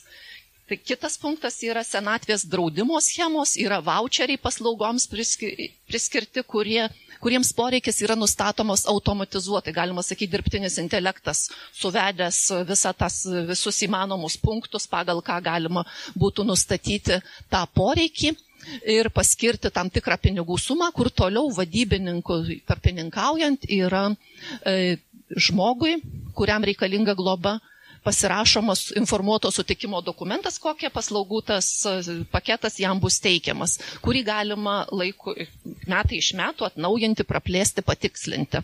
Tai yra ta japoniška sistema, prie kurios mūsų ambasadorius dabar yra prisidėjęs ir apie kurią jisai labai nuoširdžiai kalbėjo, antrąjį punktą pabrėždamas, kad uh, perkelimas tų paslaugų į profesinį tarp institucinio bendradarbiavimo ir tos susipratusios bendruomenės lygį yra būtinas, nes senėjimas turi biologinės, kaip nežinau, aš ne, nesu medikė, bet senėjimas, kuo ilgiau žmogus gyvena, tuo labiau jisai fiziškai, fiziologiškai nusidėmi ir Alzheimerio lyga. Keturis, iki 40 procentų tų žmonių, kuriems reikalinga globos paslaugos turi demencijos simptomus. Ir čia šeimos narių arba e, tų artimųjų, kurie yra vedami kažkokių giluminių, tokių bendruomeninių, tik tai pareigos jausmų, bet be profesionalaus e, patarimo ir be profesionalų pagalbos ta, ta globa darosi mažai vertinga. Viešosios situacijos politika šioje Lietuvoje yra, nežinau, gal neįvardinsiu niekaip, bet šiaip gal tragiškai reikėtų sakyti. Gerovės valstybės tematika, dabar mes susvarbinom tą klausimą, bet tas klausimas mūsų konferencijoje praeitą savaitę buvo, socia... buvo prezidento patarėja socialinės, socialinės klausimais. Bet jo, jos pranešimas buvo bendrai apie padidinti pensijas pensininkams ginčas tų keleto eurų padidinimo, kas yra įdomu, kas yra svarbu, bet tai nėra susijęs su šia viešosios politikos rytie tiesiogiai. Tai nėra politinės darbo tvarkės viršuje. Ilgalaikė globa nėra atskir, išskirta į atskirą socialinės politikos rytį ir čia dar daugiau tikriausiai reikėtų pasakyti, tas rytis turėtų būti persidenginti tarp sveikatos apsaugos ir socialinių reikalų. Tai abi dvi ministerijos labai šitus savo mūsų projekte nebendradarbiavo ir maž, ypatingai mažai dėmesio buvo būtent iš, reika, so, socialin, iš socialinės apsaugos ir darbo ministerijos ministro pusės. Lietuvoje nėra aiškios teisinės atsakomybės už tų paslaugų teikimą arba neteikimą Čia tikriausiai reikia tą neteikimą ypatingai pabrėžti, galima sakyti, čia viešosios politikos analizės požiūrį, tai čia yra tas pats, kas ir korupcijos buvimas arba nebuvimas, nebuv, neteikimas. Ir yra įdomu Lietuvoje padarius, padarius savadą tarptautiniam lyginamam tyrimė. 38 konstitucijos straipsnis turi tokią įdomią nuostatą. Vaikų pareiga gerbti tėvus, globoti juos senatvį ir tausoti jų palikimą. Ir kaip jau čia ryte buvo minėta, šiek tiek tokia figuratyvinė prasme, kad mes, kas konstitucijoje įrašyta, tai mes tą, kaip jau mūsų DNR koduose užkoduota, atrodo, tas toksai ta nuostata, kad tai yra senatvės globos pareiga yra vai, ant vaikų, tas tą mes matome ir duomenyse. Čia aš įdėjau, galima tų skaidrių būtų vaizdų pridėti daug, bet čia keletas. Gyventojų požiūriai, atsakant į klausimą, kas turėtų teikti paslaugas senyvo amžiaus asmenų priežiūra, čia tarptautinės socialinės social survey programos duomenys. Ir matom, Lietuva paryškintas tulpelis yra pagal mūsų mentalitetą. Mes labai pretenduom į šiaurietišką mentalitetą. Tai mes esam arti Filipinų, Taivanio, Čilės, o šiaurietiškas mentalitetas sako, kad ta pareiga teikti paslaugą senyvo amžiaus žmonių priežiūroje turi būti minimali, visai maža. Norvegija, Suomija, Švedija yra apie 1-0 procentų žmonių, kas kalba realiai apie tai, kad pareiga ne kažkokia tokia dvasinė, perkeltinė prasme, bet realiai žemėje, kas, kas paduos tą stiklinę vandens. Tuo tarpu mūsų mąstymas ir gyventojų nuostata yra tokia e, nieko blogo apie Filipinus arba Čilę, ne, negalvojant, bet yra su, sureikšmintas tas šeimos vaidmuo. Kita dalis iš kitos pusės yra atsakomybės rūpinti senyvo amžiaus asmenimis. Čia daug e, palyginamųjų duomenų, čia tų stulpelių galėtumėm įdėti daugiau, bet aš įdėjau tokius skaičius penkių metų laikotarpį, kur tas procentas ryškiau išsiskiria.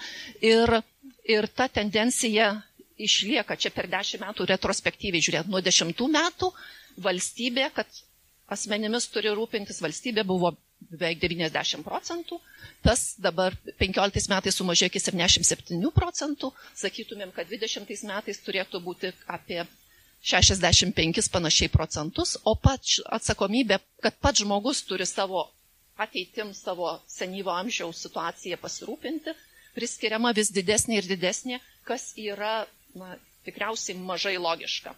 Bet taip mūsų vaizdiniai, mūsų visuomenės nuomonė šitaip veikia. Mes atlikome ir tų žmonių, kurie yra tiesiogiai susiję su paslaugų senyvo amžiaus žmonių, e, žmonėmis e, teikimu.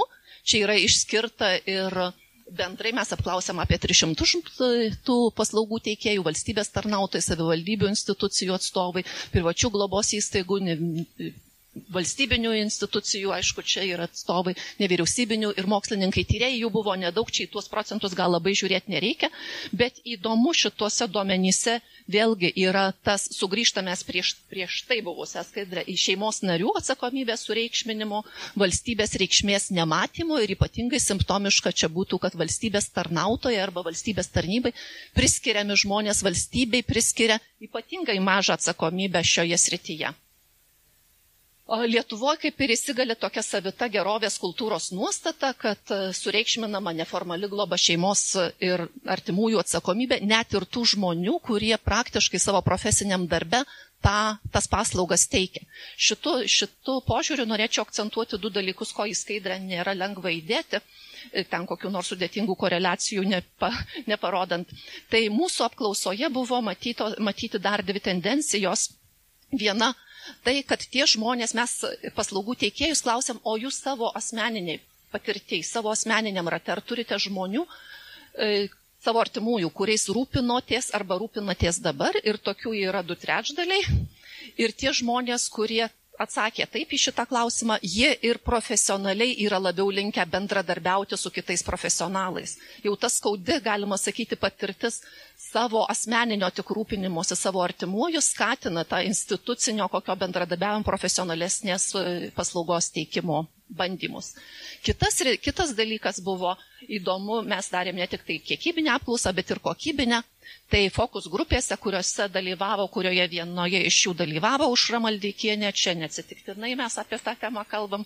Ir fokus grupėse tų išvalgų e, buvo daug, aš gal ir Aušrai rašiau po konferencijos, kurioje negalėjo dalyvauti, kad ta konferencija galėjo vadintis Užros Maldeikienės vardu, nes labai daug žmonių į Seimo narės, buvusios Seimo narės pasisakymus e, reflektavo apie būtent socialinės ryties paslaugas.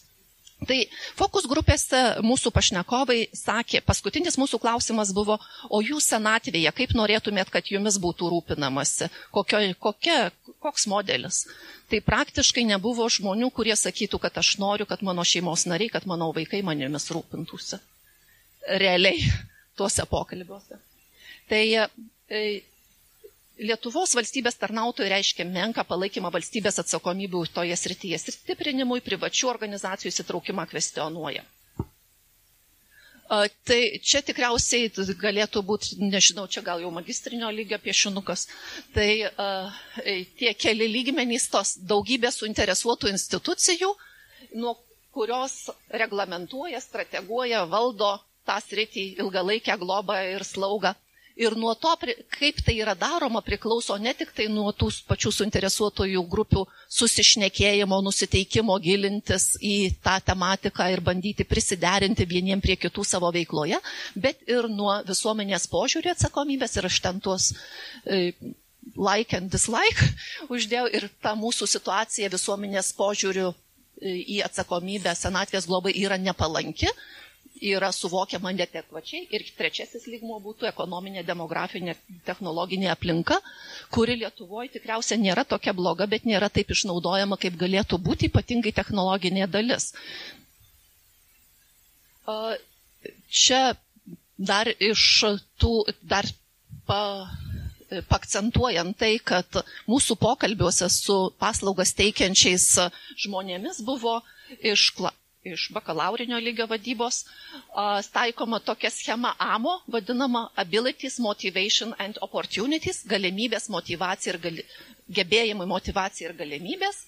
Tai yra suprantama, kad bet kuris žmogus, kad gerai reikštųsi savo profesinėje aplinkoje, jisai turi turėti tinkamus gebėjimus, turi turėti vidinę motivaciją, azartą, dirbti, pasišventimą ir galimybės, kurias jam darbo aplinka, įstatymai reglamentuojantys tą darbą suteikia tai galima sakyti, ekonomistas išeina iš dėstymo fakultete dėl to, kad galimybių lango nėra tokio, koks reikia, motivacija ir gebėjimai yra.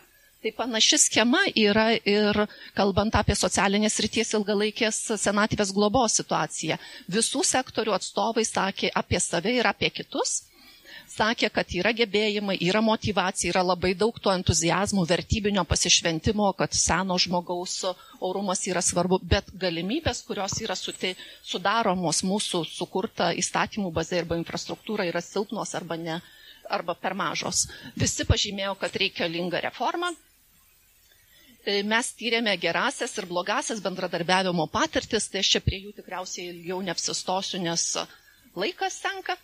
Bet tikriausiai pagal tai, kiek mes pastebėjom tų gerųjų patirčių ir blogųjų patirčių, tai sąrašiukus, aš vis dėlto ištrumpinau, nesimato, kad blogųjų patirčių yra daug daugiau negu gerųjų patirčių, jeigu mes jas vardintumėm. Ir tas mažiausiai bendradarbiaujančios grupės, tikriausiai šita dalis šitoje schemoje būtų svarbiausia, ypatingai galvojant apie tai, ką aš pačioj pradžioj pasakiau taip labai nuotrupomis dėl, ką Japonijos ambasadorius mums pasakė apie e, senatvės e, globos situaciją, kurioje Japonija yra laikoma viena pažangiausių. Tai yra psichikos lygų ligoninės arba psichikos centrai yra labai mažai bendrauja, bendradarbiauja su uh, teikėjais ilgalaikės globos, kurie yra iš socialinės srities savivaldybių, val, savivaldybių arba ir privat, privačios ir nevyriausybinės organizacijos, dvi ministerijos labai tarpusavį nesusikalba ir taip pat nėra jų bendradarbiavimo su kitomis įstaigomis, įskaitant ir labai pariškinant tai ekspertinę bendruomenę, mokslininkus galima būtų sakyti. Tai čia turiu dar vieną piešinuką, nežinau kaip vertinsit. Čia yra barjerai. Nupiešė e, globojamas, laugomas asmuo, jisai, sakykime, patenka, galima įsivaizduoti per tą tarpelį ir patenka į tokį labirintą kuriame yra institucijos visos tos, kurios turėtų veikti jo patogumui, jį, ja, jo tam gerbuviui ir jo artimųjų e, ramybėje apsaugoti. Bet tų barjerų yra, ir čia jie iš mūsų fokus grupių ir išriškėjo, yra daug tos motivacijos trūkumo, jeigu mes pagal tai, kad keisti situaciją, tai trūksta tik tai politiniam lygmenyje, bet jeigu ten užblokuota, tai ir visi kiti ratukai sunkiau sukasi. Yra ne, neišvystyta infrastruktūra, yra lobizmo stoka, lobizmo prasme, interesų atstovavimo, ne ta lobizmo prasme, kuri yra neigiamas lobizmas, bet e, savivaldybės arba seniūnijos nacionaliniam lygiui ministerijoms nepakankamai, cituojant vieną fokus grupų respondentę, e, išūžė ar užė ausis apie tuos konkrečius poreikius ir, e, ir nepakankamas tiek lėšas, tiek ir personalo pripažinimą. Ir perinant prie rekomendacijų politikos formuotojams, jų mes prirašėm daug daugiau, bet aš čia prie kelių norėčiau apsistoti. Ir ypatingai dėl to, kad pristačius šitas rekomendacijas e, ir auditorijoje, ir paskui ir kavos, per kavos pertrauką turėjome diskusiją dėl tų kelių mūsų užakcentuotų punktų, kad antrąjį punktą žiūrės, skaitysiu, nes pirmas yra akivaizdus tikriausiai. Antrasis yra senstančios visuomenės atveju gerovės valstybės samprato ilgalaikė globa turėtų, ilgalaikė globai būti skiriama daugiau dėmesio ir siekiama labiau atsijėti ilgalaikę globą nuo tradicinėms visuomenės būdingų lūkesčių šeimos narių atžvilgių ir nuo tiesioginio mokesčių išmokų perskirstimo politikos vis daugiau tos politikos perkelti viešosios politikos rytį pagrįsta įvairių valstybinių, privačių ir nevyriausybinių institucijų bendradarbiavimų, teikiant kokybiškas paslaugas. Tai čia tas 38 konstitucijos straipsnio e, kvietimas jį pažeisti tikriausiai būtų galima sakyti e, išreikštas. Šią tematiką Lietuvoje vykstančiuose politiniuose debatuose ir viešosiuose diskusijose sąmoningai neakcentuoti tradicinių visuomenės nuomonės lūkesčių ir sektorinių institucinių interesų, o tai yra akcentuojama ir siūlomi e, ilgalaikės globos rytyje pakeitimai, taip kaip, kaip e, galimybė slaugančiam darbuotojui, slaugančiam savo tėvus darbuotojui gauti e, ne tėvadienį, bet tą slaugytojo dieną iš darbdavio tai irgi yra perkelimas valstybės, perkelimas atsakomybės ant šeimos nario ir dar sėki užakcentavimas to, bet ne valstybės prisėmimas šitos ryties atsakomybės. Nacionaliniu lygmeniu sukurti ir savivaldybių lygmeniu palaikyti lengvai prieinamos aktualios informacijos apie IGS teikimo principus, galimybės ir praktikas duomenų bazę su mūsų startuolių informacinių technologijų galimybėmis, tai tikriausiai galima būtų kalbėti apie apsų ar ką sukūrimų. Japonijoje ambasadorius ir pabrėžė, kad ta duomenų bazė, kuri, per kurią tie voucheriai yra paskirstomi, dirbtinis intelektas yra labai svarbus, jisai leidžia tai tokiam neformaliam uh, kišininkavimui uh, šioje srityje, kuris yra labai akivaizdus, uh, sumažėti arba jį sumenkinti. Kita vertus, jisai leistų ir uh, išplėsti tą tos sistemos veikimą atsižvelgiant į pasiūlymus, adaptuoti prie klientų ar jų šeimos situacijų. Ir paskutinis punktas, kurį aš čia norėčiau perskaityti, tai yra penktas. Ir aš prezidento patarėjai pradarius pranešimą tiesiog paklausiau, ar jie, jiems yra žinoma, kad Lietuvoje nėra asociacijos, kuri vienytų neformalią globą teikiančius asmenis. Jis sakė, nu, vaikį šito klausimo nežinojom, bet dabar jau žinosim Tai sakau, o kaip jums atrodo, ar reikėtų tokią įsteigti? Ir jinai tada pasakojo, kad šiaip bendruomenės asociacijos kreipiasi, teigėsi tas grassroots principų, kai visuomenė ir bent, ten subręsta, susipranta, atsiranda. Bet dauguma asociacijų ir tokio pobūdžio institucinių naujadarų yra sukūriama tam, tikros, tam tikrai politiniai iniciatyvai, paskatinus, paraginus, ypatingai įgalinus ir čia pozityviai įgalinus viešuosius ryšius. Tai um, norėtųsi tikėti, kad uh, gal ta ironiška pastaba ir mūsų apsikeitimas nuomonėmis su prezidentūros atstovė, gal kokia, tai, kažkokią tai ilgainiui naudą atneš, bet uh, dėmesys į tai atkreiptas ir tikriausiai čia jau kalėdiniai dvasiai. Gal, galima tikėtis, kad kada nors tos institucijos virs angelais ir globojimas asmuo ir jo artimieji bus suvokiami kaip valstybės dėmesio ir pastangų vertas objektas, o ne globojamas asmuo atskirtas, paliktas artimųjų valiai. Dėkoju uždėmesi. Tai mano pavardę matot, pavadinimą irgi temos matot, čia nieko apie narkotikus, tiesiog labai fainai frazė nuskambėjo, neturėjau kur padėti, tai padėjau pavadinimus.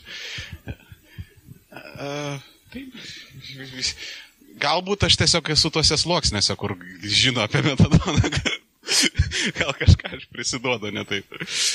Bet žodžiu. Tai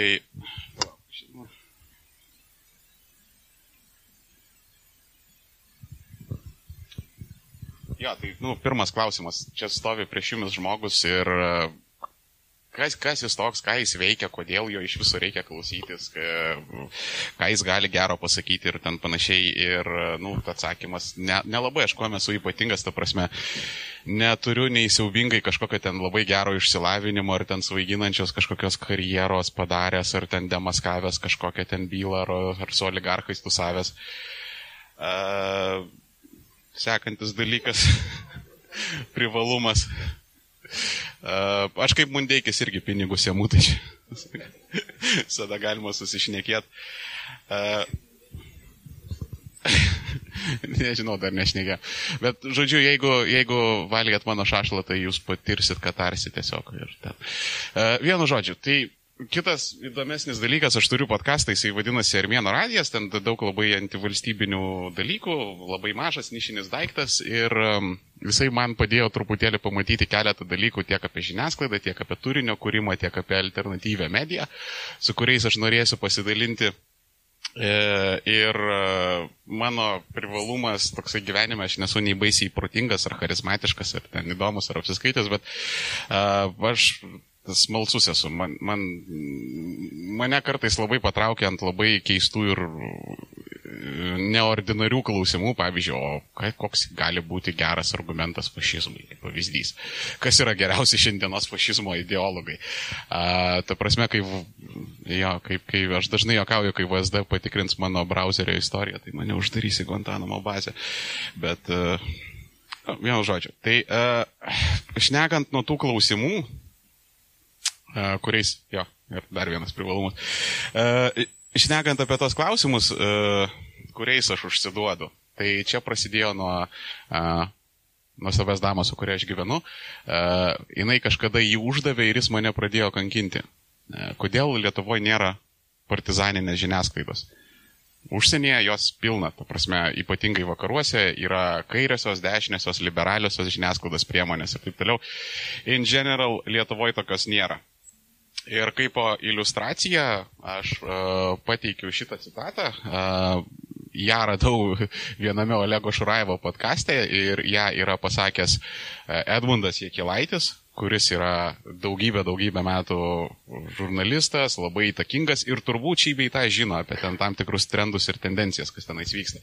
Jo maždaug citata yra tokia, kad e, kažkodėl pas Lietuvo žiniasklaida yra tas kompleksas prieš rinkimus labai griežtai kalbėti apie kandidatus, kaž, kažkaip juos demaskuoti, kad pat nepasirodytų šališki. Ir tai yra pateikiama kaip kompleksas, kaip stigma ir natūraliai uh, kyla klausimas, what the actual, ta prasme, kodėl, kodėl turėtų būti žurnalistų interesas būti labai nešališku, nes uh, vakaruose yra šališki žurnalistai ir viskas su tuo gerai. Į sovietinį paveldą nelabai suversi, nes sovietinė žiniasklaida buvo labai kaip tik šališka, ekstra šališka. Tai iš kažkur tas dalykas ateina ir jeigu dalykas egzistuoja, vadinasi, jam yra poreikis. Ir Aš taip spėčiau, aš manau, ten priežasčių yra daug daugiau - istorinės, socialinės, socioekonominės, bla bla bla, bet aš manyčiau viena iš tokių priežastėlių, kodėl, kodėl uh, Lietuvo žiniasklaida stengiasi būti tokia objektyvi ir nešališka, arba bent jau taip atrodyti, tai paprasčiau parsidavinėti. Ateina rinkimai, kada tu esi, e, tarkim, kairysis medija outletas, tai tau yra e, nu, tušęs ramsas, kad dešinieji pas tave uh, užpirkinėtų, tarkim, politinę reklamą, kaip pavyzdys. Uh, arba kad tie patys dešinieji pas tave tenais eitų į kokius debatus ir panašiai, tau tiesiog sumažėja rinkos. Man paprastai. Ir um, šitą tendenciją iliustruotų toksai reiškinys. Uh, galbūt žinot, kas pasakė šitą citatą? Jo, kažkas seka Tarmėno Facebook.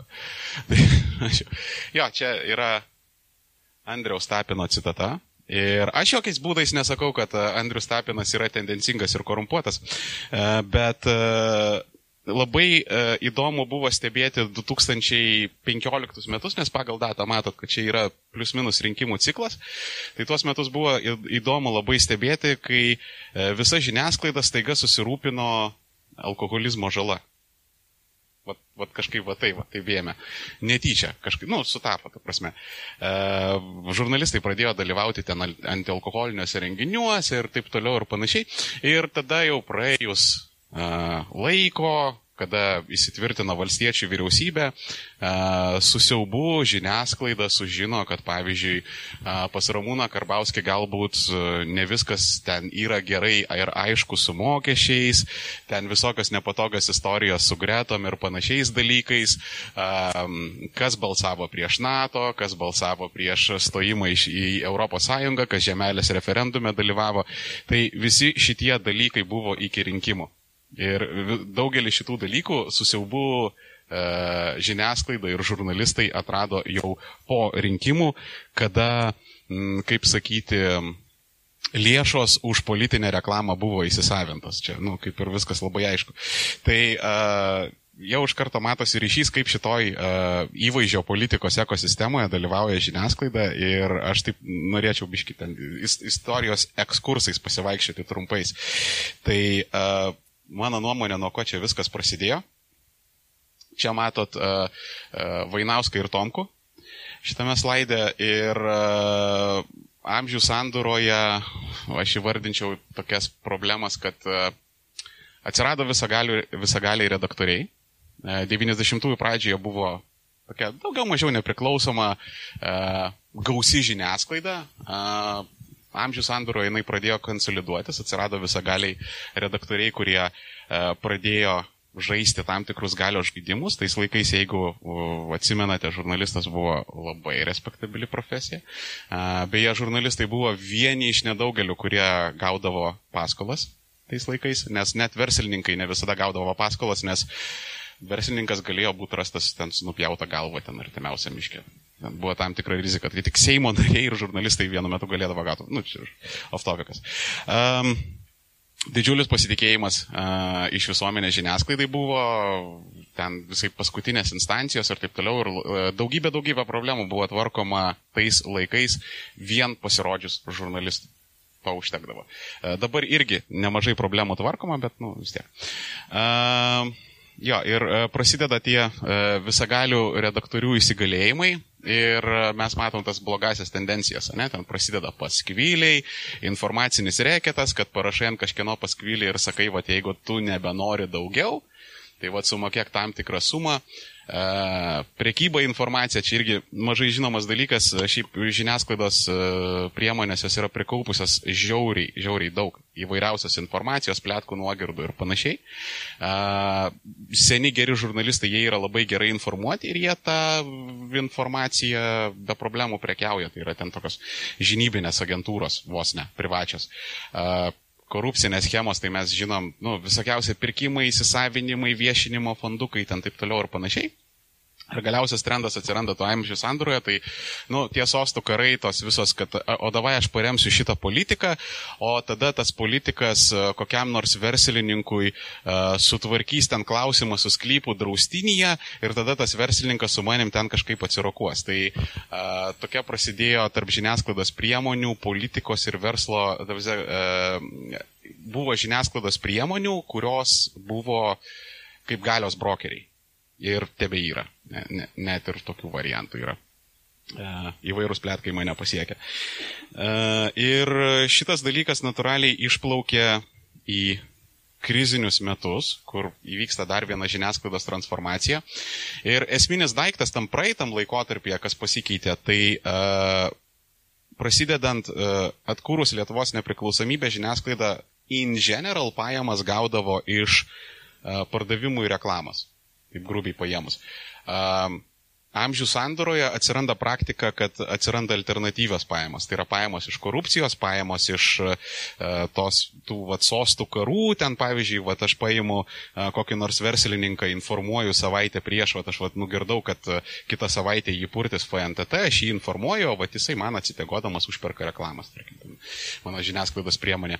Tai atsiranda alternatyvų pajamų šaltinis E, kuris pradeda tą e, pardavimų ir reklamos pajamų šaltinį gerokai nusverinėti.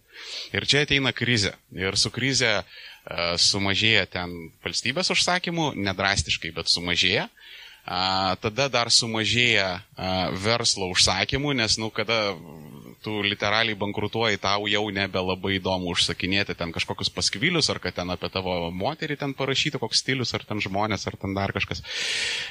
Ir po biški e, pajamų šaltinis mašta. E, visi prisimenam tuos e, bankruotus, ten LT dienraštis subankrutavo, labai daug spaudos subankrutavo.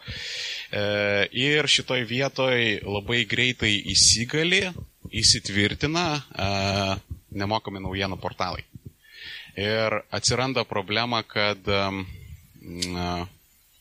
reklamdaviai pradeda eiti į tuos uh, naujienų portalus, nes ten yra reklama pigesnė ir efektyvesnė, nes online, online tu gali ir į real time stebėti, kas žiūri tavo banerį, kas spaudžia ant tavo banerio, kada spaudžia ant tavo banerio.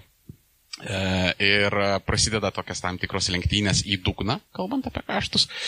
Ir e, galiausiai tyliai yra numarinama tyriamoji žurnalistika, nes kad ir ką sakytų daugybė žiniasklaidų priemonių, tyriamoji žurnalistika neapsimoka. Tai yra labai brangus darbas, nes čia va, Justas minėjo, kad pasiemi žurnalistą 3-5 straipsnį į dieną, jisai varo ant srauto, jisai vieną dieną rašo gyvenimo būdą, trečią dieną horoskopą, ten ketvirtą dieną kažką apie ekonomiką. E, tai pritraukia gerokai daugiau dėmesio, tai pritraukia ten gerokai daugiau ten klikų, laikų ir ten visokių gerų dalykų ir e, baneriai lengviau atsipirkinėja. Tada tokiu būdu, uh, nes tyriamoji žurnalistika iš esmės tai yra klausimas, kitą kartą gali kokie trys žmonės rašyti straipsnį 3-4 mėnesius. Ir jiems reikia mokėti algą, jiems reikia dengti kaštus ir plus dar yra tam tikras pavojus. Jeigu, pavyzdžiui, tu padarysi apie kokią nors rimtą oligarchą ekspozę, tai kaip ponas Vytautas vat, pasakojo, kad net Seimo nariai nėra saugus dėl bilinėjimuose, tai tu gali paprasčiausiai užsitraukti labai rimtą ir sunkę bylą savo ant galvos. Arba tu gali prarasti potencialų uh, reklamdavį. Tai uh, čia buvo didelė riebi uh, tyriamoji žurnalistika, ta prasme, tai buvo didelė riebi sunki išlaidų eilutė ir kriziniais metais ją tai patiliukais labai gražiai eliminavo ir jos neliko. Nes tai daugiau yra socialinė veikla vos ne. Ir e, iš to išplaukia va dabartinis šitas vaizdas, kad dabar žurnalisto profesija yra visiškai diskredituota, visi tie epitetai uh, Filadelfijus, propagandistas, tas anas trečias, ketvirtas, uh, įsigali klikbeitas, nes naujienų portalai Jie yra nemokami, bet jie turi kaštus. Ten dirba žmonės, ten yra serveriai, tuos kaštus reikia dengti. E, tai yra dengiama per užperkamą reklamą, bet um, tam, kad žodžiu, visos tos išlaidos atsipirktų, kurie įdėti į tą naujienų, nemokamą, kabutėse, naujienų portalą, reikia labai labai didelio srauto, reikia labai labai daug dėmesio. Ir geriausiai veikia emocija, geriausiai veikia skandalas, geriausiai veikia klikbeitas. Ta prasme, tu su ten kokiu nors didžiuliu žurnalistiniu tyrimu tiek nepritrauksi, kiek ten su kokios nors celebričių poros skirybomis. Čia, nu, tiesiog yra natūrali matematika. Um, su fanfarom čia dabar yra atsidarę ten keletas uh, žurnalistinių tyrimų uh, departamentų žiniasklaidos priemonėse, bet tai yra visiška totali ir klaiki ir baisi imitacija. Uh, analogiją aš pateikčiau, atsimenu, 90-aisiais, kai būdavo tos pitsos daromos tokios um, iš tešlos gabalo su uh, ten uh, sasyskos uh, padrapstydavo, ta prasme, ten kečiupo.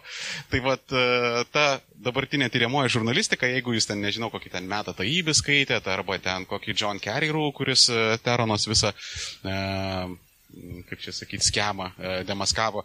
Tai e, jeigu jūs esate susipažinę su vakarietiška tyriamąją žiniasklaidą, tai jūs turbūt suprantat, kad ta e, vakarietiška, tie vakarietiški žurnalistiniai tyrimai lyginant su lietuviškais, tai yra kaip lyginti tą normalią vakarietišką itališką pizzą su ta pusiau sovietinė lietuviška pizza su sasyskom ir augintais agurkais. Ir um, Galiausiai yra uh, pačiose redakcijose labai labai dideli dis disbalansai su pajamom, nes ten uh, šiaip vieni turbūt didžiausių mokesčių vengėjų yra žiniasklaidos priemonės.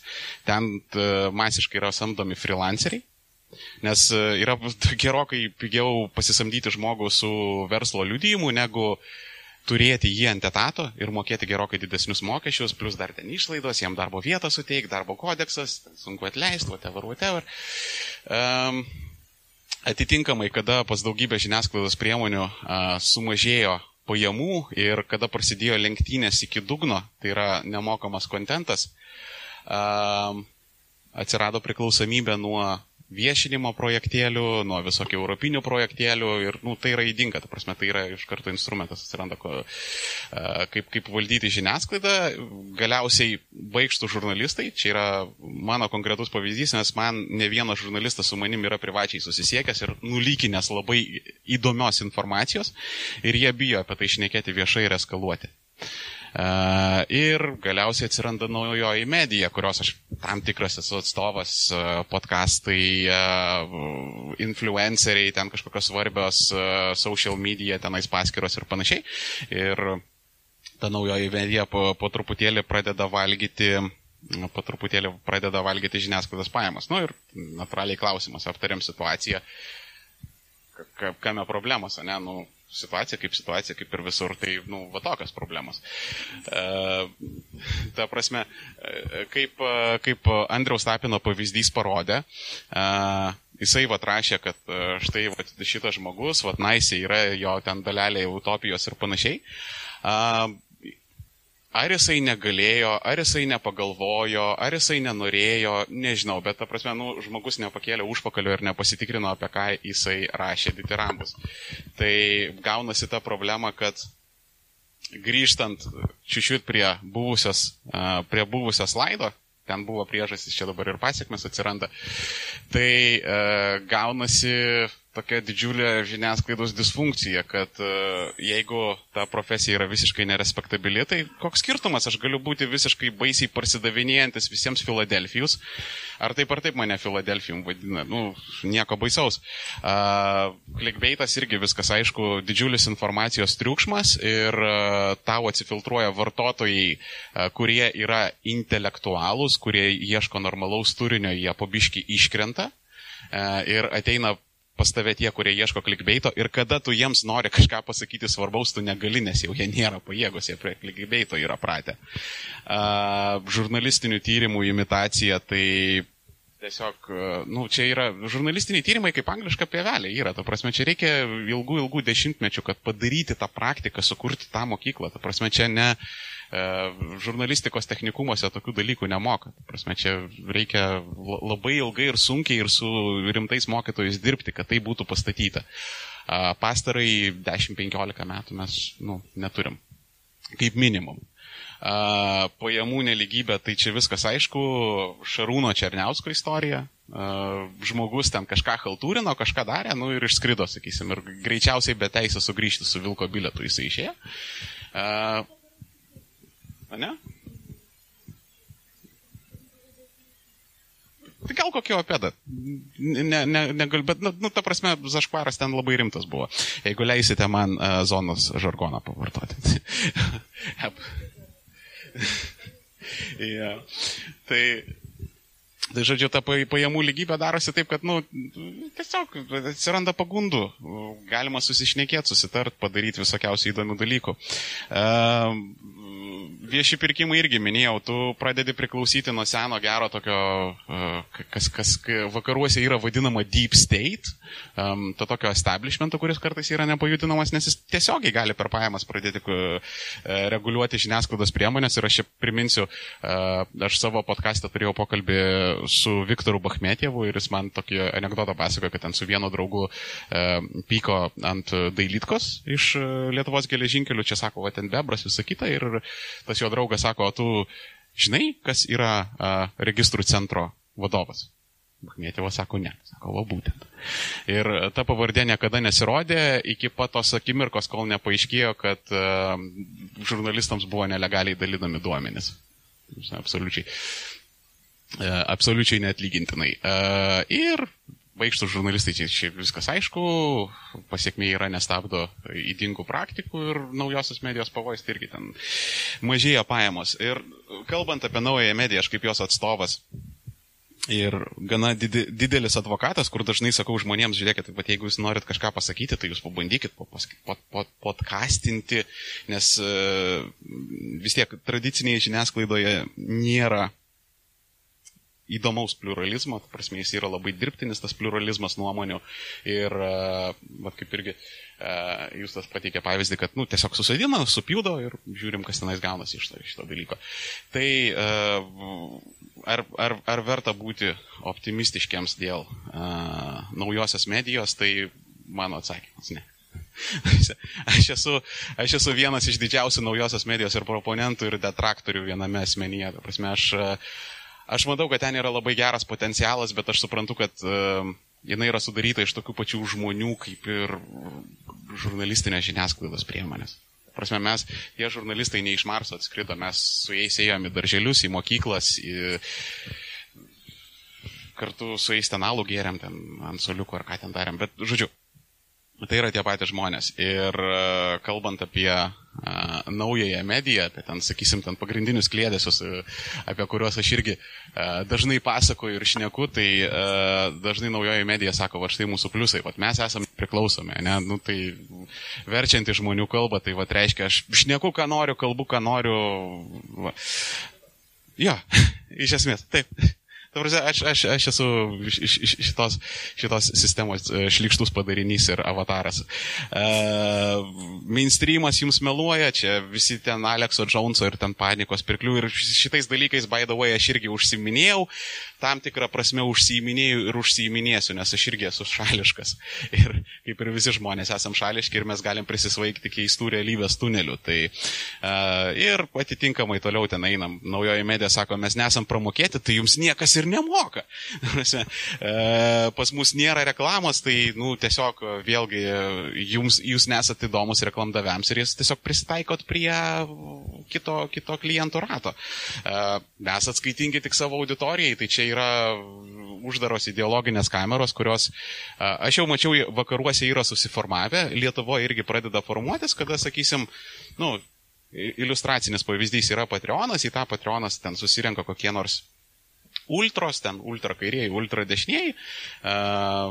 Ta Patreoną turi tenais koksai nors podcasteris, kuris tiesiog pamokslauja savo chorui ir viskas. Ir tas choras meta jam pinigus ir jisai nelabai gali keisti repertuaro, nes tas choras labai greitai pradings ir toksai užsidaro ratas ir gražus feedback lūpas. Ir nu, mes pakeisim pasaulį, tai aš tų pasaulio pakeitimų ir ten žiniasklaidos transformacijų mačiau krūvas. Ta prasme, Tomkus ir Vainauskas buvo tarptų pačių, kurie turėjo būti Lietuvos e, žurnalistikos ir politikos ateitis. Tai, uh, kaip finale, uh, kuom, kuom galima užbaigti kažkokie patarimai ar dar kažkas, tai Aš, aš, dažniausiai, aš dažniausiai šitą dalyką atsakinėju, nes uh, je, jeigu, kažkas, uh, jeigu kažkas labai gerai žino, ką ir kaip daryti, bet taip labai gerai žino ir turi visus atsakymus, man taip dažniausiai Aušvico kaminais pakvimpa, nes dažniausiai šitie reikalai tai nuveda.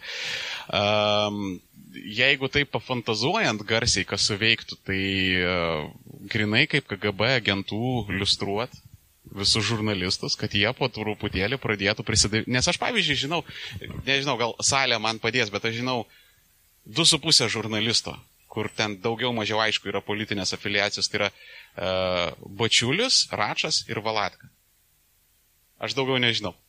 Gal jūs sugalvosite ten dar kažkokių, bet ta prasme, mes dabar esam užsijėmę tuo, kad mes turime stebėti, ką žurnalistai telegrafuoja savo elgesiu.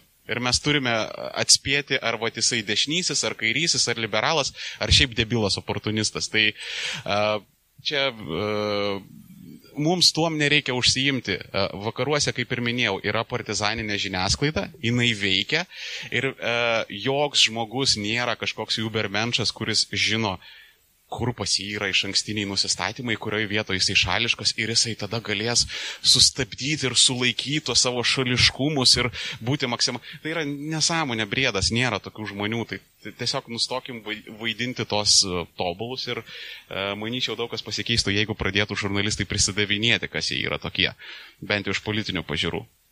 E, mokestis už kontentą irgi yra labai svarbus, nes e, jeigu mes įprantam gauti straipsnius, ten tarkim vartyti Delfį, vartyti 15 minučių, tai tada pripraskim prie to, kad bus užsakomieji straipsniai be numerių, pripraskim prie Kenavos agrofirmos e, ten slojnikų reklamos šalia blažytės tekstų. E, pripraskim prie tokių dalykų. Labai puikus pavyzdys yra uh, verslo žinios, nors Justas labai myli verslo žinias ir pagristai myli verslo žinias, bet tai yra specializuotas toks neoliberalus outletas, kuris yra rentabilus. Nes jie gal 10-15 metų ištikimai savo vartotojams aiškino, kad žiūrėkit, už turinį reikia susimokėti. Jeigu jūs nenorite ten turėti ten Delfio ar L ryto ar dar kažką, prašom susimokėti. Ir, nu, tai pavyko. Taip, dalis kontento ten yra uždaryta už uh, pinigų sienos ir panašiai, bet jie turbūt, uh, man atrodo, iš visų Lietuvo žiniasklaidos priemonių jie turbūt yra vieni finansiškai tvariausių ir sveikiausius turbūt pel, pelno rodiklius rodančių. Jo.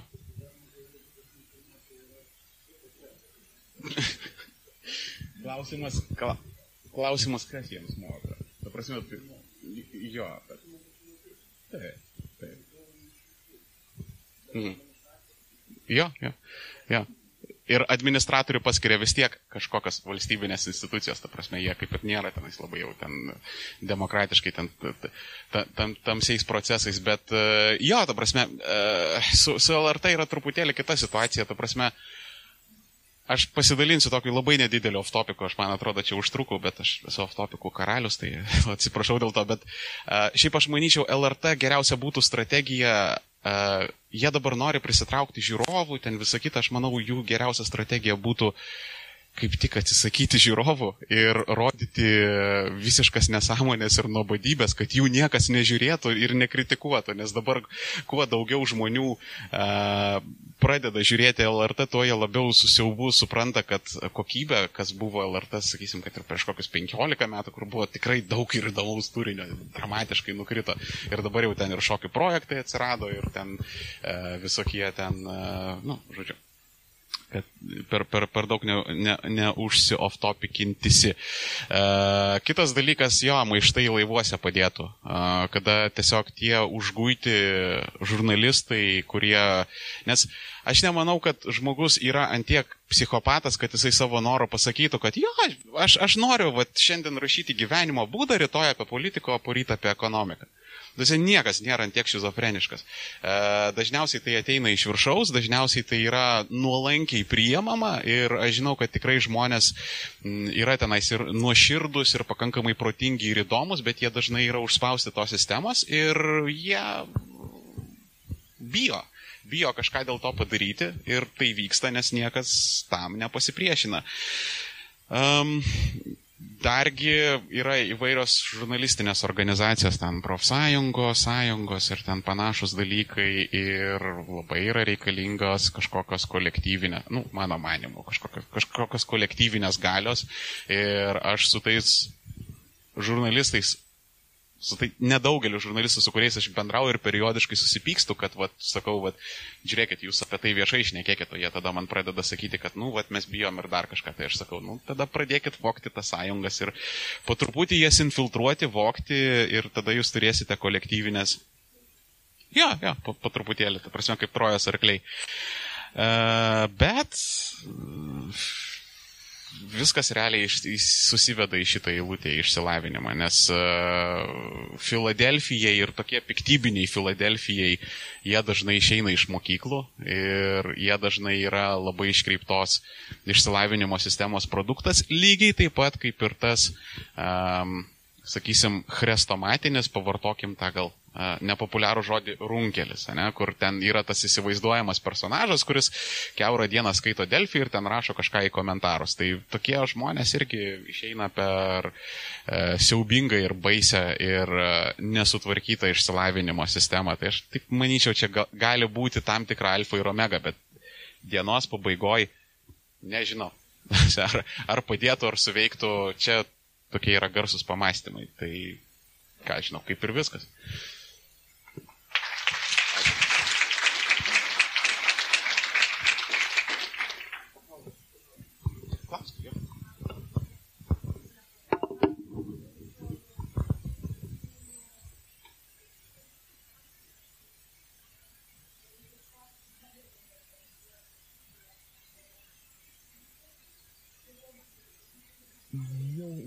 Ta prasme, LRT.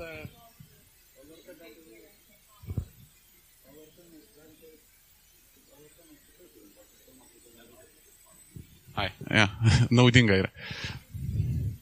Mm.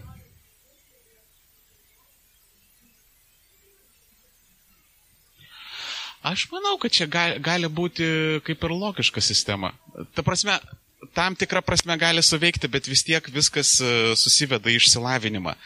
Nes e, jeigu nėra kažkokio intelektualinio frameworko po šitą apačią. Jeigu mes tiesiog atnešim idėją, tai prasidės ten tokie dalykai, kad kažkas sumanipuliuos statistiką, kad o va tu žiūrėk, nepraeini tu ten tiek procentėlių, nes e, įprastai yra cenzas tu visų kandidatų paprasčiausiai fiziškai nesutrauksi į televiziją. Dažniausiai cenzas būna, ten reikia praeiti 2, 3, 5 procentus pagal pausus. Tai gali atsirasti akstinas pažaisti su statistika ir tada ten kitokiais. Um, aš pateiksiu tokį pavyzdį. Um, Žižekas, Žižekas su Varufakiu šnekėjosi. Ir, um, jo, yeah, of all the people. Žižekas su Varufakiu šnekėjosi ir Varufakis sako, reikėtų, kad įvairūs eurokratai arba, sakysime, Europos centrinio banko žmonės savo pasitarimus viešai transliuotų į internetą. Ir Žižeka sako, jo, gera idėja, bet jie dieną prieš susitiks ir aptars visus reikalus dieną prieš.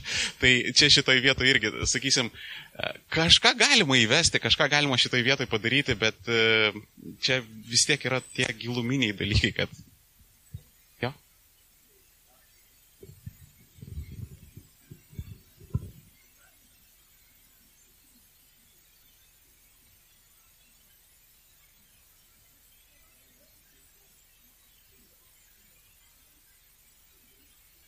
Ne, tai pasimokyti yra iš ko. Ne, tai pasimokyti yra iš ko, tai yra daug pavyzdžių, tarkim, nu, tas, tas pats BBC yra aukštas standartas, Amerikos PBS aukštas standartas, e, iš spaudos ten, sakysim, Rolling Stone'as, nu, New York Times'ai biški nusivažiavo, bet, nu, Atlantikas jo, tarkim, jo, New Yorkeris, ta prasme, yra tų, tų pavyzdžių yra gerų, bet, e, ta prasme, da, dabartinis modelis veikia ir neša kažkokius pinigus. Ir kažką pasikeisti tai yra rizika. Dabar tai neša pinigus. Vėliau ten ilgoji laikotarpį ir taip toliau. O tu tuo metu turi, kaip redaktorius, tu turi krūvą darbo, tu turi krūvą darbuotojų, už juos atsakingas, tu esi atsakingas uh, už uh, tu, akcininkams esi atsakingas ir taip toliau. Tai čia dažnai ir žmogiškas faktorius suveikia, ne tik piktybiškumas. Čia rizikuoti reikia šitą vietą. Tai, tai priimsiu klausimą. Aš tiesiog noriu pasakyti grinai praktinį dalyką. Na, kai čia pasakė, kad prasidėjo ten vėliau, iš tikrųjų prasidėjo anksti, 91 metais Vainauskas mane e, sustabdė, nu tiksliau aš valgiau po, po darbo dienos e, e, Totorių gatvėje kaviniai geriau kavą, ten kažką tai atėjo Vainauskas ir sako, reikia užrarytojus numerį ant štaro teksto. Aš pritilau, sakau, atsiprašau, Ir tada jisai man sako, o Štaras tuo metu buvo miesto meras. Arūnas Štaras buvo miesto meras. Ir jis žinojo, Vainauskas, kad nu, mūsų šeimos bendrauja. Štaras, štaro šeima netgi buvo mano jaunėlio sunaus krikšto tėvai. Ir aš sakau, ką? Sako, reikia ką nors bjauraus. Tos numeris neduoda mūsų, mūsų šitam mūsų šitam mm, pas pastato. Ten vaikų darželis buvo kažkada, kur dabar yra tas Nu, tiesiog ne.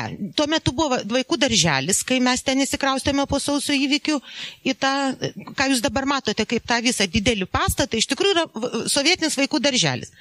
Ir mus ten įleido į pirmą aukštą, o tuo metu Štaras pasakė, nu negalima privatizuoti pagal pirminio privatizavimo įstatymas miesto turtas. Nu tai sakė, davai, parašai ką nors. Aš pasakiau, nu atsiprašau, tai yra mano šeimos draugas. Ir pagal visos tarptautinės žurnalistikos standartus, tokiu atveju tu turi teisę pasakyti ne. Niekada nerašau apie giminės, nu kaip teisme. Ir nerašau apie draugus. Nei gerai, nei blogai, nes, nu, tiesiog tu turi per daug. Kitas dalykas, Štaras, nu, aš labai atsiprašau, aš myliu tą šeimą, jis tiesiog labai labai sąžiningas, pilkas, nuobodokas žmogus. Ten net nėra ką blogo rašyti. Ten net, nu, fantazijos ten net nebūtų. Bet, nu, tiesiog pažįstu žmogų turbūt 50, ne, 45 metų.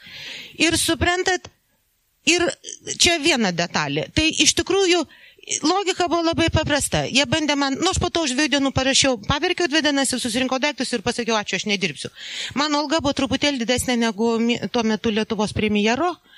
Ir mm, ačiū Dievui, kad aš nemėgstu galvoti apie pinigus, nes gal būčiau susinervinus, bet man labai gerai pasakė vyras namuose. Kai aš grįžau ir pradėjau baisėti, sakė, palauk, už ką tau moka? Tau atėjo diena atsilyginti už pusantrų metų to, kad tu pirmam puslapį su didelė alga. Tai nebūtinai tu pasiduosi, čia reikia charakterį turėti, čia net koks nors privalumas mano charakterio, aš tiesiog gimiau užsispyrus.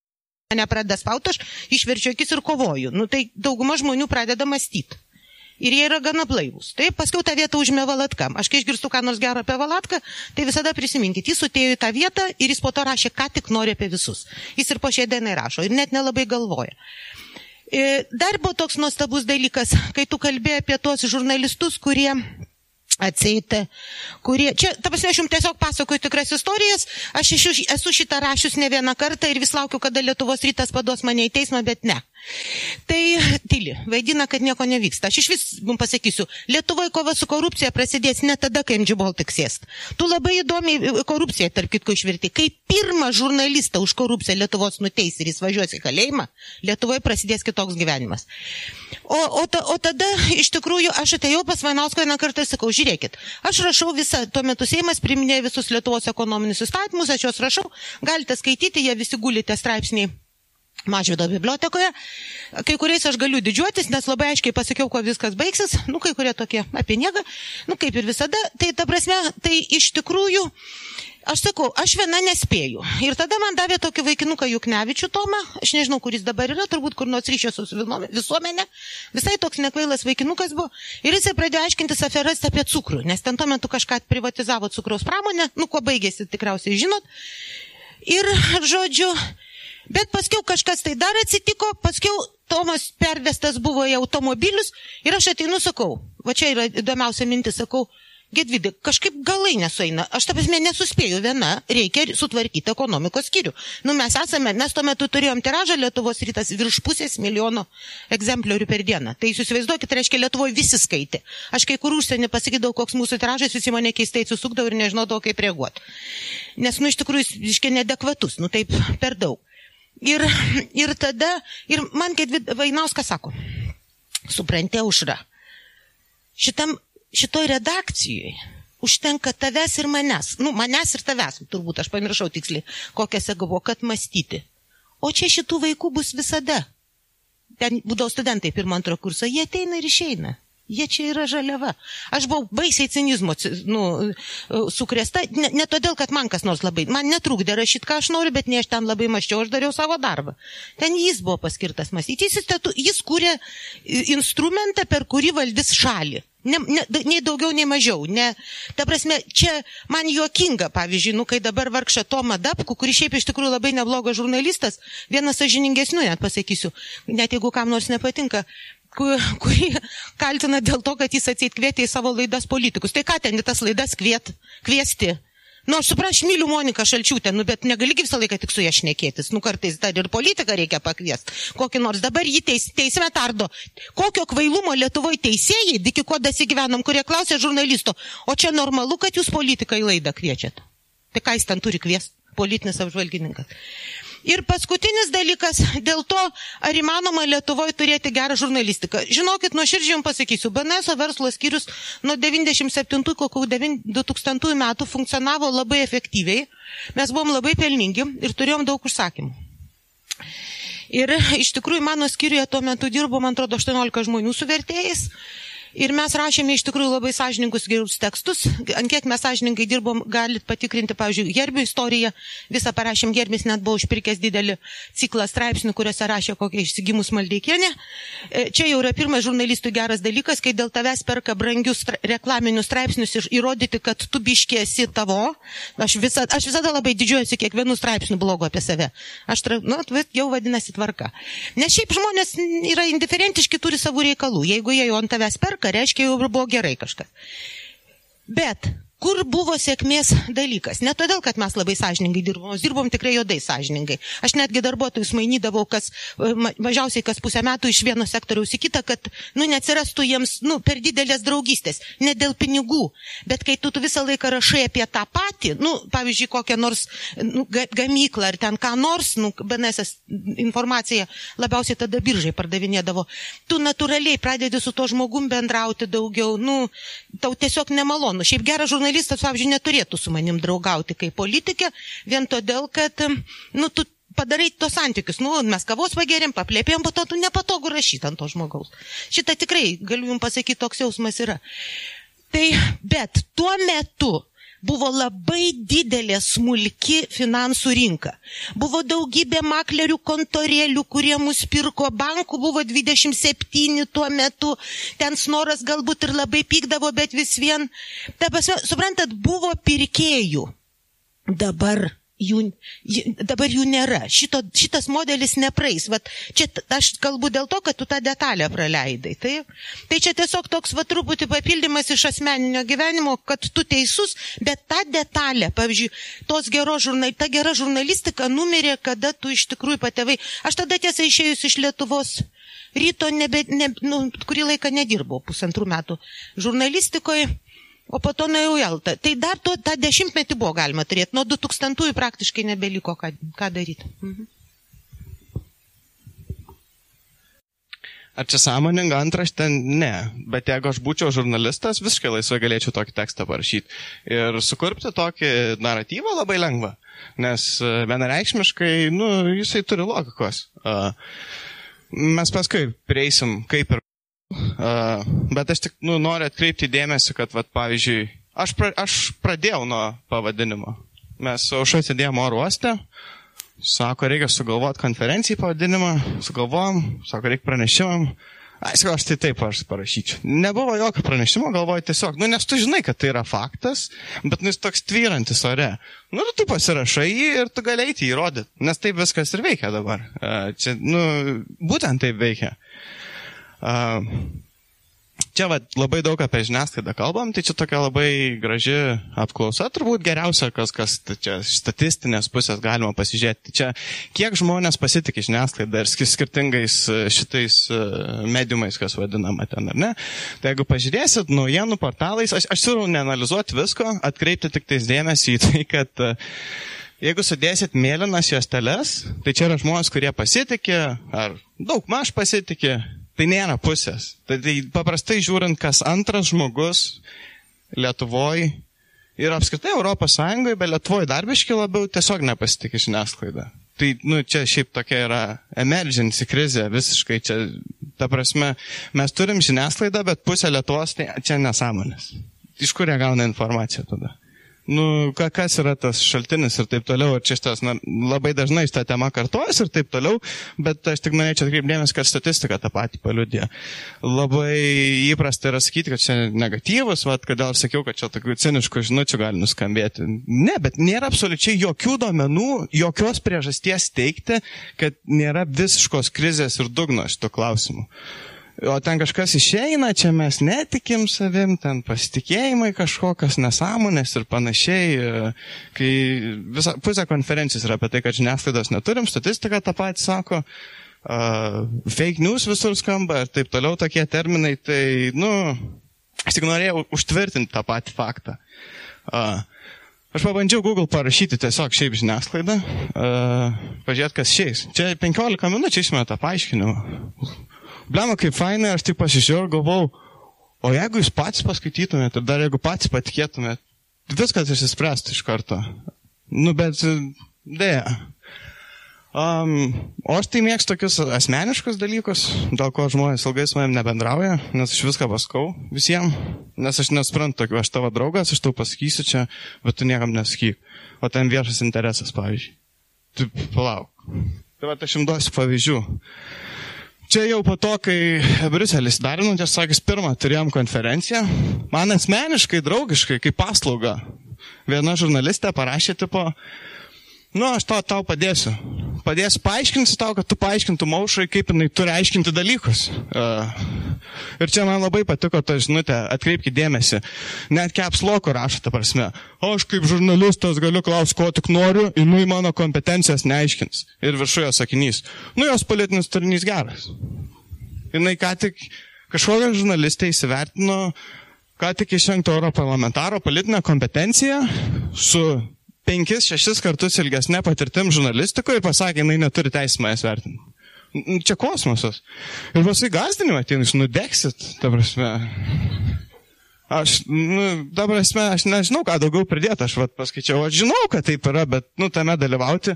Ir baisiausia, kad čia ne šiaip, kad diskutuojam, o čia draugiškai patarė tau. Ir žmogus nemato problemos su tuo. Bet čia nu, nieko naujo, aš prieš kokius 6-7 metus buvau Palestinui, buvau labai šokiruotas, aš važiavau ten nusiteikęs, kad ką rašo žiniasklaida, viskas yra nesąmonė. Bet tai buvo antiek nesąmonė, kad aš grįžęs neperint verkiau pusę valandos. Uh, nu, nes nu, buvo graudu, kiekvieną rytą išeidavom, nes mes ten ne po Jeruzalę pasivaikšt važiavom, mes važiavom pažiūrėti, kaip gyvena žmonės. Tai išeidavom, vis tokia nusteigė, o čia įdomu kažkas naujo, vakare grįždavom, prisigerdavom. Uh, ir taip dešimt dienų nuo ryto iki vakaro. Uh, tai čia pokalbis su žmogum, kurį tuo metu dar tokiu visai pusiau nedraugu, gal galiu sakyti. Visi, žinot, aš neminėsiu vardų, nu, dėl akivaizdžių priežasčių, uh, bet, nu, jeigu matai šitai, tai, nu, tu lochas, tiek aš galiu pasakyti. Uh, Kaip gali žurnalistas sakyti, ir vat, an, antras žurnalistas šimė skirtingos žiniasklaidos priemonės, bet žinomi žmonės pakankamai, jie atvirų tekstų sako, kad jų darbas nėra pranešti naujienas. Jie paaiškins politikui, ką jis turi sakyti. Uh, jiem paaiškins kažkokią ambasadą, ką jie gali rašyti. Ir, o paskui mes žiūrime marginalus, visokius, kurie ten riekoja, kad čia laisvės nėra ir panašiai. Tai, ponia Mironė, visiškai teisus. Uh, aš neskau, reikia klausyti ant visokių tautininkų ar atžvilų klėdėsių, bet ar jie turi tokį scenarijų, kurį prokuratūra galėtų nešti? Šimtų procentų turi. Ir tie žmonės, kurie iš jų tyčias, yra dalis to įrodymo, kad nu, mes turim problemų. Čia tie visokie jauni lyderiai ir panašiai. Tai va, aš nemėgstu apie akademinius dalykus rašyti ir aš visai netyčia užklydau šitą daly, e, akademiką. Paskui paaiškėjo, kad jis vienas labiausiai cituojamų pasaulyje yra e, socialinės tokios politikos, e, ispanas. Aš tik atkreipsiu dėmesį kaip, kaip, kaip nuorodą, nes kam įdomu pats pasižiūrėsit. Mano nuoma, čia yra vienintelis žmogus iš tokios akademinės pusės, e, nu, iš tų labai didelių, kurio, nu ne vienintelis, bet jo pilnai užtenka, kad įgyti gerą paaiškinimą, kodėl žiniasklaida yra nieko neverta. Ir viską akademiniam naratyje. Mes čia kalbam apie akademijos gretinėlę, kuri atvirų tekstų daro tyrimus ir aiškina, kodėl visa žiniasklaida yra nieko verta. Tai čia ne jokie marginalai, ne nusivylimai, ne niekas tokio. O kodėl taip yra? Nes jisai biški netradiciškai viską pasižiūrėjo. Jisai įdėjo tokį elementą kaip uh, neuromokslą ir panašiai. Uh, jis pastebėjo tokius dalykus, kad, pavyzdžiui, mes va čia irgi dažnai apie išslavinimą kalbam. Intelektas ir taip toliau. Bet uh, tas intelektas dažnai žiniasklaida ir politikoje veikia priešingai. Nes kuo tu pradingesnis esi, tuo tu mandresnę struktūrą susikursi pateisinti, kodėl tu vis tiek esi teisus, o ne tam, kad primtum kitokią tiesą. Taip veikia realiai išsilavinimas. Tai tas visas kalbėjimas, ir ten pademonstruoti, tyrimais tą daro ir ne tik jisai, yra dar vienas, e, pamiršau dabar e, pavardė Levinas, vardo tik neatsimenu, bet nemaišyčias tuo iš Kauno kilusiu Levinu, kuris su nacijais dirbo Amerikoje su vienu tikslu - aiškintis, kaip pakeisti. Nu, jam, jisai žiūrėjo į nacijus, pats būdamas žydų, buvo, nu, nu tai kaip man su tam susikalbėti.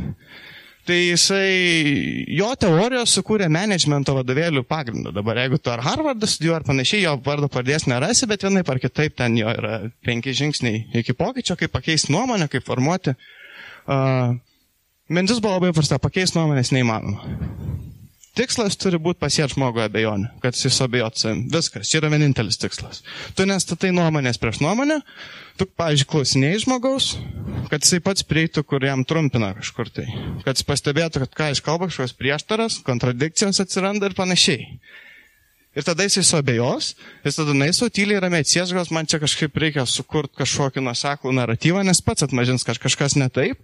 Nu ir jisai bišį pastaisys gal. Gal jisai bus tik 80 procentų nacis. Bet tai vis tiek yra progresas. Ir tai realistiškai yra to, to tai, ko galima tikėtis. O ne, kad ten maldeikienės pridarys konferenciją ir mes nušvisim visi ir staiga čia pasikeis viskas. Um, aš čia duosiu tokių pavyzdžių, tokių, tokių dalykų, kur čia jau buvo minėta. Vaidas iš tikrųjų man labai patiko, ką kalbėjo. 2 procentai NATO. Kodėl tai svarbu? Nesvarbu iš vis beprasmiško. Nulį įtakos tai turi. Ir visi tą žino. Tai svarbu yra tik mum. Čia yra keistas toks paradoksas. Ar krašto gynyba svarbu labai? Bet e, kada politikai komunikuoja žinutę, tai jie jums sako įsipareigojimai partneriams. Tarytum esmė ne mūsų krašto apsauga, bet kad mes turime tikti NATO. Mes labai puikiai septinti berots esam. Iš ten beveik 20 narių kažkaip. Jo, esmė tame. Bet aš kodėl šitą paveiksliuką dėjau, labai fainas yra tom, kad čia va yra NATO finansavimas, ar ne? Tai, kas yra svarbu. Ir kuo šviesesnė spalva, tuo nereikšmingesnė šalis. Kai politikai komunikuoja naratyvą, tai sako, o mes čia gerai varom, daugiau negu pusę visų narių lenkiam, bet niekam neįdomu, kiek tu ten procentų skiri. E, kaip jau minėjo, Lietuva neapginama yra, nei mobilizacijos plano yra nieko. Ir, ir ta prasme, netgi žmonės, kurie didžiausi šito advokatai yra, užėmė atsakingas pareigas ir niekada neįsprendė tų problemų, kurios yra realios.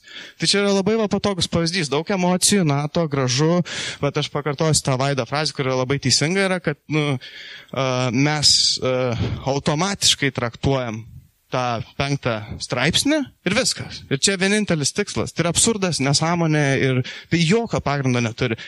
Bet vien pasakyti tai, ką aš ką tik pasakiau, ar ką Vaidas pirmai pasakė, nu tai, tai yra tas pats, ką išėjti ir susideginti. Uh, todėl, kad nu tai nekvestionuotina yra. Uh, labai jokinga. Karbauskis su, su, su NATO skeptišku, euroskeptišku požiūriu ateina į valdžią didinsim finansavimą, dabar biškai reikia nubraukti, kai ten milijardus milijonų kažkaip nepaėjo, jau kažką reikia daryti prieš pat rinkimus, bet, bet per vieną dieną paimam ir pasikeičiam viskas. Taip pat paprastai, ko vertas tas pats naratyvas. Nors rimdu dabar visi kalba ir čia patys svarbiausi Lietuvai klausimai yra iš tikrųjų. Man labai patiko šitos uh, frazės, pavyzdžiui. Niekas Vokietijoje niekada nėra sakęs, kad įmanoma sustabdyti Nord Stream 2. Buvo tokie teiginiai kaip, nu, Rusija turi pasitemti, Ukrainos klausimas turi būti eskaluotas. Niekada nebuvo net tokios minties, kad tai gali neįvykti. Bet Lietuvoje, va, pavyzdžiui, grįžtam, kur čia buvo kažkur Petras Oštrevičius. Jis rašo Angelai Merkel atvirą tekstą, rinkitės europietišką kelią, kažkoks lietuvis aiškina ir vienintelis e realus rezultatas jo šito viso darbo, o čia vienas, aš specialiai mu pavyzdį, tai yra puikus politikas šiaip. Vienas geriausių Lietuvos diplomatų, nu taip į CV žiūrint ir panašiai, puikiai išmanantis, taip. Taip, taip, puikiai išmanantis vidinę virtuvę ir taip toliau. Bet viskas, ką jis sukuria, tai labai faina tekstą, paradoksaliai 15 minučių irgi, va, to objektyvio žiniasklaido. Be jokio kritiško požiūrio, be jokio kritiško vertinimo. Nu. Taip. Mhm.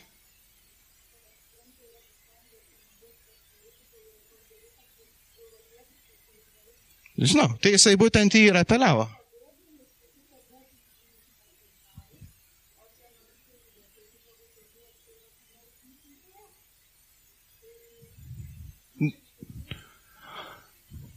Politikoje dvigubi standartai. Negali būti, mes, nes Aš nesakau, kad jis kažką blogo pasakė, aš sakau, kad jeigu tu esi lietuvis ir tu skaitai žiniasklaidą, nes prie šito dalyko, vad, nėra tokio, kad, tipo, vad, pavyzdžiui, ta mintis, kad yra dvigubas standartas, tai jo, tai mes tai vadinam politiką. Ne klaida politikoje, mes tai vadinam antradieniu, uh, paprastai. Ir tikėtis, kad čia kažkokia mistinė Europos Sąjunga su kažkokiam magiškom, dieviškom vertybėm pasakys vokiečiam, žiūrėkit, jūs susikūrėt planą, e, dar aistė turėtų geriau už mane žiūrėti, kur iki 2050 dekarbonizuoti visą Vokietiją. Dujos yra centrinė to plano dalis, nebūtinai, aišku, gali būti alternatyvos, bet taip kaip Merkel tą planą. Tai yra centrinė to dalis. Ir dabar rašys Australijos rezoliucija ir nu, 50 metų biudžeto planai, visa, visas tas karkasas, vadinamas politinis, eina per langą, nes čia solidarumas. Taip, taip neveikia. Taip tiesiog politika neveikia. Ir mes tai žinom. Ir jeigu mes kalbėtume apie tai, kaip jinai iš tikrųjų veikia, tai paskui nereikėtų žiūrėti, kad e, kai žmonės sako, ai ką ta Europos Sąjunga gali, va čia yra Nord Streamas 2 ir mes dabar nusivylę. Tai palau, iš kur jūs sugalvojat, kad jo nebus? Tai va dėl tokių dalykų. Ir paskui paradoksaliai auga euroskepticizmas. Todėl, kad tie politikai, kurie advokatauja už tas ale Europos Sąjungos pasaulietinės ir už NATO, jau užkeria lūkesčius nedekvačiai, rezultate atsiranda nusivylimas. Bet tie lūkesčiai, jie iš oro, politika niekada kitaip ir netrodė nei dvigubi standartai. Tai yra visiškai makeveliškas dalykas. Mes galėsim pratesti irgi dabar, man labai keista sakyti tavo atžvilgiu, kad bus laiko klausimam po to, bet, bet esam toliau. Va. Nu, čia yra, ką aš paminėjau, ar ne? Grubiai tiesiog kontekstui, nes, nu, tai čia vien apie tai, vien apie šitą vieną dalyką konferenciją galima surenkti. Bet jūs nematėte tokių dalykų žiniasklaidoje lietuvių, jų nėra. Čia yra kontekstas, kur Vokietijoje vyksta disk... Uh, kaip sakot? A, buvo užsiminta, nu atsiprašau. Tai aš antras būsiu įsiminęs gal. Čia yra koks 20 metų Vokietijos politikos rezultato fragmentas. Mes nieko nežinom, bet mums šlindo Nord Stream 2 viskas, čia viskas. Yra vienas klausimas, tai yra viskas, ką mes matom, kitaip ES bus bloga ir panašiai. Aš tai vadinu šitą dalyką rytų partnerystė. Yra tokia reali programa ir panašiai, bet čia aš kaip matau, kaip realiai per mūsų užsienio politiką arba geopolitiką, taip Lietuva mato pasaulį uh, yra posovietinė erdvė. Ir paradoksaliai mes visi verkiam, kad čia posovietinis mentalitetas. Jei rūpi Baltarusija, Ukraina, Moldova, Gruzija, tokios šalis, kurios šiaip niekam nerūpi. Ir nerūpi labai pagristai, todėl kad, nu, koks prancūzo požiūris. Galim padėti Moldovai. Moldo... Nu, tai mums duokit pinigų, ne, mes nežinom, pasikeisim. Tai eikit, vo, viskas. Prancūzai neįdomu. Jis nieko iš tos Moldovos neturi. Lietuvis turi interesą stabdyti Rusiją, amerikietis turi, prancūzas neturi. Ir kodėl dabar prancūzas turi staiga kapituliuoti prieš lietuvį? Tai nėra, kad jis durnas kažkoks ar kad ten Putinas. Jie žiūri savęs, kaip ir mes žiūrim savęs, nes mes bijom Rusijos. Tai yra visiškai normalu. Bet pas mus apie tai kalbėti yra tabu. Visiškas tabu. Tai va. O šiaip tai turėtų lietuvis matyti šitaip. Aš manau visų pirma. Nes, nu, per tą Europos Sąjungą. Nes lietuviai prancūzo interesas turi būti Kodėl mes laukiam, kol Prancūzija mūsų interesas išvelgs, bet mes net nežinom ir nesidomim ir mums neįdomu, kas ten vyksta. Tai va, čia yra kitas dalykas. Visa mūsų užsienio politika yra tik reakcija į Rusiją. Aš labai daug metų kartau, kad tu negali pastatyti valstybės ant visuomenės ant neiginio. Tai aš ne Rusijos, o nu, tai kas tu toks. Bet čia visa mūsų užsienio politika patalpa. A, Rusija ten Astravas po. Nu tai gerai, aš nieko nesiginčiu. Rusija yra blogai, čia yra faktas. Ta prasme, neginčiamas faktas. Bet ir Kinija blogai, ir Šiaurės Koreja blogai, daug, daug dalykų, ir klimatas blogai. O be tavo užsienio politika atrodo taip. Ir Turkija blogai, o jinai dar NATO, čia iš vis kognityvinis disonansas. Tai va, o Vokietijos tie planai vienai par kitaip ateina iš tokio požiūrio. Nu ir viskas. Tai aišku, ne tik taip yra ir pramonė, ir milijonas interesų. Beje, mes per rinkimus, kadangi irgi buvau sąraše ir stovėjau šalia kubiliaus ir jis apie tą patį nors streamą pakalbėjo ir aš sakiau, Nu, šiaip ten yra labai sudėtingas klausimas, daug interesų ir jis tai kaip man tokią pisulkę išvarė. Bet čia Ukraina ir čia tas ir čia tas ir tu nespranti. Aš suprantu, sakau, bet ten yra toks platus interesų laukas, kad išsijungti vieną fragmentą yra kvaila tiesiog. Nu, tai, tai... Ne, man... Aš Aš manau, kad Kubilius yra tikrai vienas geresnių Lietuvos politikų, čia nėra ką ginčytis. Uh, tolis ten palikęs už nugarą Auštrevičių kažkokį ir panašiai, bet netame esmė. Nu, net esmė yra, kokie, ką mes komunikuojam, nes nu, politiko darbo dalis yra atsiskaityti, ar ne, vad kalbam. Tai kaip tu atsiskaitysi prižadėjęs nesąmonę? Tai aišku, kad žmogus, nu, tai kam žadi, kam kalbinė sąmonės. Tai jeigu tu politikoje 20 metų esi, vat, kaip tu gali iš vis bent kelt minti, kad nors streamo gali nebūti. Tu, tu kaip politikas, kaip tos sferos ekspertas, tu pirmas turėtum pasakyti, nu, bus. Tai žiūrim, ką, dar, ką galim padaryti, kaip galim minimizuoti. Pavyzdžiui, Merkel lygiai taip pat sakė, tai davai įtraukiam į tą Nord Stream, prikabinam prie Rusijos kažkokius Ukrainos interesus. Vokietijos kanclerė ateina ir sako visokiem lietuviam, tai jūs paspauskit mus, padėkit Ukrainai. Bet ne, mes eisim pariekaut, kad blogai. Ir tada, nu, čia toks klasikinis, geriau, geriau, kaip sakant, Nežinau, čia yra atviras klausimas. Kaip, sakė, kaip matot, kad Kevičius sakė švietimas. Nu.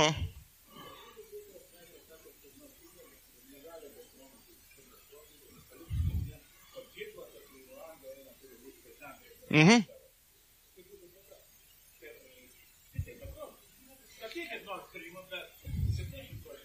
Jo, bet e, nu, tu klausi, kas būtų, jeigu Auštrevičius suprastų, kas yra niuansas. Nu, tai šiaip gebėjimas suvokti, kad yra pasaulyje niuansai jau yra labai pozityvus ženklas, bet mes ne apie tokius dabar žmonės kalbam. Tai va, uh, toliau Astravas ta pati istorija, man ši čia irgi labai patiko. Čia irgi labai rytų partnerystė įsipaišo. Uh, atkreipkite dėmesį į pirmą uh, citatą. Va, tas pats Kubilis labai gražiai 2009 sako, jis ten Laučis nesnei rašė tekstą, priminė, jis ten su dviračiu mindavo su Lukašenka ir taip toliau. Geri draugai buvo. Uh, kodėl? Nu, Kubilius matė galimybę, kada Baltarusija suimitavo atvirumą, šiokį tokį saliginį prieš rinkimus ES, tai Kubilius labai gražiai tą rytų partnerystės viziją išpildė, bandydamas būti tiltų nuo ES pas Lukašenką. Ir gavos taip pat, kaip Kubilius visada nutinka, jį apgavo. Nu taip, jį apgavo. Ar jo mintis bloga buvo? Ne. Bet tai yra pati didžiausia politinė Kubiliaus nesėkmė. Ir pavyzdžiui, aš vietojo, aš ateičiau ir skaičiau, nu mes bandėm, nes jo tikslai gražus buvo, mintis teisinga, Nu, bet jiem nesigavo. Ne, jie po kitų rinkimų atėjo socdemai, astravo, čia tipo nestabdo. Tu, tu jam leidimą davėjai. Nu, todėl, kad kai negali pakeisti faktų, keiti kontekstą. Tada problema jau pasidarė ne tai, kad Baltarusija apgavo mus, ar jį netgi asmeniškai, problema pasidarė tame, kad uh, Astravas yra. O čia neįsprendžiama problema, nu tai va. Ir čia Užtrevičius visai gerą dalyką padarė. Prikabino uh, ES e, šitą finansavimą Baltarusijai, nu, bando bent jau prikabinti prie, prie Astravo klausimo. Tai Maks, ką išspausim, kad ten kartais ateis koks vokietis, pabaksnos taip į tą Astravą ir nustovi tvirtai. Turėtų būti gerai. Nu, bet čia turėtų dažnai baksnuoti. Bet tokia realybė yra, du, tai ir viskas. Va, dar vienas klausimas. Čia nereikia nieko aiškinti. Aš jums nebandau paaiškinti pasaulio. Čia, čia va yra. Jeigu kas nesupranta, tai raudonas linijos tai yra iš Kinijos išeinantis, taip sakant, šalis, kur Kinija yra didžiausias prekybos partneris, mėlynos tai tas pats su Amerika. Nu, skaičiai įspūdingi yra. Tai kai buvo šaltasis karas, ar ne, mes panašiai lyginom Sovietų sąjungą su Amerika. Lygiai tokiu pačiu principu. Kinijos klausimas Lietuvoje nėra aktuolus, tas pats kartojasi. Tai jam aišku, nu, bet rinkėjai nežino apie tą Kiniją.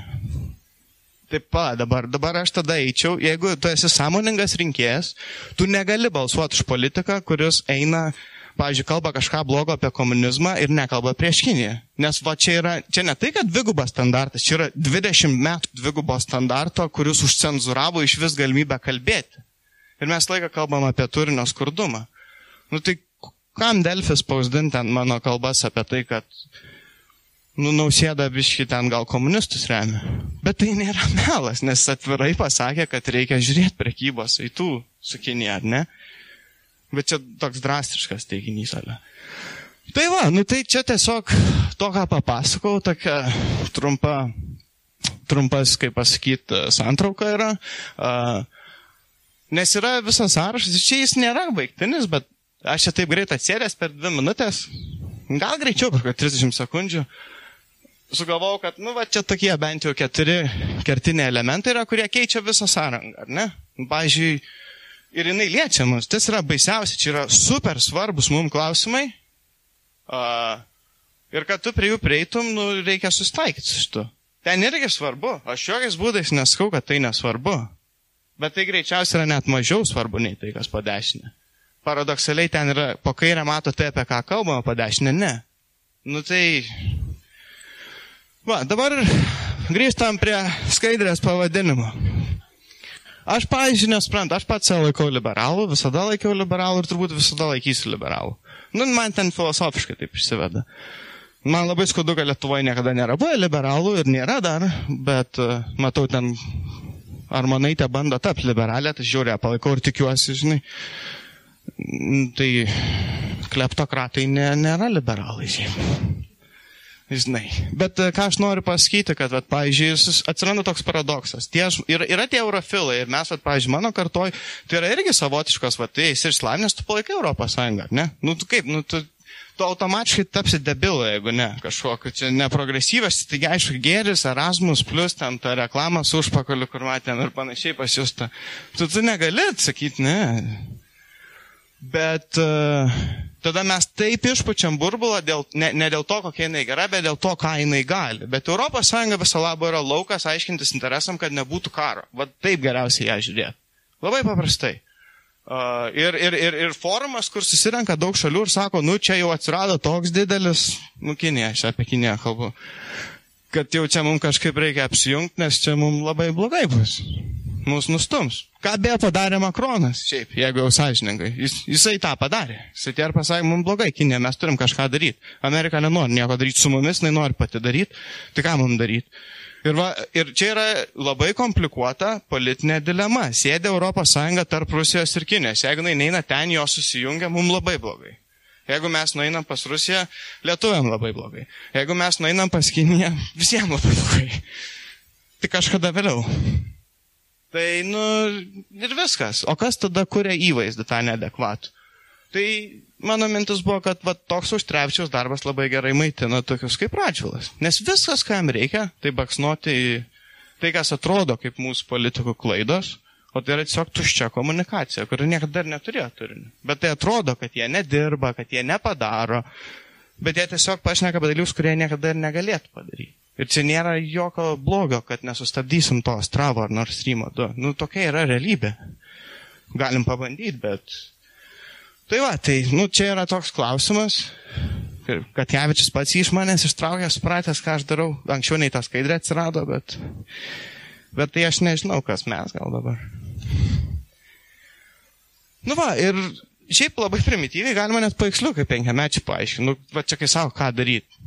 Nu tai va, čia turi matyti Lietuvą taip, o ne taip.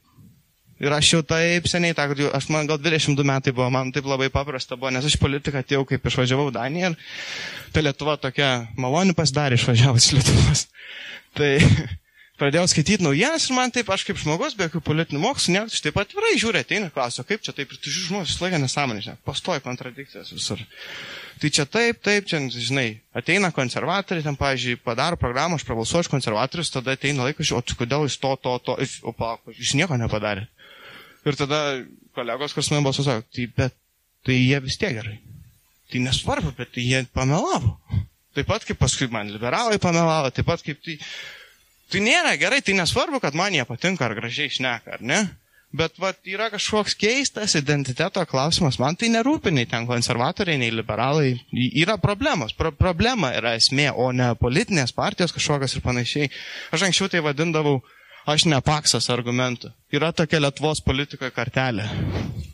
Kai politikas neturi ką pasakyti, tai jis tai, nu, bet aš ne uspaskikas, aš ne paksas. Nu tai gerai jau. Aš neraganosis, nu tai ką. Bet tai eina, tipo, nes va šitas geras, tas nepaks. Nu, tai kažkoks, ir vieni giniai, mes ne Rusija, žinai, ir mes čia saušos broliu, gal dvi valandas prašnekėjom, ir toks keistas paradoksas, pavyzdžiui, kaip koks nors Andris Užkalinis iškilo. Sukūrė mitą, kad Lietuvoje yra bloga paslaugų industrija, eidamas ir skūsdamas visur. Kad čia kaimas, čia pasavietį. Jūs, aš jums sakau, nuvažiuokite į Daniją, jūs svajosite apie lietuvišką paslaugų sektorių. Nes ten žmonės gyvena, o apie Belgiją šis, tai nes net nekalbėsiu. Supratimo, kad man čia dabar reikia, arba kad tipo tu čia blogai aptarnausi mane, tai aš skūsiuos. Ne, nu, jie žiūri visi žmonės, tai va, yra toks kažkoks bendras keistas solidarumas ir viskas. Tai dėl to paslaugų kokybė labai kenčia. Amerikoje tai čia yra, tu asilę suklysi, išmesim tave iš darbo, ir tai tik vietom, ta prasme, ir taip toliau. Tai ir Lietuva kažkaip tą bando modelį. Pas mus viskas šiaip žiauriai gerai tom vietom yra.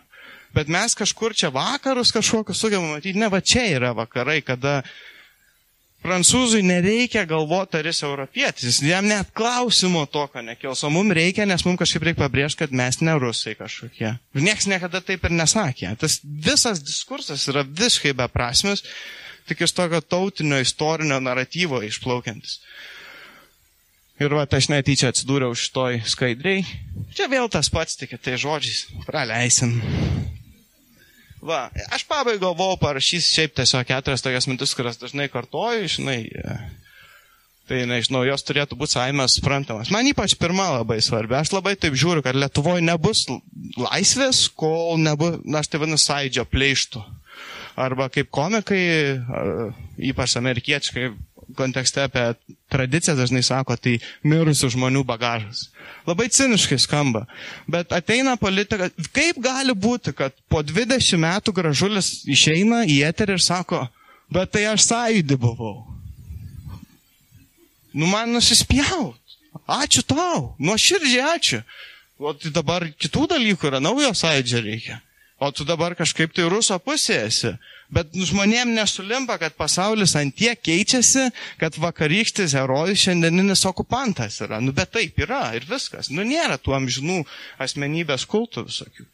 Tada jauni profesionalai. Čia yra tokie žmonės, kurie kažkaip susigalvojo, kad įmanoma tyrimais paaiškinti viską ir priimti sprendimus. Ir čia ne mano sprendimas, čia aš ištyriau, kad taip teisinga.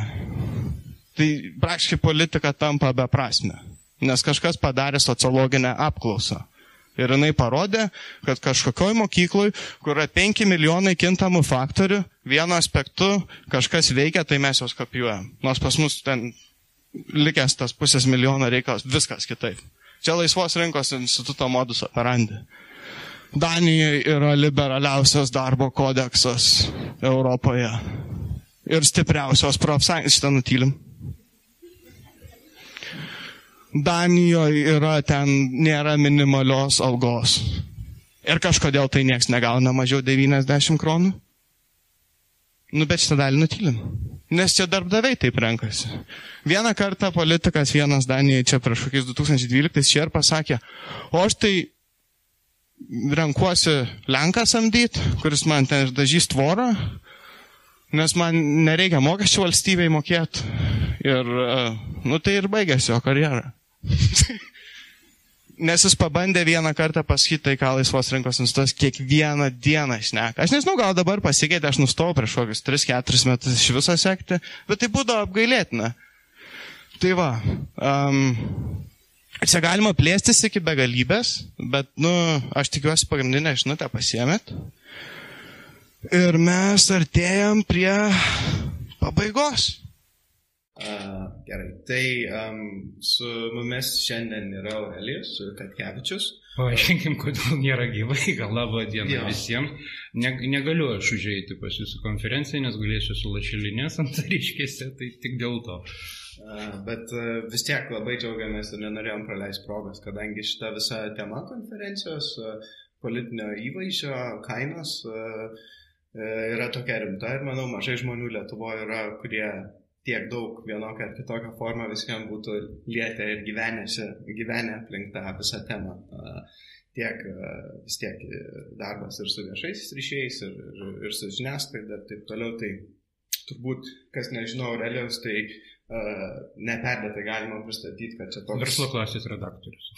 didžiulis grandas, šiaip apskritai informacinės erdvės, ne, nepriklausomos Lietuvos, netgi neperdėsi turbūt taip pat, jeigu. Oi. Taip vadinasi. Oi, kaip gerai. nu, aš kadangi esu irgi ta vilties kartos atstovas, gimęs 89. Tai taip, jūs tai... turite ateiti vietoj mūsų, tų išmirkusių sovietiniai balai ir Lietuvą paversti tiesiog žybančių deimantų Europos karūną per jūsų darbą. tai kaip jums pavyko sužinoti iš mūsų. tai va.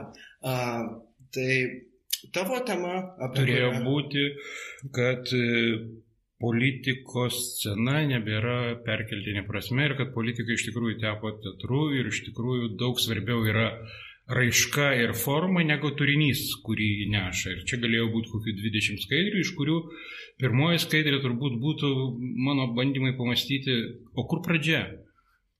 Nekalbant jau, nu, galima tą pradžią nustatyti ir viduramžiais, ne kaip karaliai simbolinės erdvės gyventojai, ką simbolizuoja monetose, iškalti ten Romos imperijos imperatorių galvos, kad tai vienintelė komunikacijos priemonė buvo ir pristatyti imperatorių tolimom provincijom buvo Bet patogiausia per monetą.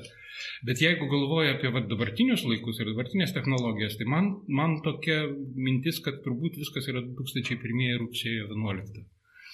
Kai taip ryškiai, ryškiai tapo aišku, kad simbolinė erdvė ne tai, kad įsiveržė į realią realybę, bet iš tikrųjų pradeda diktuoti pradeda diktuoti ir savo dėsnius, ir savo elgesio taisyklės, nes, nu, beprasmiški tie buvo teroro aktai visom prasmėm. Ta prasme, pasaulio prekybos centras, Pentagonas, Pensilvanijoje nukrytęs turėjo skristi baltuosius rūmus, bet jie nebuvo beprasmiški rezonanso ir raibulių, kurie nuėjo paskui per visą emocinį audinį visos mūsų civilizacijos, ypač turbūt vakarietiškos civilizacijos.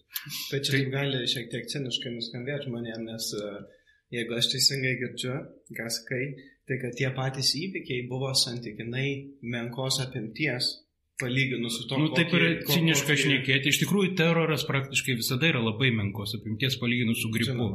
Su gripu, su kelių avarijom ar su panašiai. Visa, ir visas jos skambesys yra būtent to simbolinė erdvėje. Garsinimas per medijas, o dabar atėjo socialiniam tinklam nuo ketvirtų, ten penktų, šeštų metų, e, ketvirtais, ne Facebookas atsirado. Taip. Tai nuo tada tai tampa tas surezonavimas tampa dar kitoks. Ir, ir iš to plaukia tai, kad politikai turi gyventi jau šitoje erdvėje. Jie nebe e, simboliniai, vizualiniai raiškos erdvėjai. Plus mes esam tokiam informacijos tvane, ir čia būtų kokia trečia ar ketvirta skaidrė, kur mus nuolat bombarduoja informacija ir norint prasimušti pro tą informaciją, norint nunešti savo žinutę, jinai turi būti labai pakrauta. Ir paprastai, kadangi žmonės sieja emocijos, o ne argumentai, paprastai turi būti pakrauta emociškai. Skerdžiami delfinai, kankinami katinukai, nukryžiuoti berniukai ir nežinau kas ten dar. Bet tai turi smogti labai smarkiai emociškai per labai jautrias vietas, kad pasiektų apskritai žmogų, kuris sėdė tam informaciniam skafandrė visai laikai įkištas. Ir kadangi bombarduojama tokiais stipriais emociniais krūviais, tai tas mūsų skausmos lengstis pamažu sėda. Ir mes vis mažiau ir mažiau reaguojam į tai, kas galbūt prieš penketą metų skaudėtų, į prieš šešetą metų skaudėtų. Ir, ir tai yra uždaras įdingas ratas, nes tas skausmos lengstis mažėja ir tada vėl reikia stiprios emocijos, vėl dar galingesnės emocijos. Ar gal net nemažėja skausmas lenkstis, auga, kaip tik mums nu, nebekelia siaubo tai, kas galėjo kelti daugiau, anksčiau. Daugiau, dar daugiau, daugiau siaubo, dar daugiau kraujo, dar daugiau kažko. Tai. Ir štai ateina politikas, kuris turi patraukti savo rinkėjus. Ir ką jam daryti tokioje informacinėje aplinkoje. Jie negirdi argumentų, jie išmaitinti ant emocijų, su retom išimtim. Ir mes dar paskui turbūt pašnekėsim apie tai, kad galbūt vat, būtent 19 aš pradedu jausti, kad kažkoks yra stop-stop, toks ateina kaip e, atsirado čia prieš gerą septynis, septynerius ar penketą metų tas slow food judėjimas Šiaurės Italijoje, kur buvo savotiškas protestas prieš greitmaistį. Taip atsiranda pamažu dabar atsiranda savirefleksija, kur yra tarsi protestas prieš tą greitmaistį informacijos erdvėje. Čia vienas aspektas yra tas, kad politikai priversti gyventi labai simbolinė erdvėje, labai raiškio erdvėje, kupino emocijų erdvėje. Vienas dalykas. Kitas dalykas, kad maždaug nuo Bušas prieš Gorą rinkimai, ar ne? Čia kurie buvo 2000-ieji, 2000-ieji ko gero. Bet maždaug tas laikas irgi, amžiaus pradžia ir, ir, ir, ir bokštai dviniai. Ir mano supratimu tai buvo pirmieji rinkimai, kai buvo tiek 50-50. Tiek 50, iš kurioje nors civilizuotoje šalyje apskritai. Nes ten Floridai buvo perskaičiuojami balsai rankiniu būdu ir ten per plauką Bušas laimėjo tos rinkimus būtent per Floridos valstiją. Ir nuo to laiko šita tendencija eina toliau, išskyrus, aišku, tokias šalis kaip Šiaurės Koreja, Rusija, Kazakstanas, ar Tadžikistanas ar panašus, bet daugiau ar mažiau visur, kur yra bent kiek rinkimų, panašių į normalius, ten yra visur 50-50, su labai mažais sviravimais. Per visur šitas eina. Ir tokioje erdvėje ir pakankamai griežtas tas takoskira yra iki pat dabar. Va, Brexitas 2 procentai, Trumpas ten šiek tiek Nu, jo persvara buvo pakankamai didelė, bet tai dėl rinkikų kolegijos. Bet čia vat, yra labai uh, keletas momentų, dar pabandysiu grįžti, vat, mhm. pavyzdžiui, prie to pačio Goro. Goras yra labai įdomus politikas, nes turbūt tokiam lygyje jis buvo, jeigu neklystu, be ne pirmasis politikas, kuris savo kampaniją prezidento realiai pastatė ant klimato kaitos klausimų. Čia yra 20 metų atgal. Ir jisai pralaimėjo tada ir netgi iš tikrųjų labai daug pajokos susilaukė tada tiek tas dokumentinis filmas ir taip toliau. Jis buvo Kyoto vienas iš iniciatorių protokolų. Bet štai 20 metų po to uh, yra labai... Tai tampa pagrindinė tema. Tai de facto yra pagrindinė tema, jeigu, va, štai pavyzdžiui, kad ir ES uh, lygiu, tai buvo gana jokingas toks konfliktas ir pradžioje, ne, nepaslaptis, auša norėjo lyg ir uh, su žaliaisiais eiti, e, nepavyko, Denijos iniciatyva e, buvo pakviesta į konservatorius, tačiau jeigu pasižiūrėsime tų pačių Europos liaudės partijos ar ne darbo atvarkė, tai klimato kaita tenais yra praktiškai klausimas numeris vienas. Tai dabar iškyla toks keistas paradoks. Praėjo 20 metų, Amerikoje kažkas tai klimato kaitos klausimą kėlė, nors po 20 metų vis dar yra, vat, kaip sakai, 50-50, vis dar yra toje pačioje Amerikoje susiskaldimas. Europos Sąjungoje aš nepasakyčiau, kad toks susiskaldimas yra. Jis tikrai ne šią temą.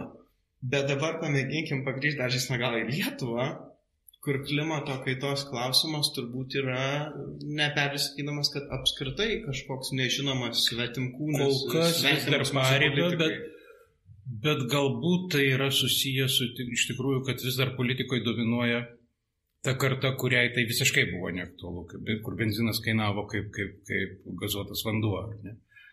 Ir, ir galbūt mes kaip tik dabar stebim kartų kaitą, kur ateina žmonės, kurie suvokia, kad tai yra vienas kertinių elementų. Galbūt, bet uh, tuo pačiu yra truputėlį keistas klausimas. Bet, pavyzdžiui, kad ir štai mes kalbam apie turinį, ne? Bet ir, ir, ir tu kalbėjai apie turinio ilgesį. Uh, tai ir bet tuo pačiu kalbam apie kartų kaitą. Bet Goras 20 metų atgal, uh, mūsų, iki mūsų, iki Lietuvos tas naratyvas kažkodėl tai per 20 metų nelabai... Eina piešti. Taip, uh, tuo tarpu, jeigu kalbėsime apie Bušo naratyvą, aišku, didelė dalim dėka mūsų istorinės atminties, uh, tai mes jį kuo puikiausiai pasiemam, ar ne? De, sakykime, Amerikos tradiškai dešinės naratyvas Lietuvoje labai puikiai terpės suranda. Uh, ir, ir, ir iš to, ką matom ir dabar, kiek Briuselį esam, tai, tai yra netgi savotiškas status quo uh, Lietuvai Lietuvai. Turbūt tiesiog perimti vat, Amerikos tą kažkokią geopolitinę poziciją, kuri labiau, sakykime, dešinė. Na, ypač po paskutinių Makrono pašnekėjimų apie šaldymus iš Šengeno ir ten panašiai.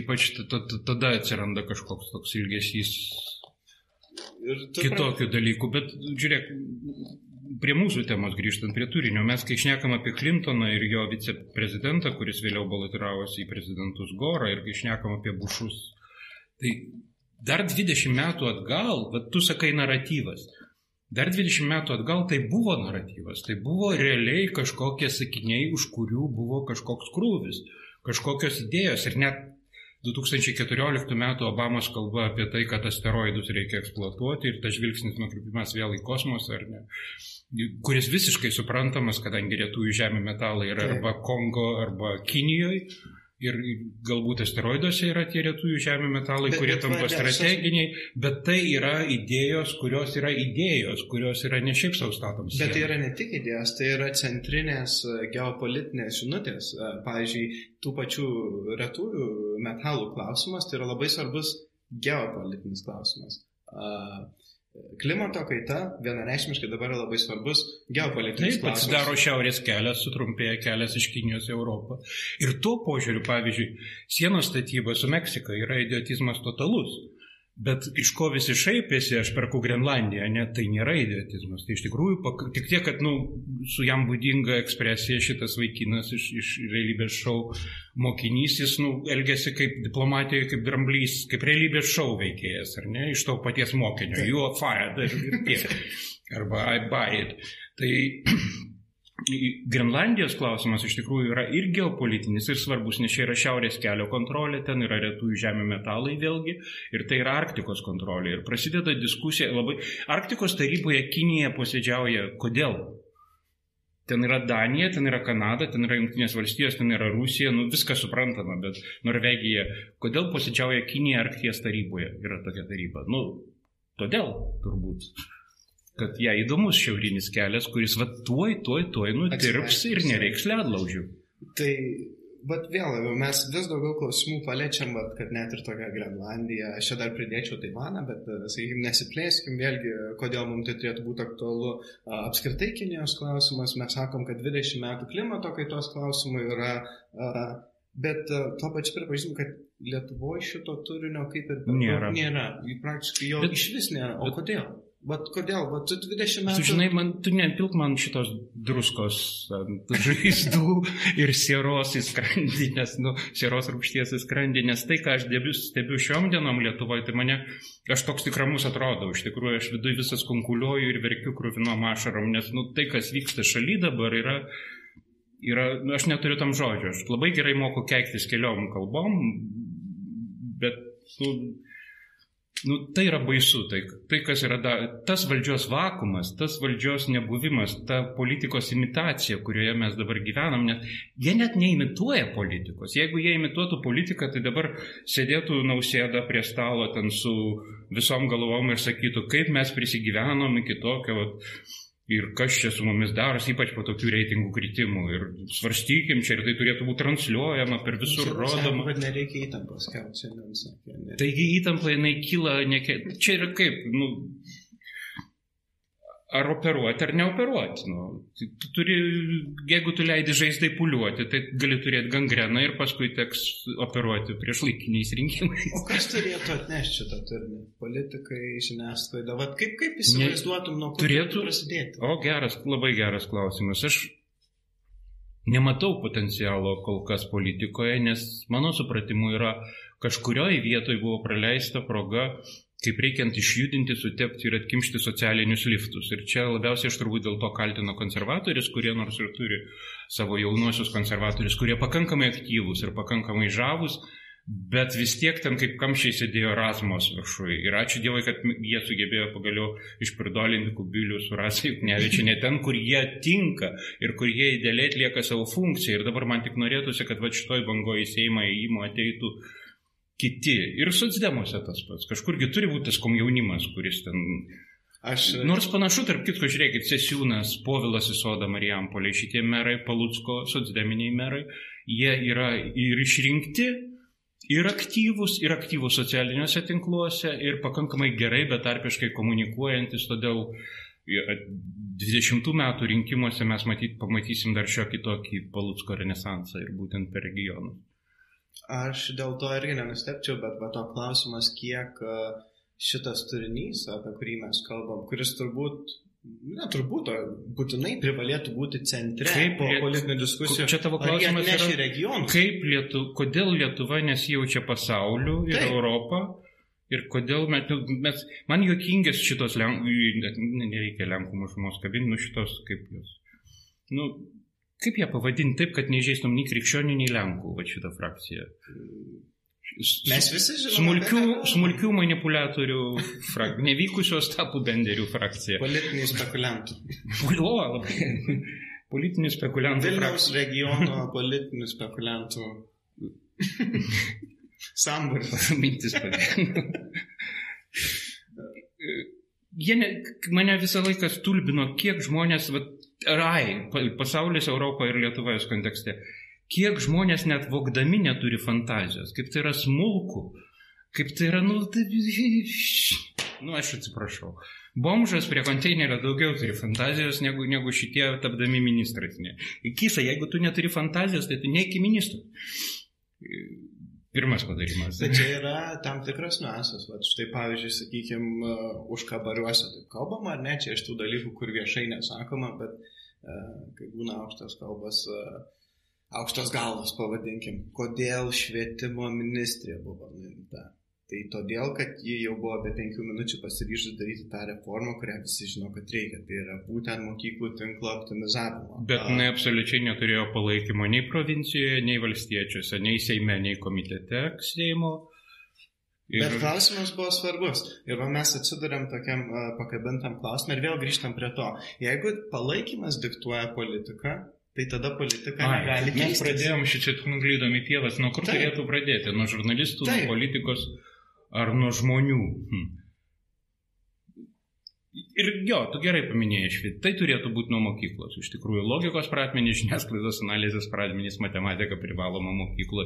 Ir iš ten turėtų kažkas anksčiau ar vėliau išaukti jums ir mums padedant. Tai mums mujoja. Atsakymas yra švietimas. Kaip visada, absoliučiai. Vis, visiškai.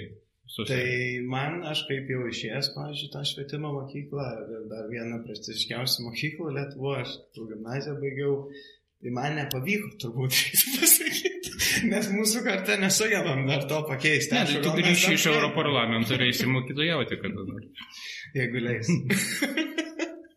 Supratau. Um, ačiū labai, Aurelijau, tau už pokalbį. Ačiū um, Jums, kad buvot. Mums labai gaila, kad negalėsite būti su visais. Ne, ne. Aš tikrai žmonės tau turėjo daug klausimų, net ir aš dar labai daug turiu. Bet aš... Kada nors kitą kartą. Pasimėgausiu. Gerai. Ačiū. Ačiū.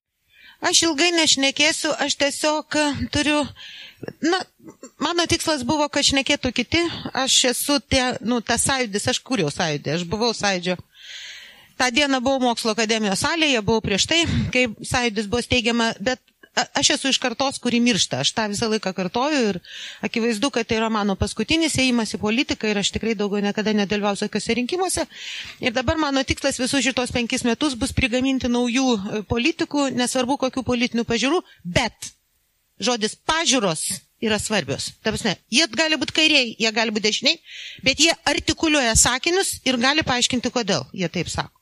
Tai va aš už tokius dabar jau penkis metus arsiu juodai. Ką šiandien ir pradėjau daryti. Taip, bet aš jums dabar parodysiu apie tai, kaip politikoje yra nesvarbu pinigai ir kaip politikoje svarbu būti kuo nors. Aš, kaip, aš dabar taip visą laiką sakau, politikoje svarbiausia nebūk paluckas ir dar šimašius. Nes aš abu tos vyrus iš arti mačiau. Jeigu jie vyrai, tai aš bebras. Jie man abu žadėdavo dalykus. Paluckas padėti Romų bendruomeniai gauti prieš penkis metus buvo, nu, atsiprašau, ne penkis, šešioliktais, tris metus, kai buvau taryboje, buvo nutarta, kad Romų bendruomenė gaus patalpą, kol Romų moteris, kurios iš tikrųjų yra tragiškoje padėti, nes neturi išsilavinimo, yra iš tikrųjų va, ta, ta visuomenė, kurios turbūt norėtų Širinskė, nes tave aprengė vėl nežino, ko ir liepia virt valgyti nuo ryto iki vakaro, kad tos moteris galėtų truputį užsidirbti pinigų, matindamos mūsų va tuo čigonišku maistu. Aš manau, kad daugelis mūsų lietuviai šiaip pamėgom valgyti, nueitų pasižiūrėti. O dar Sarė Roma pagrotų, nu, būtų visai nieko vietelio, o jiems truputį pinigėlių. Pažadėjo. Pažadėjo paties šio, nu, Šimašius apskritai viską žada, jeigu kas pas jį akis žiūri, jis tada pažada, kitą dieną jis pamiršta, nežinau, kiek ten minučių veikia. Tai vad, čia ne politikas. Kokia aš bebūčiau, aš iš tikrųjų sąžiningai dariau vieną dalyką. Aš visada sėdėdavau namuose ir galvodavau, apie ką niekas nekalba ir kas yra svarbu. Ir kas sunervins visus. Tai va aš nuėjau, aš iš tikrųjų, sąžininkai pasakysiu, aš vienintelė šnekėjau apie Kiniją pastarosius tris metus. Tris, tris metus pradėjau kalti. Čia yra blogai. Atsiverskite Junktinio Amerikos valstijų nacionalinio saugumo programą. Pirmas priešas Kinija. Rusija išėmė. Rusija paslinko antrą. Logiška. Junktinės Amerikos valstijos prieš du metus aiškinau visokiose susitikimuose ir sakiau, Junktinės Amerikos valstijos išeina į ramų į vandenyną. Jiem dzin mūsų šitie visi pabradės įvykiai. Jie čia atvažiuoja, gerai praleidžia laiką, jiems čia patinka. Jie tikrai mus gins, jeigu jiems bus interesas. Kaip padaryti, kad jiems būtų interesas? Vakar išvertus akis Delfi žurnalistai aiškinau, klausykit, rašykit apie Taivaną, Amerikai reikia pagalbos Taivanui. Lietuviai, padarome priekybos atstovybę Taivane. Pirmiausia, turim labai didelius ryšius, e, e, ypač intelektualinius su Taivanu, jau iš tikrųjų. Daugybė mūsų mokslininkų ten dirba, e, per jų tyrimai gauna tenai licenzijas, nes taivaniečiai sąžiningai padeda jas gauti. Ir ten užlicenzuoja mūsų atradimus ir palieka mūsų dalį, kas šiaip pasaulyje retai daroma taip. Ne, taigi broliams kinams nepatiks. Kaip sakė vienas Seimo narys, visiškai tikras įvykis. Grįžo ten Butkevičius su Hebra, visokie profesoriai, kirkučiai, kai tas profesoriai būna. Mane čia vienas dabar labai aišk, aiškino, oh, negaliu padaryti savo žymio gesto, nes ranka užimta. Sakė, nedrįskite daugiau tų kabučių dėti. Tai va, kabučių pridedu. Profesoriai būna irgi su kabutėm. Tai profesorius su kabutėm pavadinimu kirkutis sėdi vis dar Seime, nibutai daktaras. Grįžta iš pasivažinėjimo už kinų pinigus po Kiniją ir, jo, ir pasako, kaip nuostabiai veikia alternatyvi medicina ir jeigu kaip nuvažiuoji, tai ten taškiniai masažai. Šiaip tai mes 21 amžiuje gyvenam, Lietuvoje veikia dar ir vaistų sistema. Nu kaip farfar žudomus gydytojai, taip kaip žinom. Tai vad, O galėtų atvažiuoti būrėjai, tiesa, įteisino dabar Seimas ir būrėjai jau dabar licenzijuoti bus. Tai vad, žodžiu, ir aš jo klausiu, sakau, o jūs pasidomėjot koncentracijos stovyklos, ten nebuvo. Žinot, ką atsakė? Profesorius. Profesorius man žiūrėdamas, Seimos, Seimo salėje veiksmas vyksta. Nu, pres konferencijų, bet Seimo patalpose. Profesorius Kirkutis sako, gydytojai ir koncentracijos stovyklose gali daug išmokti. Jeigu jie mengelės be abejo, jokių problemų. Žiūrėkite, bet čia, tabzai, aš iš tikrųjų, man iš, aš iš tikrųjų esu nueinanti kartą. Aš nežinau, kiek man tų metų liko. Aš manau, kad nemažai. Aš dar panervuosiu visus. Bet, bet, problema yra gilesnė. Aš kreipiuosi jaunus žmonės, kai kokie nors ateina Va tokie, kurie sako, kad jie ir koncentracijos stovyklose gali daug išmokti. Jūs žinokite, man tai jau tas pats, aš atgyvenau, į tas koncentracijos stovyklas eisit jūs. Va taip pirštais parodysiu, taip? Čia apie tą ką išvež iš dešinės, iš kairės, ypač, ypač kreipiuosi dėmesį į moteris. Kai šalis turi prezidento žmoną, apsiskelbusią, kad ją kažkas įpareigojo, jo aukščiausių postų statuto. Pra... Sta... Kada? Kokioje čia konstitucijoje parašyta? Tik, tik žmona, dėkit visur gaštagą, tik žmona. Nu, tik žmona, taip? Tai vad tik žmona į klausimą apie moterų padėtį leidžia savo pasakyti. Vyrams Lietuvoje labai blogai. Jūs supraskite. Nu, aš pakomentavau, ką aš manau. Vyrams, normaliems vyrams Lietuvoje gerai. Bet normalūs vyrai galvoja apie savo žmonas, motinas, dukras ir seseris. Čia išsigimėliai aiškina, kaip jiems blogai, taip?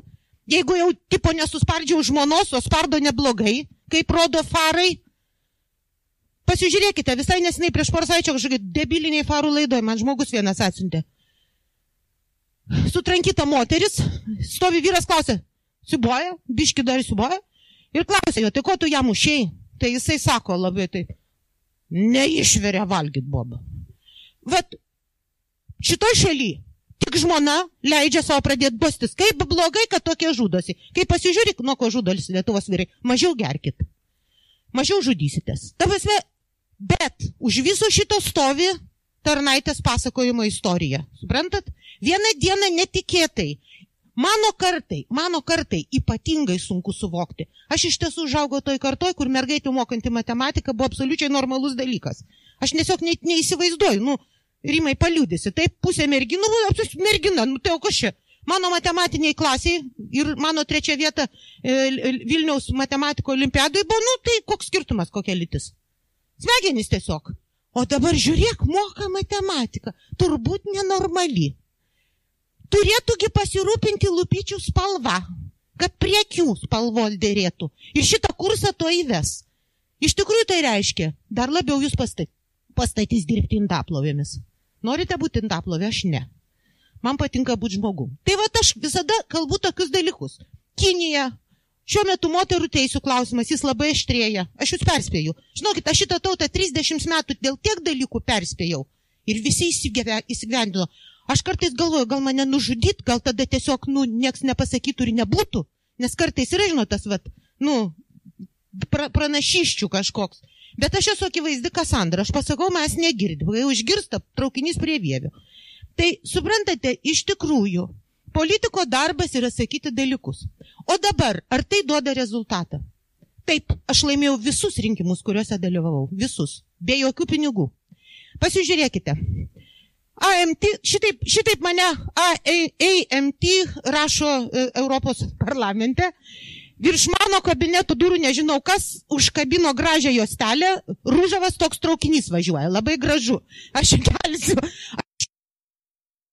Nu, Hebra, Gedrius su Algirdu, dar mes čia vieno neturime, e, jie čia jokauja, aš atėjau, sakau, gražiai čia padarėt. Algirdas sako, ką? Šių sakau, čia jūs? Ne, sako. Žodžiu, kažkas uždėjo. Ir jie visur rašo EMT. Independent ir EMT.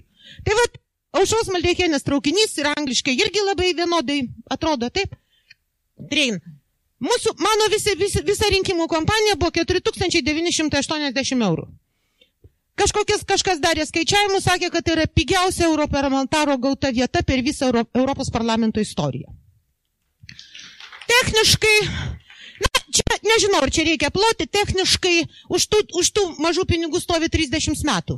Atiduotų kiekvieną, kiekvieną dieną, atiduotų savo mokiniams ir savo tautai.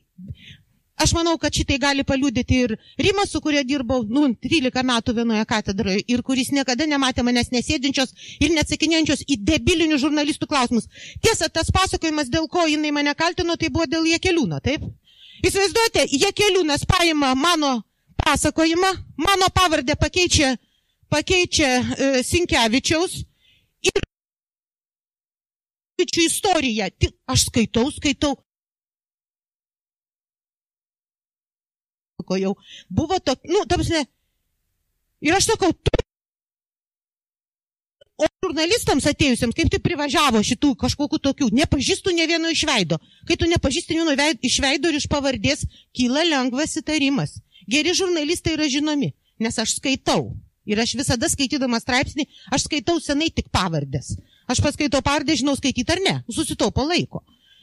Tai aš jų nežinau tokių. Ir aš jam sakau, klausykit, sakau, Jūsgi niekas net su Sinkevičium nepasikalbėjot. Suprantate, dėl ko čia kilo tas, nu ką, pateikė. Jūsgi net, sakau, nei vienas išdrysot Sinkevičiaus nepaklausto, ką jis galvoja apie šitos pezalus jie keliūno. Įsivaizduojate, įsižeidė. Maldeikienė jų turi nemokyti. Nu, debilui visada atrodo, ką mokytis nereikia, nes jis dėl to ir yra debilas, nes jis to ir pasižymi. Nes aš tai kasdien mokausi. Jeigu mane kas, man tikrai, va, va pažiūrėk, Gedrius kartais sunervina ir papasakoja tokių dalykų, kurių nežinau, susinervinu, einu mokausi. Bet, nu, tausia, nu, šiaip normalus žmogus mokosi, taip? Nu, aš irgi kartais priverčiu. Čia tiesiog kolektyvinis darbas. O dabar va jūs matote tos skaičiukus. Žiūrėkite, ta mano vieta buvo pigi. Pigi pinigais. Bet jinai tikrai, aš galiu dabar jau nueidama ir niekam nesisiūlydama, aš nei vieną kartą Nei per vienus rinkimus, nei karto nepasakiau. Balsuokit už mane, aš padarysiu ką nors. Man sako, gal už jūs balsuotas, sakydavau, nebalsuokit už mane, jeigu norite, kas, kad kas nors jums žadėtų nesąmonės. Vadinasi, aš sąžiningai vykdžiau bent vieną pažadą, nežadėti to, ko negaliu. Politikai negali, žinokite, nieko, kol jie nepriverčia patikėti žmonių, kad tai, ką jie kalba, turi prasme. Aš vis dėlto esu dėkinga ir šitai tautai savo, kuri vis dėlto už mane subalsavo lygiai tiek pat, kiek už poną Auštrevičių. Pasižiūrėkite, ponas Auštrevičius čia pavadinimu yra liberalų sąjūdis. Jis pasimė liberalas, kuriam labai svarbi maža valstybė. 252 tūkstančius biudžeto pinigų ir be turinio. Maža valstybė. Hebra, jau kam labiausiai reikia valstybės pinigų, tai laisvosios rinkos institutui ir liberalams. Nes jie ten visais būdais ir nušmėrina tos valstybės pinigus. Taip, nu, tegul turisi vienodai balsų, kas įdomiausia, kad gavom vienodai balsų. Taip, toliau, valstiečiai žalieji. Šimtas, šimtas, a, tiesa, Tamaševskio vieta kainavo tik tai 306 tūkstančius biudžeto pinigų, savo pinigų neskyrė ir tokiom nesąmonėm neužsiminėja. Kaip jie ten buvo pavadinti Aurelijaus? Jūs Aurelijum, kaip ten sutarėte juos vadinti? Vilniaus, re... Vilniaus regiono politiniai spekuliantai. Aš turėjau, nu, aišku, Seimas yra vieta kosminė. Kada tu esi mišrioje grupėje, aš iš karto pasakiau, kad aš eisiu mišrioje grupėje ir aš tiesiog, nu, nesu kažkaip labai toks jau darinys, nors dabar aš labai laiminga, kad e, šalia mane sėdi žmonės, kuriuos aš gerbiu kaip politikus. Mm, dažniausiai visiškai nesutinku. Aš tikrai labai skeptiškai žiūriu tą rytų partnerystės programą, aš nesipriešinu, nes, nu, kažkaip tonas negražus būtų, bet aš manau, kad čia yra, nu, totali smulkmena palyginus su daugybė kitų sudėtingų europinių problemų. Bet nesvarbu, bet mes ten garsus tikrai už tai lietuvius gerbė, kubilių ypatingai, kad va daro čia tokia, turi savo programą ir toks, nu, failas visai nieko. Tiesa, tenai, aišku, iš, iš karto atsiranda labai lietuviška konkurencija, nes, nes jeigu, pavyzdžiui, Rasa Juknevičinė prakiša rezoliuciją ir tai buvo tikrai puiku dėl Ribbentropo Molotovo pakto, nu ir ten iš vis palaikymą, tai tada iš karto tokią pat rezoliuciją daro Auštrevičius ir prakišinė, nes, nugi kaip čia be, nu, du kartus nepadaryti to paties, nu, kad neužsirašytų nublių. Tai aš tikrai tokiom nesąmonėm neužsimsiu, bet pasižiūrėkite, jie net savo net neduoda patys pinigų, jie ant, ant biudžeto finansuojami. Toliau e, liberalų sąjungų sąjūdis 97 procentai surinktų. Šita, šit, šita partija yra lavoniena. Suprantat? Jūs pasižiūrėkite. Jos paremė net 24 eurais. Du žmonės po 12 eurų. Suprantat, tos mažos aukos, kada tau aukoja, aš kiekvieną kartą, kai man pasakydavo, Alvyda, nu čia žmogus, kuris sekė pinigus. Nu, kažkur čia sėdi. Nematau. A, va čia. Nu, jinai visada seka pinigus. Kokie pinigai ateina, kai jau ten renkam. Ir mane, kai vienas žmogus mums padovanojo tūkstantį eurų. Aš jam dėkinga, bandžiau net ten kažką įkištis, tiesa, ne, nu, tortą mes ten galvom jam padovanoti, jis atsisakė. Bet suprantate, iš tikrųjų, iš tikrųjų, tikros aukos, kurios iš tikrųjų tavo gyvenimą padaro prasmingos, yra tos iki 12 eurų. Mano tikrai vienintelis atvejis, kai aš praktiškai verkiau, buvo per Seimo rinkimus, vienas vaikinas man atsiuntė 5 eurus ir parašė. Man daugiau tėvai nedavė pusryčiams, ir labai supyko, kai pasakiau, kur dėjau, bet aš labai norėjau jums juos duoti. Aš pagalvojau, dieve, jam reikia atiduoti tos pinigus, bet po to pagalvojau, man turbūt būtų skaudu, jeigu, nu taip, vad kažkaip. Ir aš pasimėjau tos pinigus, aš juos visada nešiu į širdį. Dabar pasižiūrėkite, man saukojo, tų mažų procent, dalis yra 30 procentų. Tai yra apie pusantro tūkstančio žmonių atidavė už pusant, po 12 eurų. Reiškia, aš sugebėjau surinkti ten 142, man atrodo, žmonės, kurie pasakė, žinai, aš neturiu daug pinigų, bet aš trupučiuką prie šito prisidėsiu. Aš kažkuo čia tikiu.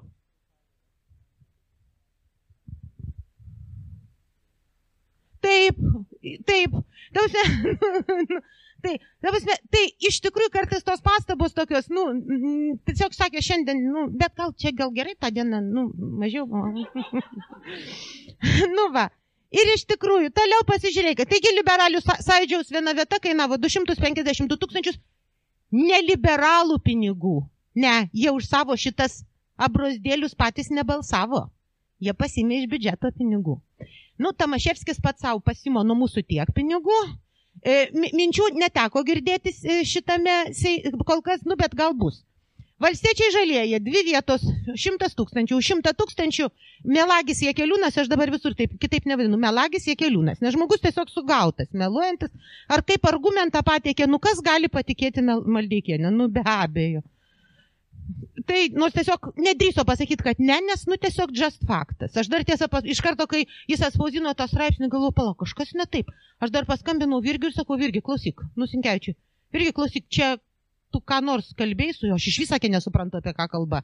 Nu, tavas nebuvo visiškai aišku, kad, nu, tiesiog tas pavydas, tas, nu, klaikus, dreba, jam visą laiką jie kelių nurankytės dreba. Ir ministro nedavė, ir Lietuvos banko nedavė, ir tik tai tas biudžeto komitetas, ir, nu, ir dabar jau taip norėjau būti komisaru ir nedavė, dieve, dieve, tai jau meluosiu.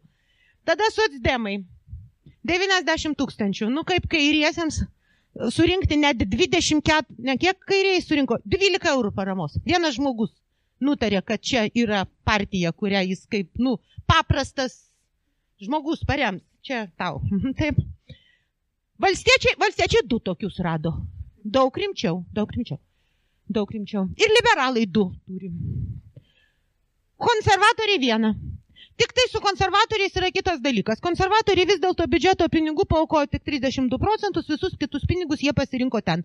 Nu, to sąrašo žmonės ten daugiau, ko, nu, ten tiesiog gal ir turtingesni žmonės, bet vis vien reikia pripažinti, kad, nu, kažkaip tame kontekste jie nelupo to biudžeto, nors irgi aišku, kad tos vietos brangiai. Tai aš labai labai noriu, čia viskas, visas mano pranešimas. Iš tikrųjų, žmonės yra, žmonės nėra kvaili. Tuo pačiu jie yra dažniausiai žiauriai prastai išsilavinę. Aš labai mėgstu nuvažiuoti kokį nors Lietuvos kaimą ir aš tai dariau, nu, nu, iš tikrųjų kažkada skaičiavau, nu, nu, kai pradėjau važinėti nuo 2003, aš turbūt esu aplankiusi apie 500 vietų įvairių. Ir aš iš pradžių buvau labai draugiška ir, nu, kaip visi mokytojai, aš turiu naivumo, bet, nu, kaip ten bebūtų. Man labai gražiai Laurinaitis vieną kartą paaiškino, mokytojas privalo būti naivus. Tai yra profesija, kai tu tiki, kad yra kažkokie žodžiai, kuriuos tu turi rasti. Ir jie kažkur guli, ir tu juos iškrapštys, ir kiekvienas išgirs ir supras. Jisai ilgai, ilgai mane mokė, kokius penkis metus. Kiekvieną savaitę žiūrėdamas iki sakė, aušra, taip nebūna. Jis, jam, aš labai tikiuosi, kad jam nepasisekė. Mano protas žino, kad taip nebūna. Aš tikrai neišmokysiu visų. Bet aš dar vis dėlto širdim tikiu, kad kai žmonės kalbėjo apie tai, kas tau labai sunku, o man iš tikrųjų labai norisi kitokios Lietuvos. Atviresnės, įtraukios, tokioje, kur jeigu tave pakviečia apie Stambulo konferenciją žurnalistas kalbėti, tai jis apie ją ir kalba, o ne apie, apie, ne apie, apie savo šuniuką, beje, kvietėsi šiam, vienas iš šiam nu, sąrašo mazėtis. Nors kvietė tiesa, ne jis kvietė kitą, o po to atsisėdo mazėtis ir, ir išeinant į akis man žiūrėdavo, sakė, bet jūs dar ateisit. Nežinau. Jeigu girdit mane, ponas mazėti, nežinau. Nu, bet vis kviečia, aš nekarto nesisiūliau, patys kviečia. O aš niekada gyvenime nesusiūliusiu su jokia laidai. Aš tiesa nutraukinėjau vis labiau nurišiu su žurnalistais. Nu, kai matai, kad žmogus nesuvokia, kad mano laikas irgi yra brangus. Na tai va, tai aš turbūt viską pasakiau. Aš labai jums dėkinga, kad jūs taip gausiai ir ilgai sėdėjot. Iš tikrųjų, nuo širdžiai dėkinga. Jūs esate ta mažutė viltis, dėl kurios mes visiems sėdime dar. Būkit laimingi.